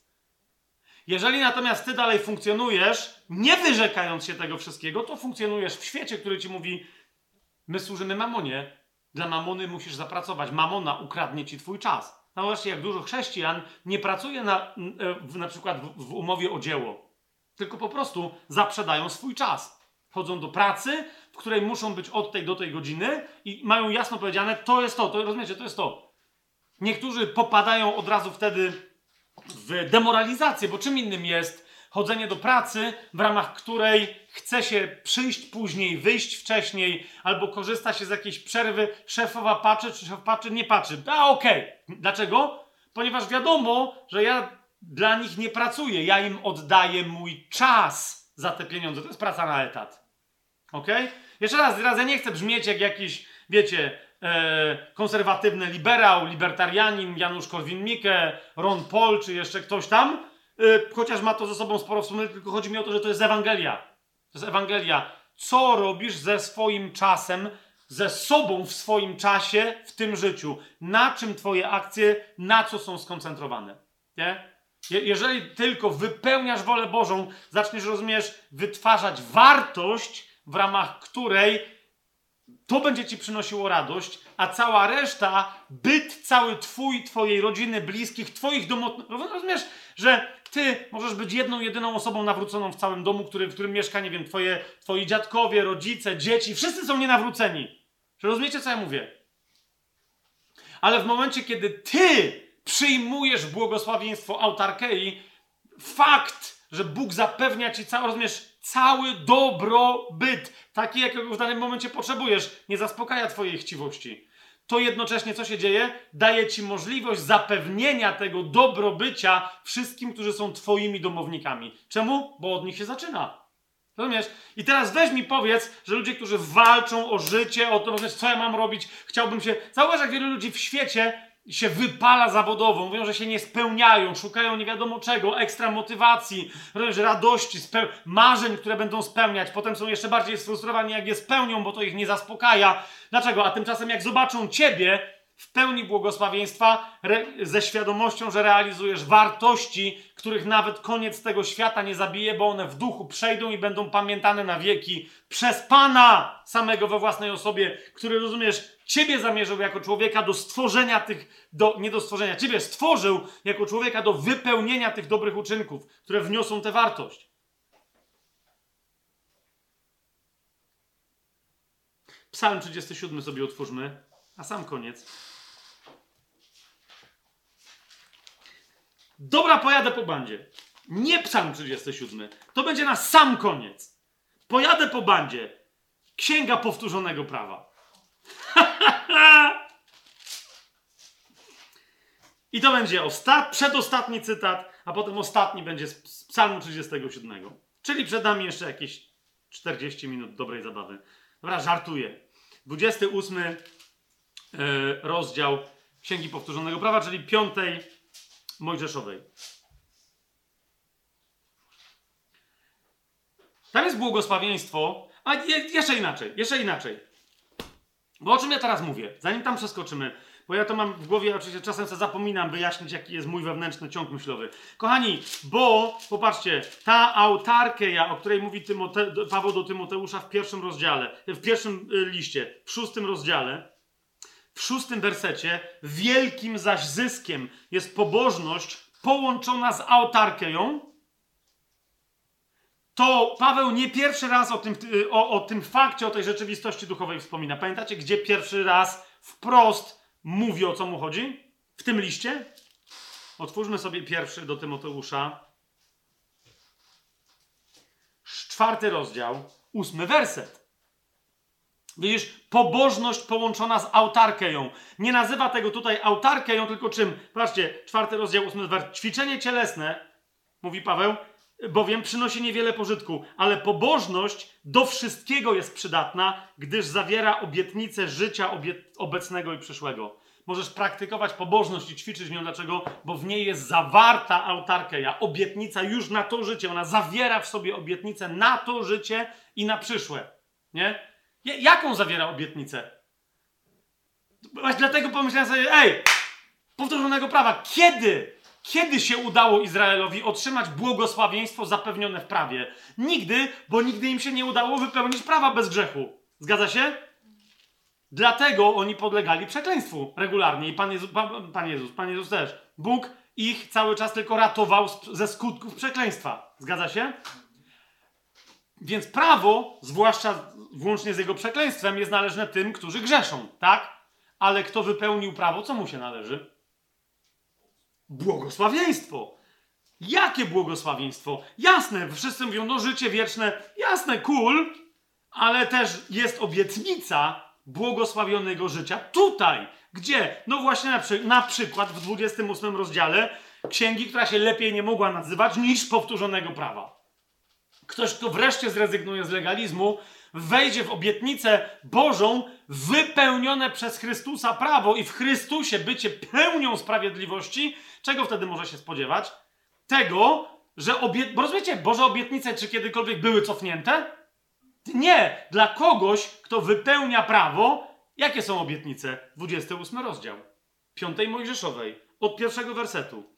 Jeżeli będziesz pilnie słuchał głosu Jahwe swojego Boga, aby przestrzegać i wypełnić wszystkie Jego przykazania, które Ci dzisiaj nakazuje, to Jahwe, Twój Bóg, wywyższy Cię ponad wszystkie narody ziemi. To jest obietnica królestwa, tak? Ale jeszcze tutaj, patrzcie co się dzieje. I spłyną na Ciebie te wszystkie błogosławieństwa i do cie, dosięgną Cię. Jakie? Czyli będziesz w przyszłości wywyższony ponad wszystkie narody. To jest królestwo, to jest jasne. To jest obietnica na życie przyszłe, tak? Ale już tu dosięgną cię jakie obietnice? Patrz. Panie, ja to czytam w duchu, aby otworzyły się serca moich braci i sióstr, tutaj obecnych, tych, którzy słuchają teraz na żywo tego, w połączeniu na żywo, ale wszystkich, którzy będą odsłuchiwać teraz tego, Panie, na YouTubie czy w jakichkolwiek innych miejscach, aby przyjęli prawdę o tym błogosławieństwie także na ten czas tego życia, które mamy w Chrystusie, kiedy kompletnie Tobie ufamy i naprawdę tylko w Tobie poszukujemy i znajdujemy źródło wszelkiego naszego zaspokojenia. Ty jesteś, Chrystusie, końcem prawa. To oznacza, że każda i każdy z nas może odczytać jako sobie przynależne te błogosławieństwa. Błogosławiony będziesz, błogosławiona będziesz w mieście i błogosławiona będziesz na polu. Jak widzicie, y, Jachwa jest ewidentnie z Krakowa. Dobra, żartuję. Eee, tu chodzi o wieś. Błogosławiony będzie owoc Twojego łona, kobieto. Błogosławione będą Twoje dzieci, siostro. Bło ale też synu, ponieważ, no wiecie o co mi chodzi, tak? Ze swojego łona Abraham wraz ze swoją żoną Sarą zrodził. Ok, idziemy. Błogosławiony będzie owoc Twojego łona, owoc Twojej ziemi, owoc Twojego bydła, przyrost Twojego stada oraz trzody Twoich owiec. Błogosławiony będzie Twój kosz i Twoja dzieża. Wszystko inne, co ma zapełniać kosz i dzieżę. To oznacza wszystkie inne Twoje przedsięwzięcia, które się kończą takim skutkiem. Błogosławiony będziesz, gdy będziesz wchodził, i błogosławiony, gdy będziesz wychodził. Skąd? Gdzie chcesz? Rozumiesz, wchodzisz i się nie módl o błogosławieństwo, bo ty wchodzisz tam z błogosławieństwem. Wychodzisz, kapujesz, niech lecą za tobą, bo z tobą błogosławieństwo będzie dalej szło. Czy to jest jasne? Pamiętacie, jak Jezus mówi, wchodzicie do kogoś, nie? Pokój temu domowi, pokój wasz tam zostanie. Ale jak nie będą chcieli was słuchać, strzepujesz, mówisz, okej, biorę swój pokój, niech cię teraz gonią. Rozumiecie, co się dzieje? Jezus mówi, że mówi, moi uczniowie będą dokładnie, oni w, w nich wypełnia się błogosławieństwo zapewnione w prawie. I tylko i wyłącznie w nich.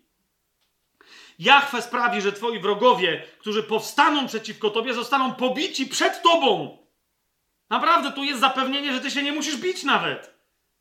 Jedną drogą wyruszą przeciwko tobie, a siedmioma drogami będą przed tobą uciekać. Zawiązali spisek przeciwko tobie, zjednoczyli się przeciwko tobie, powstał sojusz i alians jawny, iluś wrogów przeciwko tobie, stań po prostu naprzeciwko nich i uświadom sobie, w kim stoisz i kto ciebie wypełnia, i zobaczysz, jak ich jedność się skończy, rozpierzchną się i uciekną. Jachwę przykaże, aby było z tobą błogosławieństwo w twoich spichlerzach i we wszystkim, do czego wyciągniesz swoją rękę i będzie ci błogosławił w ziemi, którą ci daje Jachwę, twój Bóg. Rozumiesz? Wyciągasz rękę, tylko wyciągnij rękę. W momencie, kiedy ty wyciągasz rękę, żeby robić coś, co ktoś ci każe robić, mówiąc 8 godzin u mnie, rozumiesz, to ty wtedy dostaniesz od niego błogosławieństwo. Ale kiedy wyciągniesz rękę tam, gdzie ty chcesz wyciągnąć rękę, bo chcesz wypełnić pragnienia swojego serca, które są zjednoczone z pragnieniami serca Chrystusa, wtedy On cię błogosławi. Rozumiesz, o co mi chodzi? I spod Twojej ręki wychodzi błogosławieństwo, które innych dotyka, a Ty się nie martwisz zasobami po to, żeby mieć za co żyć, co jeść i w co się ubierać i gdzie mieszkać.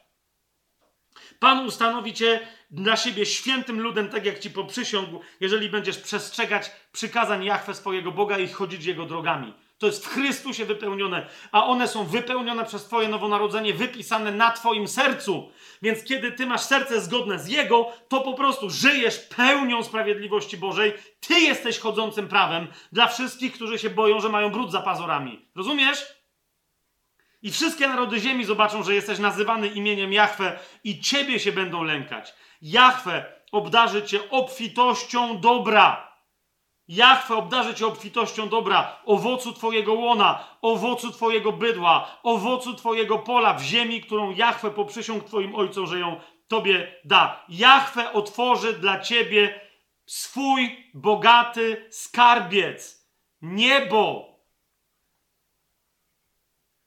Ja, rozumiesz, dlaczego ty masz tam położyć swoje serce i tam zbierać sobie? Rozumiesz, ponieważ tam masz otwarte, stamtąd wszystko spłynie na ziemię, aby dawać deszcz twojej ziemi w odpowiednim czasie i błogosławić wszelką pracę twoich rąk. Cokolwiek, czymkolwiek się nie zajmiesz. Wszelką pracę twoich rąk. Ty będziesz pożyczać wielu narodom, a sam od nikogo nigdy więcej nie będziesz pożyczać. I Pan umieści cię na czele, a nie na końcu. I będziesz tylko na górze, a nigdy nie będziesz na dole. No ile, jak, jak jeszcze ma Pan ci powiedzieć, co to znaczy błogosławieństwo? Słyszycie to? Słyszycie to? Więc na koniec 37 psalm. Autarkeja, rozumiecie, to co było pragnieniem, marzeniem wyznawców judaizmu, to co było pragnieniem, marzeniem Dawida, aby wreszcie pragnienia serca się spełniały, o czym tylko prorokował w takich psalmach jak 37. My przez dokonane, skończone dzieło krzyża mamy gwarantowane, mamy gwarancję przyszłości w królestwie, ale też mamy pewne rzeczy, wszystkie rzeczy. Panta! Mamy wszystkie rzeczy zagwarantowane już tu na ziemi, które są nam potrzebne do dobrego, owocnego życia, a więc do życia pobożności. 37 psalm. Nie cały będziemy czytać, chociaż cały sobie możecie przeczytać, podobnie jak 73, ale zwłaszcza 37 e, od 3 do 7 wersetu. Zaufaj Jahwe.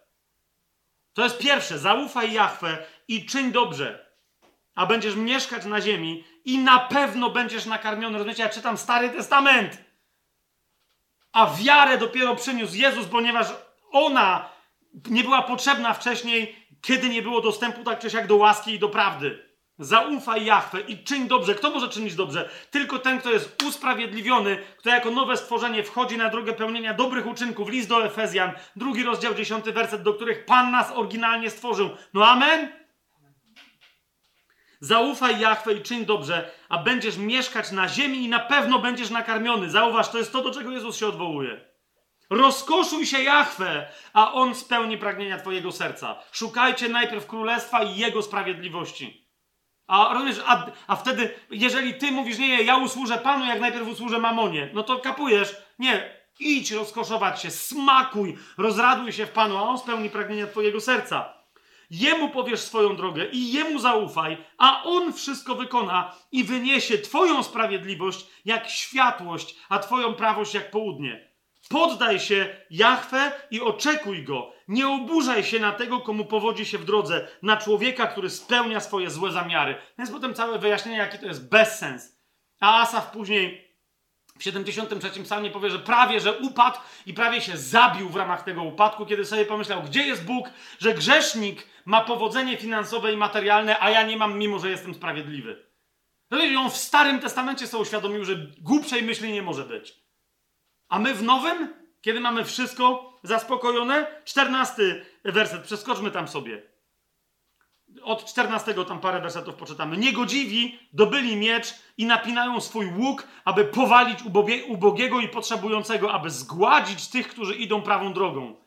Ale ich miecz przeszyje ich własne serca, a ich łuki będą złamane. Pamiętacie, jak mówi e, e, Paweł do Tymoteusza, jak ci się prze, poprzebijali to pragnienie pieniędzy, zabezpieczenia samego siebie, sami siebie tym poprzebijali pragnieniem pieniędzy. To jest dokładnie nawiązanie do między innymi tego fragmentu. To jest poprzebijanie samych siebie. Knują przeciwko tamtym, żeby ich wykorzystać, żeby siebie zabezpieczyć. A on mówi, zostaw. Pan jest mścicielem, nie ty. Ty nawet tego nie rozważaj.